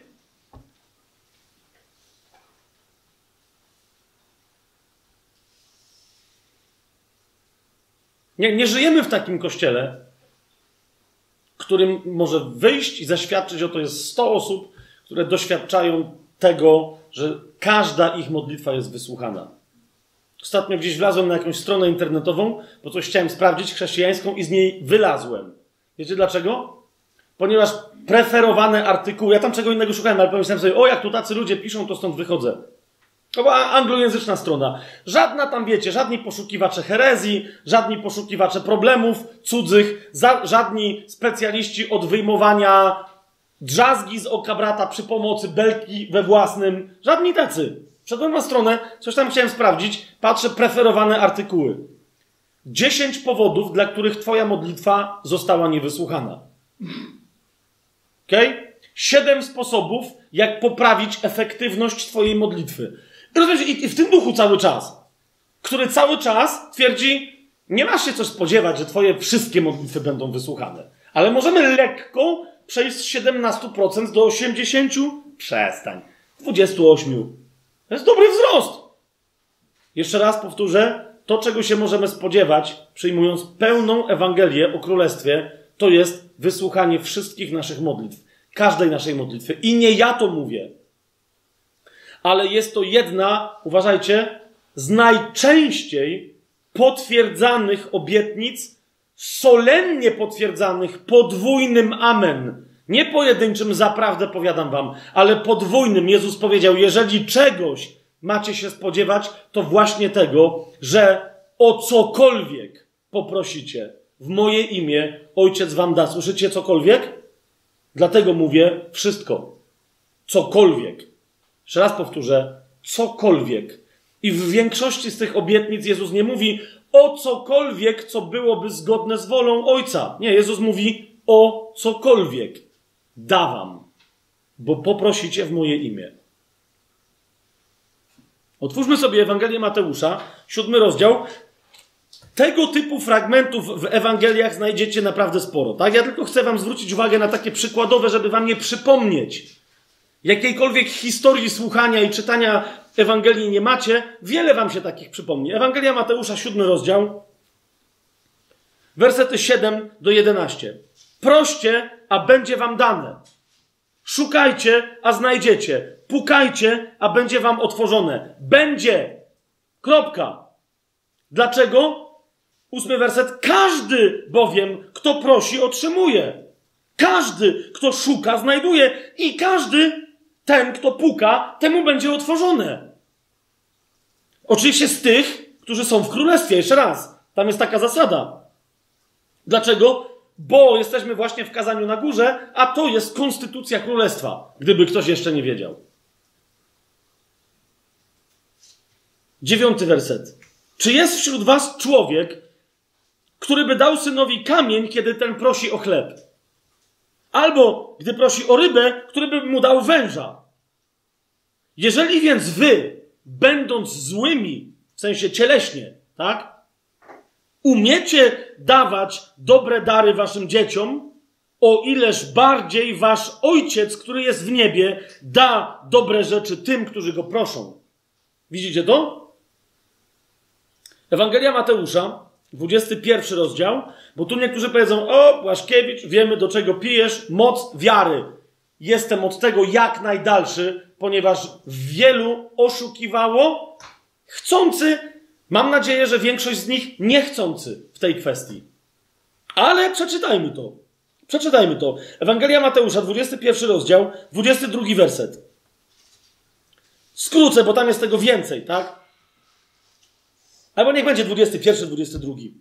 Zaprawdę powiadam wam, jeżeli będziecie mieć wiarę i nie zwątpicie, nie tylko to, co się stało z drzewem figowym, uczynicie, ale jeśli nawet i tej górze powiecie, podnieś się i rzuć się do morza, to się tak stanie.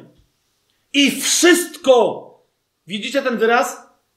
I wszystko, o cokolwiek poprosicie w modlitwie, wierząc, otrzymacie. I tutaj wielu powstało, włącznie z tym, że w pewnym momencie wręcz powstał cały taki tak zwany ruch wiary. Nie, chodzi o to, że on cały był zły, chociaż są tacy, którzy mówią, o, cokolwiek jest związane z ruchem wiary, to jest e, szmatłastwo. Nieprawda. Ale jednak w ramach ruchu wiary i wielu innych, jakby pochodnych, wszyscy, nie, prawie wszyscy kładli nacisk i wielu innych, jak powiadam, na aspekt wiara. I potem sobie wymyślali, co wiara może oznaczać. Będąc bardzo, bardzo, bardzo blisko na przykład takich ideologii jak prawo przyciągania New Age'owe, znane na przykład z demonicznej prawie, jeżeli nie, nie, nie prawie, chyba demonicznej po prostu książki pod tytułem Sekret. Na przykład. Ale nie tylko z tej. Czyli wiecie, wyobraź sobie tak plastycznie, żebyś uwierzył w to, że to jest rzeczywistością, mówiąc krótko, mając w miarę dobry humor, a wszechświat cię wysłucha i ci się to stanie. Jeżeli mi nie wierzycie, streszczenie całego prawa przyciągania w książce Sekret, nie chcę jej teraz yy, jakoś reklamować, no ale po prostu, to możecie sobie sprawdzić, jest oparte na właśnie wyciągniętym z kontekstu takim fragmencie z Ewangelii Jezusowej. Tak? Proście o cokolwiek chcecie, tylko wierzcie, a będzie wam dane.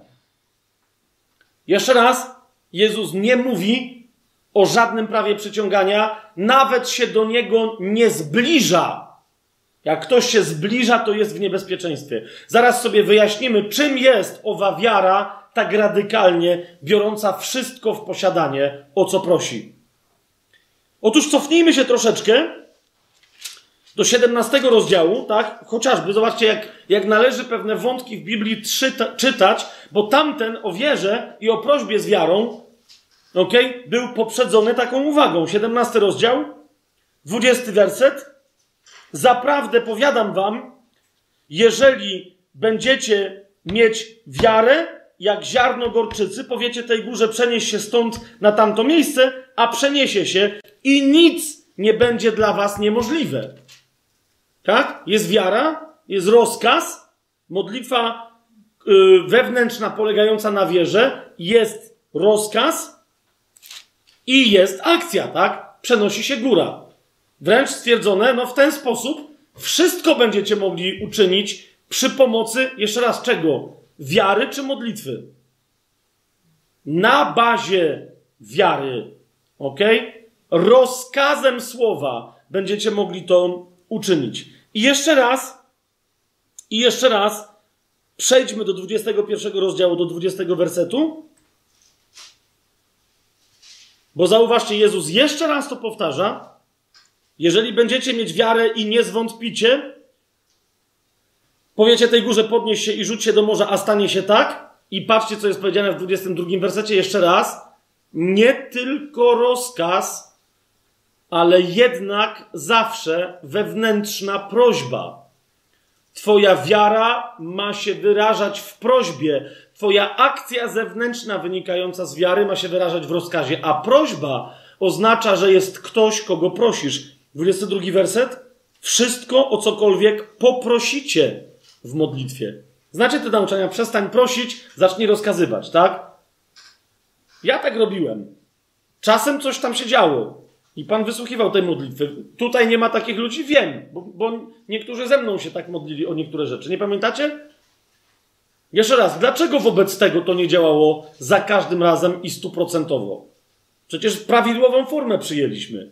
Nie prosiliśmy, rozkazywaliśmy, mając w sobie ziarenko wiary. Mieliśmy, mając wstępne przekonanie, że może niewiara się zmniejszyła. Wiecie o czym mówię? Co tam się działo? Dlaczego nie mieliśmy stuprocentowej skuteczności? Marek, jedenasty rozdział, uświadamia nas wprost już, bo u Mateusza to jest tak oczywiste, który cały czas mówi o Ojcu, że tam mu się nawet nie chce tłumaczyć i Panu Jezusowi przez niego. Marek 11 rozdział 22 werset. 23 i potem 24. Marek chyba już widząc co jest grane i mówiąc nie do Żydów, mówi im miejcie wiarę, 22 werset, w kogo? W Boga. Nie w siebie, nie w to, że to się stanie, nie w te rzeczy, których nie widzicie, a się objawią. Miejcie wiarę w Boga. To musi być zakotwiczone i zawiązane osobowo w Ojcu. Jezus wszędzie powie: proście Ojca w moje imię, a wam da. Ale jeszcze, jeszcze, jeszcze, jeszcze, bo jeszcze wciąż moglibyśmy się plątać w jakichś tematach wiara, wiara, wiara, wiara, wiara. Ok, ale na razie to zobaczcie. Miejcie wiarę w Boga, Jezus im powiedział. Bo zaprawdę powiadam wam, że kto powie tej górze, podnieś się i rzuć w morze, a nie zwątpi w swoim sercu, lecz będzie wierzył, w co nie zwątpi i będzie wierzył? No właśnie, to nie jest właściwe pytanie, tylko w kogo? Nie zwątpi w swoim sercu w Ojca i będzie mu wierzył, będzie mieć ufność w Ojcu. Miejcie wiarę w Boga. Od tego się zaczyna u Marka ten fragment. Kto więc nie zwątpi w swoim sercu, lecz będzie wierzył, że stanie się to, co mówi, będzie wierzyć Ojcu, że stanie się to, co mówi, spełni się mu, zauważcie, cokolwiek powie. Widzicie to? Dlatego, i widzicie, i stąd, i dopiero Jezus mówi, dlatego, że miejcie wiarę w Boga i to, co dalej następuje, dlatego mówię wam, o cokolwiek prosicie w modlitwie, wierzcie, że otrzymacie, a stanie się wam. Wiara, która jest zaufaniem, ufnością położoną w Ojcu. Okej, okay, niektórzy powiedzą, nie, nie, nie wynika to jasno z tego tekstu. Czy moglibyśmy to jeszcze bardziej oświetlić? Chętnie. Tekstem, który wreszcie niech nam powiąże całą resztę, o której dzisiaj gadaliśmy z tym. List do Galacjan. Piąty rozdział.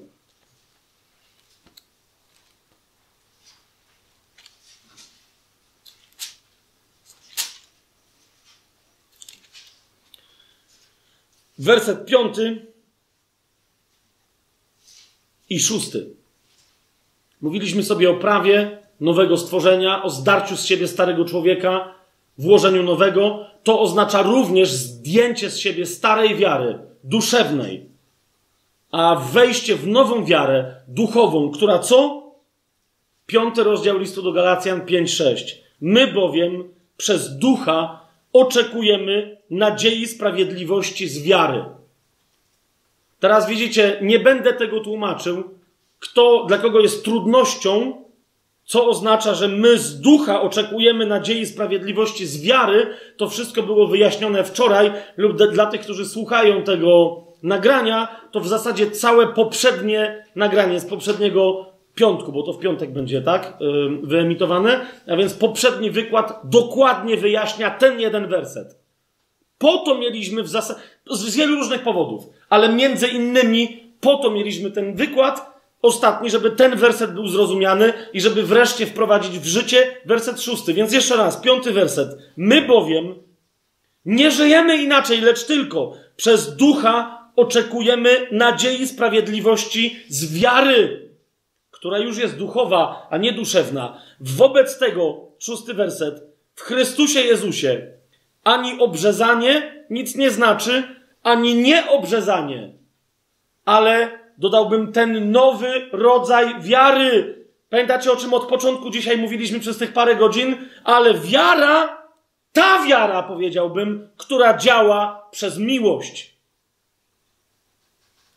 I zaraz wam naprawdę, mam nadzieję, że udowodnię jednoznacznie, że kiedy Jezus mówi o tym wierzcie, a nie wątpcie, to jemu chodzi nie tylko o wiarę w Ojca, lub też tylko, ale ta wiara wyraża się nie jakimiś misternymi operacjami emocjonalno-intelektualnymi, na których ma się budować jakaś moja abstrakcyjna wiara, ale to jest takie położenie ufności w Ojcu, które w moim życiu wypływa jako realne uczynki miłości.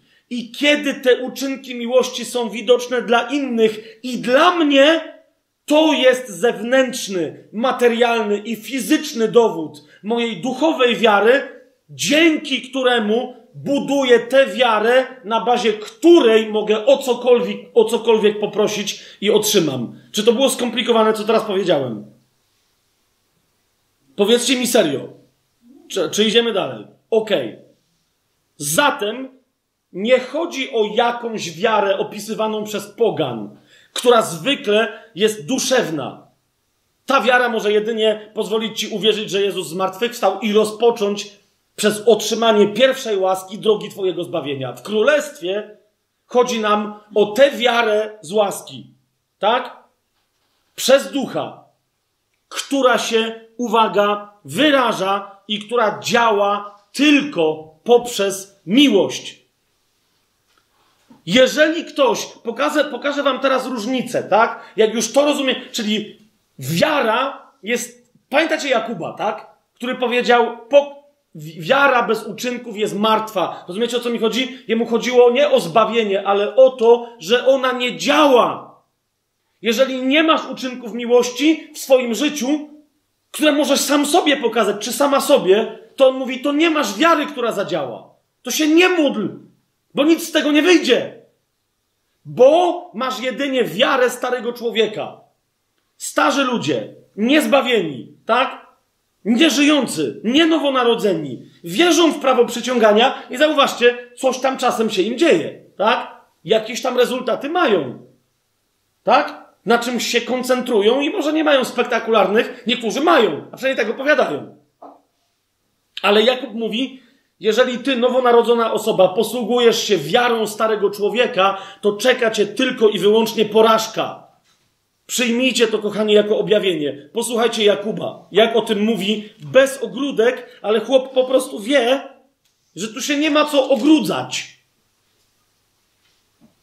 Żadne ogródki tutaj, przez dy, k, i, o, no ale nieważne, nie mają żadnego znaczenia. Wali prosto z mostu. Jakub czwarty rozdział, od trzeciego do ósmego wersetu. Mówi wprost.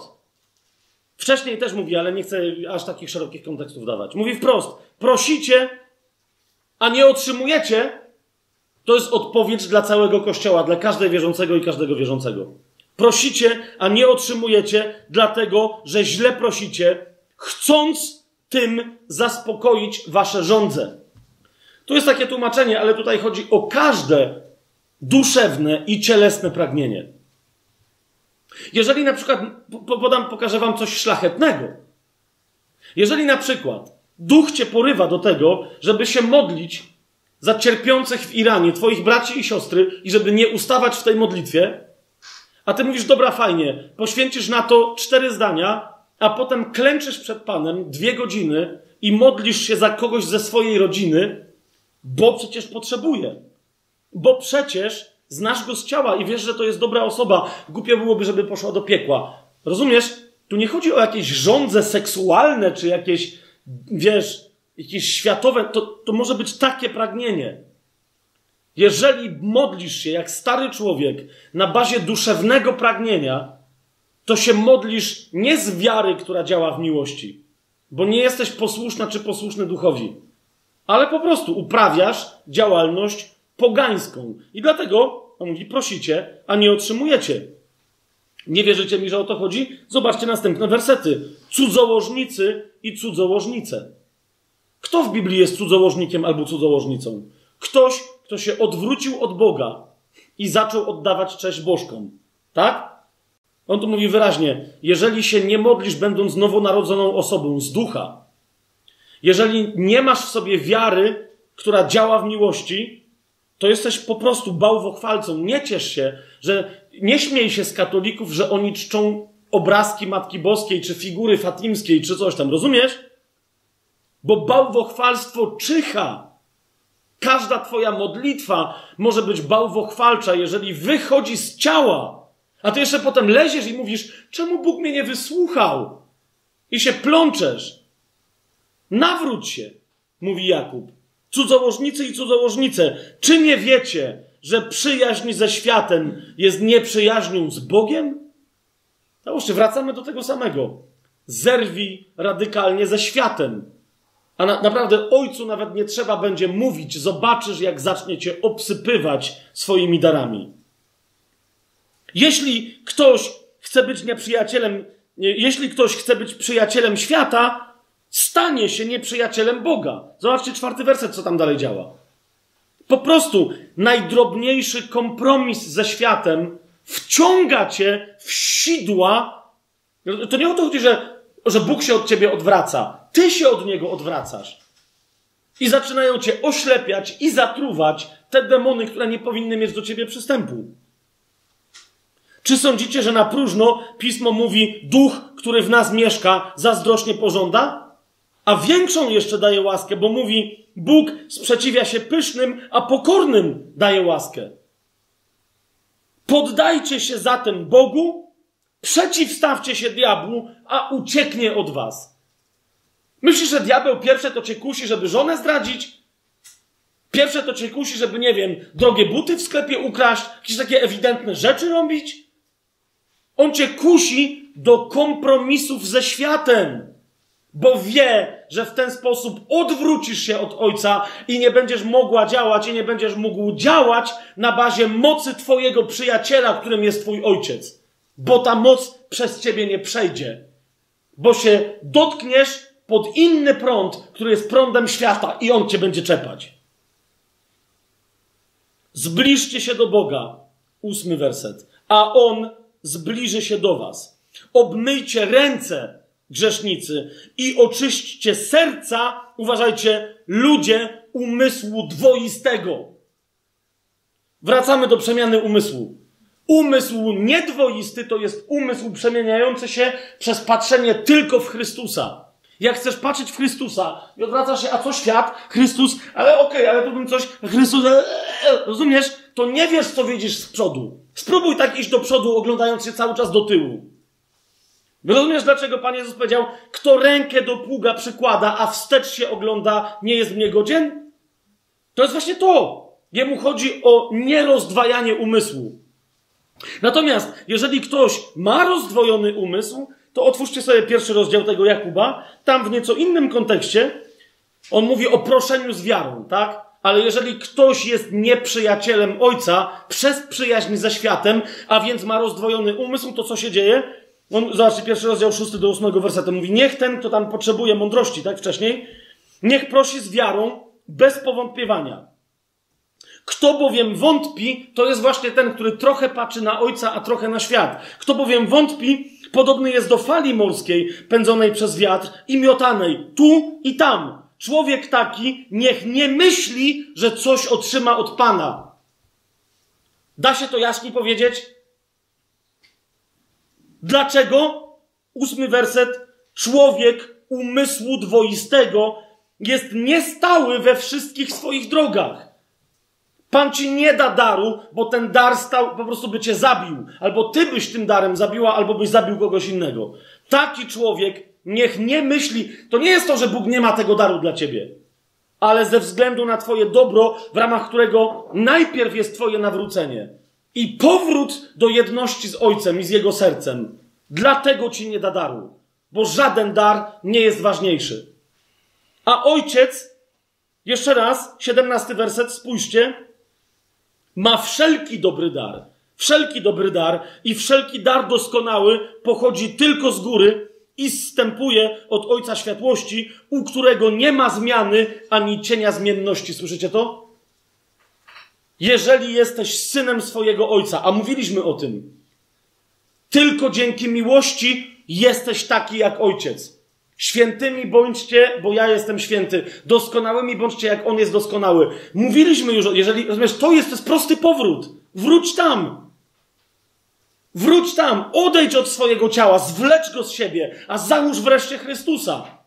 Drogocenną szatę, białą, upierz ją we krwi baranka, jeżeli się poplątała i poplamiła. A wtedy staniesz się człowiekiem jednorakiego umysłu i wówczas będziesz jak ten, w którym nie ma zmiany, ani nawet cienia zmienności.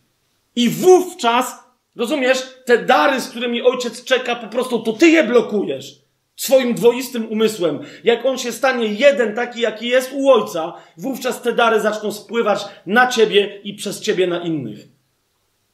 Nie może być wysłuchany chrześcijanin, który zanosi modlitwę ze starego kamiennego serca, którego już jest pozbawiony. Który zanosi modlitwę z pożądań duszy, który zanosi modlitwę ze swojego ciała. Co się natomiast dzieje, kiedy ktoś się modli z serca, tak jak powinien? Zobaczcie, co się dzieje. Otwórzmy sobie pierwszy list Jana. Zwróćcie przede wszystkim na to uwagę. Już będziemy, teraz zmierzamy do końca, tak? Bo już ponad to. Nie, nie, nie. 14, 48 cytatów jeszcze tylko. Także. Nie, żartuję. Madzia. Ty się ciesz, że ty dzisiaj napisów nie robisz, ok? Okej, okay. okay. co się dzieje? Kiedy ktoś się modli przemienionym umysłem z jednego mięsistego serca w nowym duchu, którego otrzymał od Boga wypełnionym Duchem Świętym. Pierwszy list Jana, jeszcze raz, dru drugi rozdział, zobaczcie. Tylko wam przypominam, że Jan jest absolutnie zgodny w tej kwestii z wszystkimi. Z Jezusem, oczywiście z Pawłem, z Jakubem, z wszystkimi. Ale przeczytajmy to. Pierwszy list Jana, drugi rozdział, 15-16. Jan mówi, to, to są klucze królestwa. Jeszcze raz. Nie miłujcie świata, ani tego, co jest na świecie. Jeżeli ktoś miłuje świat, nie ma w nim miłości Ojca. Nie chodzi o to, że Ojciec go nie kocha. Nie może jej doświadczać w pełni, a jeżeli nie doświadcza jej w pełni, to w ogóle nie doświadcza. Bo Bóg nie daje ogrysków i nie lubi zadowalać się ogryskami. Jedno z najbardziej satanistycznych przysłów, jakie mamy w tym kraju, to jest, żeby dać Bogu świeczkę, a diabłu ogarek. Diabłu ogarek może wystarczy. Bóg żadnej świeczki nie potrzebuje. Bóg potrzebuje ciebie całej, albo też ciebie całego.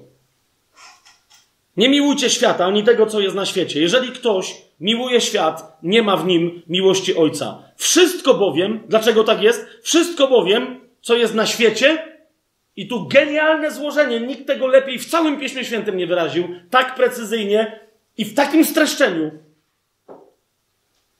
Porządliwość ciała, porządliwość oczu i pycha życia. Wszystko bowiem, co jest na świecie, porządliwość ciała, porządliwość oczu i pycha życia nie pochodzi od Ojca, ale od świata. Rozumiesz? Chcesz coś od Ojca, ale jeżeli wynika z porządliwości ciała, porządliwości oczu albo z pychy żywota, to jak może ci ojciec to dać, skoro to nie pochodzi od niego, tylko od świata, a świat ci też nie da, bo cię nienawidzi, bo wie, że niezależnie od tego, jak głupio się zachowujesz, i tak należysz do ojca. Więc nie da ci, jeszcze się z ciebie śmieje. Bieda chrześcijan wszelkiego typu, w związkach, w relacjach rodzinnych, w związkach małżeńskich, w relacjach ze swoimi dziećmi, w relacjach zborowych, w przywództwie, w budowaniu firm, w pracy dla innych ludzi, w dokonywaniu dzieł miłosierdzia, dzieł ewangelizacji, wszędzie jest biedna, wszędzie jest bieda, jeżeli ktoś z takim rozwojonym umysłem podchodzi, Chce mieć sukces tego świata, ale prosi ojca. Woła z ciała, które pożąda duszewnie, zmysłowo, bo ogląda oczami, całą pychą swojego żywota żąda i pożąda, bo chce, żeby ta pycha była zaspokojona. W duszy przylepionej do ciała, a nie chce wylewu miłości i owoców ducha. Wówczas jak ojciec ma na to odpowiedzieć? Rozumiecie o co mi chodzi? I jak duch ma na to odpowiedzieć? Kto wtedy zostaje? Zarobiony, zacharowany, zmęczony chrześcijanin, który pitoli głupoty o błogosławieństwie i o łasce, chociaż wie, że jest hipokrytą, bo nie doświadcza żadnej ulgi w swoim życiu.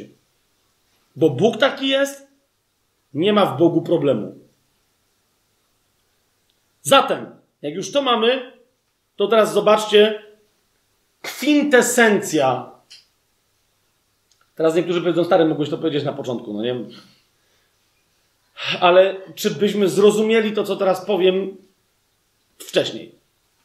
Kwintesencja dobrej nowiny o królestwie znajduje się w jednym rozdziale w Biblii. W wielu innych są kwintesencyjki, kwintesencjory, ale tu od początku do końca cała dynamika dobrej nowiny o królestwie jest zawarta w jednym rozdziale od początku do końca. Pierwszy list Jana, trzeci rozdział, od pierwszego do dwudziestego czwartego wersetu. Najpierw, najpierw, yy, zauważcie, Jan odnosi wierzącego do prawdy o nadchodzącym królestwie i o jego niepojętych, do prawdy o nadchodzącym królestwie i o jego niepojętych bogactwach. Patrzcie, to jest trzeci rozdział 1-3 pierwszego listu Jana. Patrzcie, jaką miłością obdarzył nas Ojciec, że zostaliśmy nazwani dziećmi Bożymi. Dlatego świat nas nie zna, bo Jego nie zna. Stąd ta dychotomia między światem a ojcem oraz konieczność naszej decyzji, tak? Drugi werset. Umiłowani. Nie tylko, tu chodzi o to, że nie tylko zostaliśmy nazwani dziećmi bożymi i możemy zachodzić z tytułem. Jeden jest magister, drugi jest doktor, profesor, doktor habilitowany, a ty se dasz tytuł Dziecko Boże Fabian Błaszkiewicz, tak? Nie tylko tak zostaliśmy nazwani, ale, uwaga, umiłowani, teraz jesteśmy dziećmi bożymi, ale jeszcze się nie objawiło, czym będziemy. W sensie wiemy, że będziemy królami, już jesteśmy i kapłanami z Chrystusem. Tak? Ale mówimy, jeszcze nie rozumiemy, co to oznacza. Jaki to jest geniusz. Jeszcze się nie objawiło, czym będziemy. Wiemy jednak, i to nam wystarczy, że kiedy On się objawi, apokalipsa, objawienie, powtórne przyjście Jezusa. Wiemy jednak, że gdy On się objawi, z całą pewnością, to wiemy, będziemy do Niego podobni, gdyż ujrzymy Go takim, jakim jest. Tak? Od królestwo, które nadciąga. Tutaj. Teraz szósty werset. Na teraz te wszystkie łaski, o których przez te cztery godziny, bo już chyba minęły, gadałem, Jan, wiedząc o tym, że już jest pod koniec Pisma Świętego sam w sobie, że nie musi tego komentować. I ja dlatego mówi szósty werset, każdy zatem, kto w nim trwa, w tym, który nadchodzi, najprościej rzecz ujmując, każdy, kto w nim trwa, nie grzeszy. Bo jest zajęty dobrymi czynami, do których ojciec go stworzył. Jasne? Każdy, kto w nim trwa, nie grzeszy. Nie dlatego, że jest taki, że tak ciśnie. Dlatego, że jest wierny łasce, która w nim chce działać. A każdy, Drugie zdanie w szóstym wersecie. Kto grzeszy, nie widział go ani nie poznał. Jeżeli jest jakiś chrześcijanin, który żyje notorycznie w grzechu, ktoś mówi odpadł, coś tam, odpadł od łaski, jakieś tam, ale po prostu widzisz w nim po prostu starość życia, z żadnym przebłyskiem do nowości.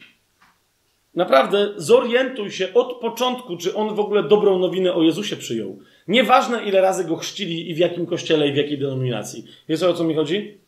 Jest jasno powiedziane: każdy, kto w nim trwa, nie grzeszy, a jeżeli ktoś grzeszy, nie widział go ani go nie poznał. Dziewiąty werset, przejdźmy tam, już przyspieszyć troszeczkę. Zauważcie, jak surowy jest to język, ale pamiętajcie, czytajcie to, słuchajcie tego, w kluczu tego wszystkiego, o czym było do tej pory powiedziane. Każdy, kto się narodził z Boga, jeszcze raz, nie popełnia grzechu bo jego nasienie, czyli Boże, w nim pozostaje i nie może grzeszyć, gdyż narodził się z Boga. Może ci się zdarzyć upadek, ja to rozumiem. Chodzi tylko o to, rozumiesz, błąd, jakiś nawet grzech. Ale ci, którzy tej łaski doświadczają, pytam, czy się ze mną zgodzicie, wiedzą, no po prostu naprawdę trudniej jest, jak już ktoś chce z premedytacją zgrzeszyć, niż nie zgrzeszyć. Co innego, wiesz, jak po czasie się opamiętujesz, że coś było nie do końca Boże, wiecie o co mi idzie, tak? Ale takie, wiesz, takie chamskie, takie z premedytacją, czy wiecie o co mi idzie? Po prostu, Jan o tym mówi jasno. Stąd wiesz, że jesteś zbawiony, tak?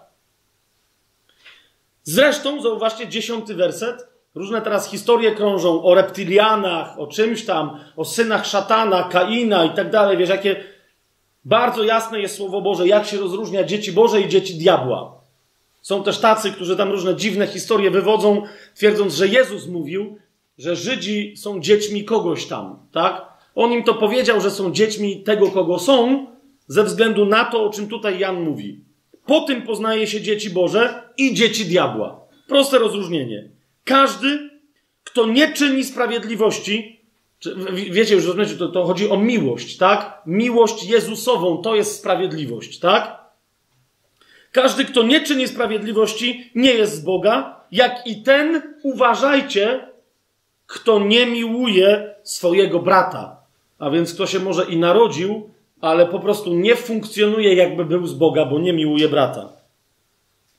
To jest przesłanie, które słyszeliśmy od, słyszeliście od początku, że mamy się wzajemnie miłować. Jedenasty werset, zauważcie. Jan tu się odwołuje do czego? Do przykazania Jezusowego? Nie. Do przykazania między innymi wyrażonego przez Mojżesza w Księdze Kapłańskiej w dziewiętnastym rozdziale. Tak? To jest przykazanie, przesłanie, które słyszeliście od początku, że mamy się wzajemnie miłować. No i potem tam się temat rozwija. I potem mówi: My wiemy, że przeszliśmy ze śmierci do życia. Po czym to rozpoznajemy? Po wyznaniu wiary? Że ktoś prawidłowo wyznał wiarę, powiedział, że wierzył w zmartwychwstanie Jezusa i powiedział, że Jezus jest Panem i tak dalej, i tak dalej? Nie. Rozpoznajemy to po tym, że miłujemy braci. Jeżeli ktoś z Was miałby kogoś, kto ma doświadczenie po ewangelizacji, po prostu, że nadal ciągnie go ciało, nie ma w sobie nawet iskierki inspiracji do miłowania braci, to znaczy, że nie przyjął nowego życia. Po prostu. Nie dziwcie się, moi bracia, no to okej. Okay. My wiemy, że przeszliśmy ze śmierci do życia, 14 werset, bo miłujemy braci. Kto nie miłuje brata, uważajcie, pozostaje w śmierci. Nawet jeżeli jest nowonarodzony, ale uparcie trwa w niemiłowaniu, ten de facto doświadcza w swoim życiu śmierci. Każdy, kto nienawidzi swojego brata, no już, wiecie, to już, jest, to już jest występek przeciwko mojżeszowemu prawu. Każdy, kto nienawidzi swojego brata, jest mordercą, a wiecie, że żaden morderca nie ma życia wiecznego zostającego w sobie. Dlatego nie wierzę w to, żeby mógł istnieć jakiś chrześcijanin albo chrześcijanka nienawidzący brata albo siostrę. Rozumiecie o co chodzi? Słowo Boże mówi wyraźnie, to jest niemożliwe. Jeżeli jest tak, to znaczy, że ten człowiek nie ma życia wiecznego pozostającego w sobie. To znaczy, że jak go nie ma, to go nigdy nie miał. Tak? Szesnasty werset. Zbliżamy się do, do klucza już ostatecznego wyjaśnienia wszystkiego, potwierdzenia. Po tym poznaliśmy miłość Boga, że On oddał za nas swoje życie. Tu jest wejście w nowe przykazanie Jezusowe. My również więc powinniśmy oddawać życie za braci. Jeżeli w miłości posuwasz się do błogosławienia nieprzyjaciół, to za braci i za siostry masz oddawać życie. Oczywiście to się wyraża, nie od razu musisz umierać śmiercią mę męczeńską, tak? To się wyraża, 17 werset na przykład takim zachowaniem. Kto miałby majętność tego świata i widziałby swojego brata w potrzebie, a zamknąłby przed nim swoje serce, jakże może mieszkać w nim miłość Boga. Oddawać swoje życie to jest oddawać wszystko to, czym poganin trzyma się uparcie życia pazurami. Na przykład oddawać pieniądze, oddawać swoje dobra, oddawać swój czas, oddawać swoją energię. Zmusza cię kto, żebyś szedł z nim tysiąc kroków, idź z nim dwa tysiące. Tak? Moje dzieci, nie miłujmy słowem ani językiem, ale uczynkiem i prawdą. I teraz zobaczcie, kochani, lądujemy, bardzo mocno lądujemy. Pierwszy Jana mówi nam tu wyraźnie. Po tym poznamy, że jesteśmy z prawdy i uspokoimy przed nim nasze serca. Tylko po tym, że miłujemy nie słowem ani językiem i nie, że nauczamy na temat miłości, ale że w naszym życiu są konkretne uczynki, a Słowo Boże jest konkretnie wcielane w życie, a więc w naszym życiu objawia się jako prawda. Nie mówimy, nie mamy jej na ustach, ale co Słowo Boże mi powiedziało, żebym zrobił, to robię. Teraz popatrzcie, jeżeli tak jest, to te uczynki i ta prawda uspokoją Twoje serce. Dlaczego to jest ważne? 20 werset. Bo jeżeli nasze serce nas potępia, to Bóg jest większy niż nasze serce i wie wszystko. Wtedy my jesteśmy dzięki miłości zjednoczeni z Nim. On nas uspokoi. Teraz zauważ, co się dzieje. Tu jest klucz. Nie tylko wiara ma działać w miłości, ale następnie, kiedy ty żyjesz miłością, ta zewnętrzna miłość wyrażona w uczynkach zbuduje Twoją wiarę biorącą w posiadanie. Dowód? Umiłowani, jeżeli nasze serce nas nie potępia, jeszcze raz, a dlaczego nas nie potępia? Bo się uspokoiło. Czym? Że miłujemy nie słowem i językiem, ale czynem i prawdą. Tak? Zauważ. Umiłowani, jeżeli nasze serce nas nie potępia, wtedy mamy ufność ku Bogu i o cokolwiek prosimy, otrzymujemy od Niego, bo zachowujemy Jego przykazania i robimy to, co jest miłe w Jego oczach. A jakie przykazania? 23 werset. Aby wierzyć w imię Jego Syna, Jezusa Chrystusa i abyśmy się miłowali wzajemnie, jak tak, jak On nam przykazał.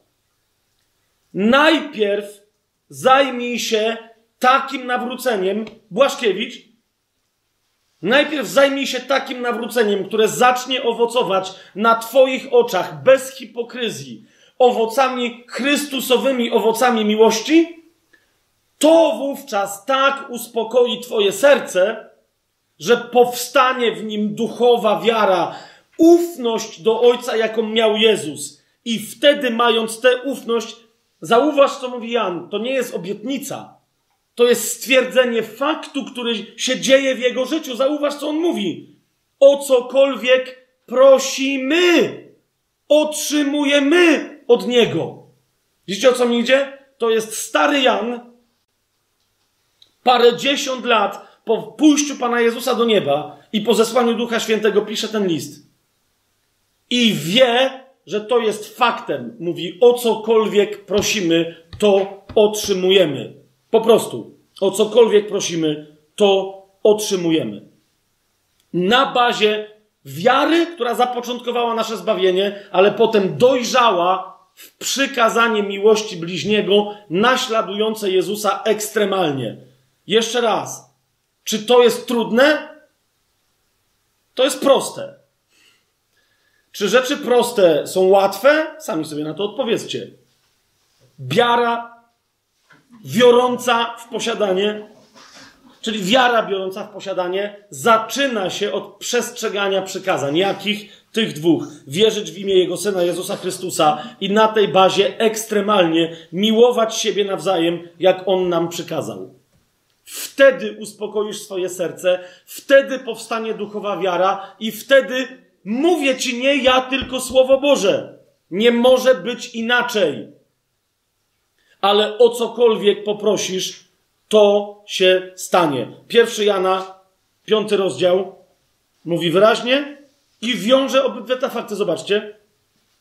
Na tym bowiem polega miłość Boga, że zachowujemy Jego przykazania, a Jego przykazania nie są ciężkie. Czy muszę to tłumaczyć? Nie, nie muszę. Po to się tyle nagadałem dzisiaj i przez cały ten sezon. Szósty, nie, nie szósty, ale czwarty werset. Widzisz, miłość, a wtedy co? Bo wszystko, co się narodziło z Boga, zwycięża świat, a tym zwycięstwem, które zwyciężyło świat, jest nasza wiara. Wiara wyraża się w miłości i działa w miłości, a ta miłość wzbudza jeszcze potężniejszą duchową wiarę, synowską więź z Ojcem, zrywającą wszelki kompromis ze światem. I wtedy zwyciężasz świat. I wtedy dwunasty, trzynasty, czternasty i piętnasty werset. Kto ma syna, ma życie. Kto nie ma syna Bożego, nie ma życia. A to wszystko wam napisałem, a ja wam mówię, którzy wierzycie w imię Syna Bożego, abyście wiedzieli, że macie życie i abyście tak wierzyli w imię Syna Bożego. A taka jest ufność, którą mamy do Niego, że jeśli o coś prosimy zgodnie z Jego wolą, wysłuchuje nas. A skoro wiemy, że nas wysłuchuje, o cokolwiek prosimy, wtedy wiemy, że otrzymujemy to, o co Go prosiliśmy. Czy teraz to jest jasne? Czy teraz to jest jasne? Kochani, to pozwólcie, że na, na samym końcu zrobię coś bardzo uroczystego. Ewangelię Jana sobie otwórzmy. Nie będę niczego komentować. Już teraz. Niczego nie będę komentować. Podam tylko adresy i podam konkretne sigla, jak tam to sobie nazywacie, tak, konkretne numery wersetów. Obserwujcie je razem ze mną. Po tym wszystkim, co powiedziałem, zobaczcie, że jak, jakich rzeczy nie widzieliśmy, a że to od początku było oczywiste w nauczaniu Jezusa. Druga uwaga wprowadzająca do, do tego bezkomentarzowego czytania. Kochani, wszystkie cytaty, które teraz odczytam, które wszyscy sobie przeczytamy, wszystkie pochodzą z jednej tylko przemowy Jezusa. Jednej, ale bardzo znaczącej. Mianowicie z przemówienia Jezusa do jego uczniów podczas ostatniej wieczerzy. Po tym przemówieniu, z którego pochodzą te cytaty, Jezus modli się do Ojca i kiedy się modli do Ojca, wychodzą do Getsemani i zaczyna się to, co skończy się okrzykiem wykonało się. I dzieło krzyża będzie dokonane. A więc pod koniec swojego życia Jezus uznał, że najważniejszą rzeczą, jaką chce nam zostawić, jest taka wiadomość o królestwie. Kto trwa we mnie, miłuje tak, jak ja miłowałem. A kto miłuje tak, jak ja miłowałem, może posłużyć się wiarą, moją wiarą, bo ja gwarantem jestem tej wiary, siedząc po prawicy Ojca. Kto miłuje tak, jak ja miłowałem, trwa we mnie, w nim trwa moja wiara i na bazie tej wiary o cokolwiek poprosi, to mu się stanie. Kochani, żadna inna rzecz na ten czas nie była tak często, tak uroczyście przez Jezusa potwierdzana, jak to, co teraz powiedziałem. Sami sobie policzcie, ile razy Jezus to podkreślił, tylko i wyłącznie podczas ostatniej wieczerzy, w przemówieniu, które ma, nie wiem, parę dziesiąt, sto parę dziesiąt zdań. Zobaczcie, co się dzieje. Ewangelia Jana, czternasty rozdział, wersety 12 do 15. Amen, amen. Powiadam wam. Kto wierzy we mnie, dzieł, których ja dokonuję, i on będzie dokonywał, i większych od tych dokona, bo ja odchodzę do mojego Ojca. A o cokolwiek będziecie prosić w moje imię, to uczynię, aby Ojciec był uwielbiony w Synu. Jeżeli o coś będziecie prosić w moje imię, ja to uczynię. Jeżeli mnie miłujecie, zachowujcie moje przykazania. Ewangelia Jana, 15 rozdział, wersety 7 do 11. Jeżeli będziecie trwać we mnie i moje słowa będą trwać w was, proście o cokolwiek chcecie, a się wam spełni. W tym będzie uwielbiony mój ojciec, że wydacie obfity owoc i będziecie moimi uczniami. Jak mnie umiłował ojciec, tak i ja was umiłowałem. Trwajcie w mojej miłości. Jeżeli zachowacie moje przykazania, będziecie trwać w mojej miłości. tak jak i ja zachowałem przykazania mojego ojca i trwam w jego miłości. To wam powiedziałem, aby moja radość trwała w was i aby wasza radość była pełna. Ewangelia Jana, 15 rozdział, wersety 16 i 17. Nie wy mnie wybraliście, ale ja was wybrałem i przeznaczyłem, abyście szli i wydali owoc, i aby to był owoc trwały. I aby wówczas ojciec dał wam to, o cokolwiek poprosicie go w moje imię. To wam tylko przykazuje, abyście się wzajemnie miłowali. Ewangelia Jana, 16 rozdział, wersety 23, 24, 26 i 27.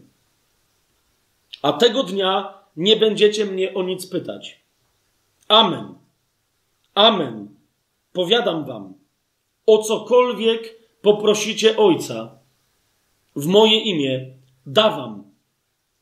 Dotąd o nic nie prosiliście w moje imię. Proście, a otrzymacie, aby radość wasza była pełna. W tym dniu będziecie prosić w moje imię. I nie mówię wam, że ja będę prosił Ojca za wami, bowiem sam Ojciec was kocha, bo wy mnie umiłowaliście i uwierzyliście, że ja wyszedłem od Boga. Wy mnie umiłowaliście i uwierzyliście, że ja wyszedłem od Boga.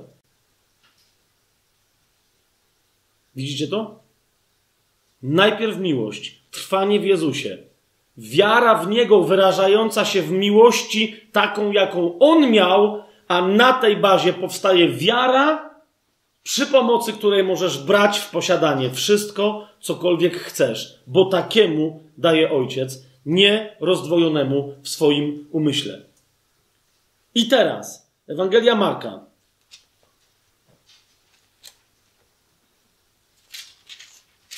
Rozdział dziewiąty, werset pierwszy. Amen. Powiadam wam, że niektórzy z tych, co tutaj stoją, nie zakosztują śmierci, aż ujrzą Królestwo Boże przychodzące w mocy. Niektórzy odwołują ten werset do tego, co się dzieje w ósmym rozdziale, co jest bezsensowne. Niektórzy z tych, co tu stoją, nie zakosztują śmierci, aż ujrzą Królestwo Boże przychodzące w mocy. Królestwo Boże przychodzące w mocy ma przyjść jak? Przez ciebie, siostro, przez ciebie, bracie, przeze mnie. Już znamy drogę, mamy klucze królestwa. Kiedy wypełnimy, zaczniemy działać przy pomocy tych kluczy, wówczas królestwo zacznie objawiać swoją moc. Pierwszy do Koryntian, czwarty rozdział, dwudziesty werset.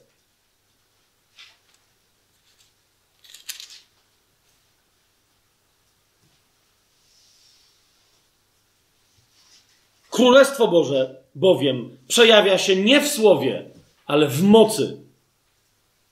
Jezus powiedział, powiedział, że pierwsi jego uczniowie i apostołowie będą objawiać moc królestwa. Czy my jesteśmy z tej mocy zwolnieni? Ewangelia Marka, wróćmy tam, szesnasty rozdział.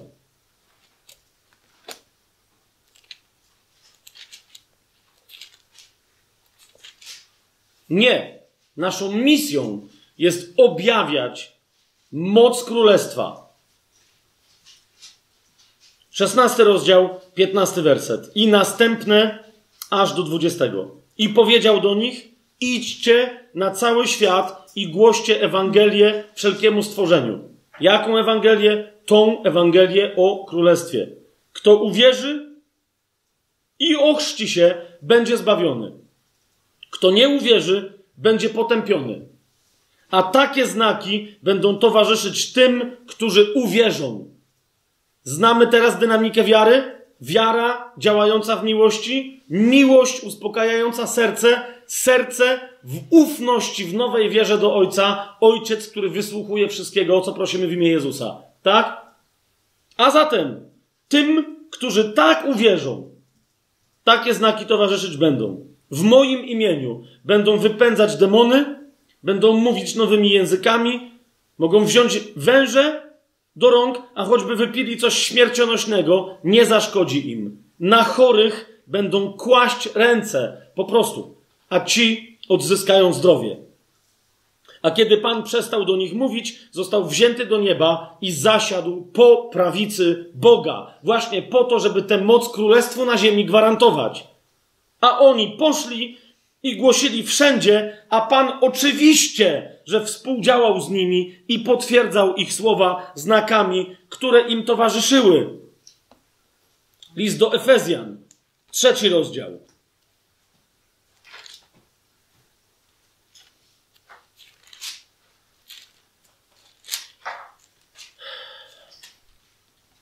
Ja mogę tak długo. Ja mogę tak długo.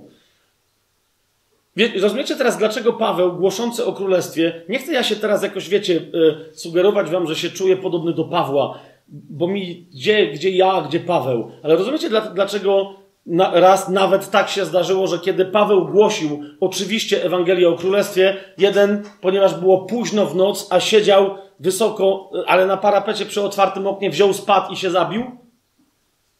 Oczywiście, rozumiecie, jeszcze raz, Paweł tam głosił Ewangelię o królestwie, ale też był objawioną mocą dobrej nowiny o królestwie. Bo kiedy się to stało, nie rozpaczał, nie tylko mówi, okej, najwyraźniej jest znak, żeby kończyć. Po czym zszedł na dół, wskrzesił chłopa i poszedł dalej.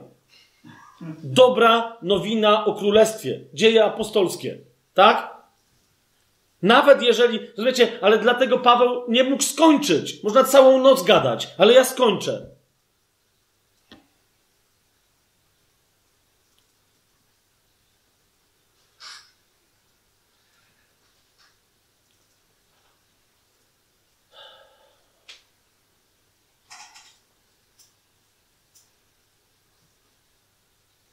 Tak sobie teraz myślę. Bo to, co chciałem zacytować na końcu, widzicie, ten Paweł, tak? Głoszący dobrą nowinę o Jezusie, a tym, którzy już żyją dzięki dobrej nowinie o Jezusie, którym głosi królestwo, dobrą nowinę o królestwie, ten Paweł wiedział, że dobra nowina o królestwie i jej głoszenie chrześcijanom nie wystarczy. Trzeba się modlić za siebie nawzajem Trzeba się modlić za siebie nawzajem o to wszystko, co jest kwintesencją dobrej nowiny o Królestwie. Żeby nie tylko o niej wiedzieć, ale żeby ona w nas wybuchała mocą. W trzecim rozdziale listu do Efezjan jest ta modlitwa i ja chciałem ją na końcu zacytować. Ale myślę sobie, teraz sobie pomyślałem, że to jest bez sensu, żeby czytać ten fragment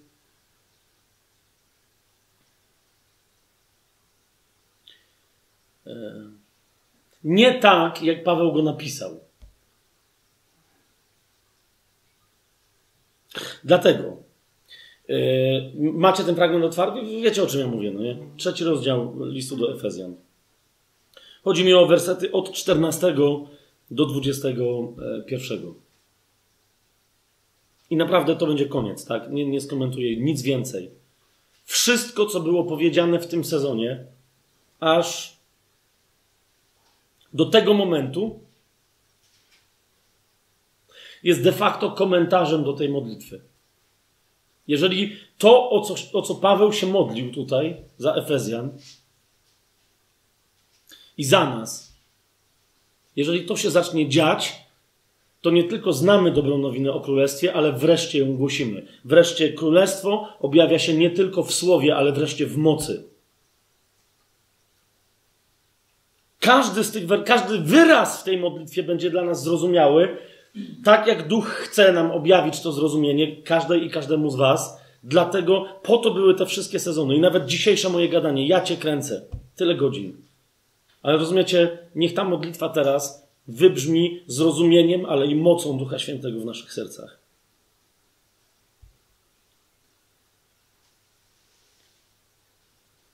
A skoro Paweł powiedział, że zgina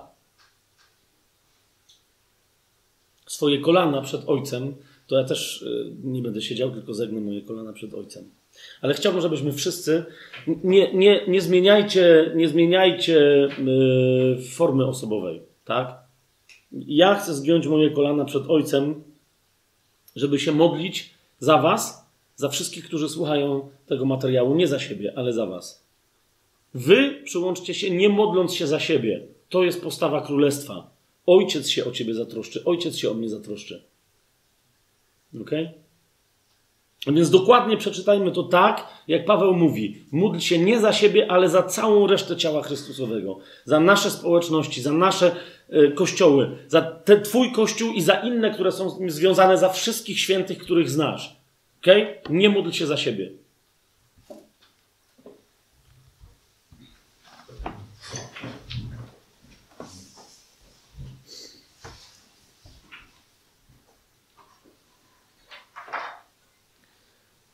I czytajcie razem ze mną. Dlatego zginam swoje kolana przed Ojcem naszego Pana Jezusa Chrystusa, od którego cała rodzina na niebie i na ziemi bierze swoją nazwę, aby według bogactwa swojej chwały sprawił, żeby wasz wewnętrzny człowiek był utwierdzony mocą przez Jego Ducha, aby Chrystus przez wiarę mieszkał w waszych sercach, abyście zakorzenieni i ugruntowani w miłości mogli pojąć wraz ze wszystkimi świętymi, jaka jest szerokość, długość, głębokość i wysokość, i poznać miłość Chrystusa, która przewyższa wszelkie poznanie, abyście zostali napełnieni całą pełnią Boga. Temu zaś, który według mocy działającej w nas może uczynić o wiele obficiej ponad to wszystko, o co prosimy albo o czym myślimy. Jemu samemu niech będzie chwała w Kościele przez Chrystusa Jezusa po wszystkie pokolenia na wieki wieków. Amen.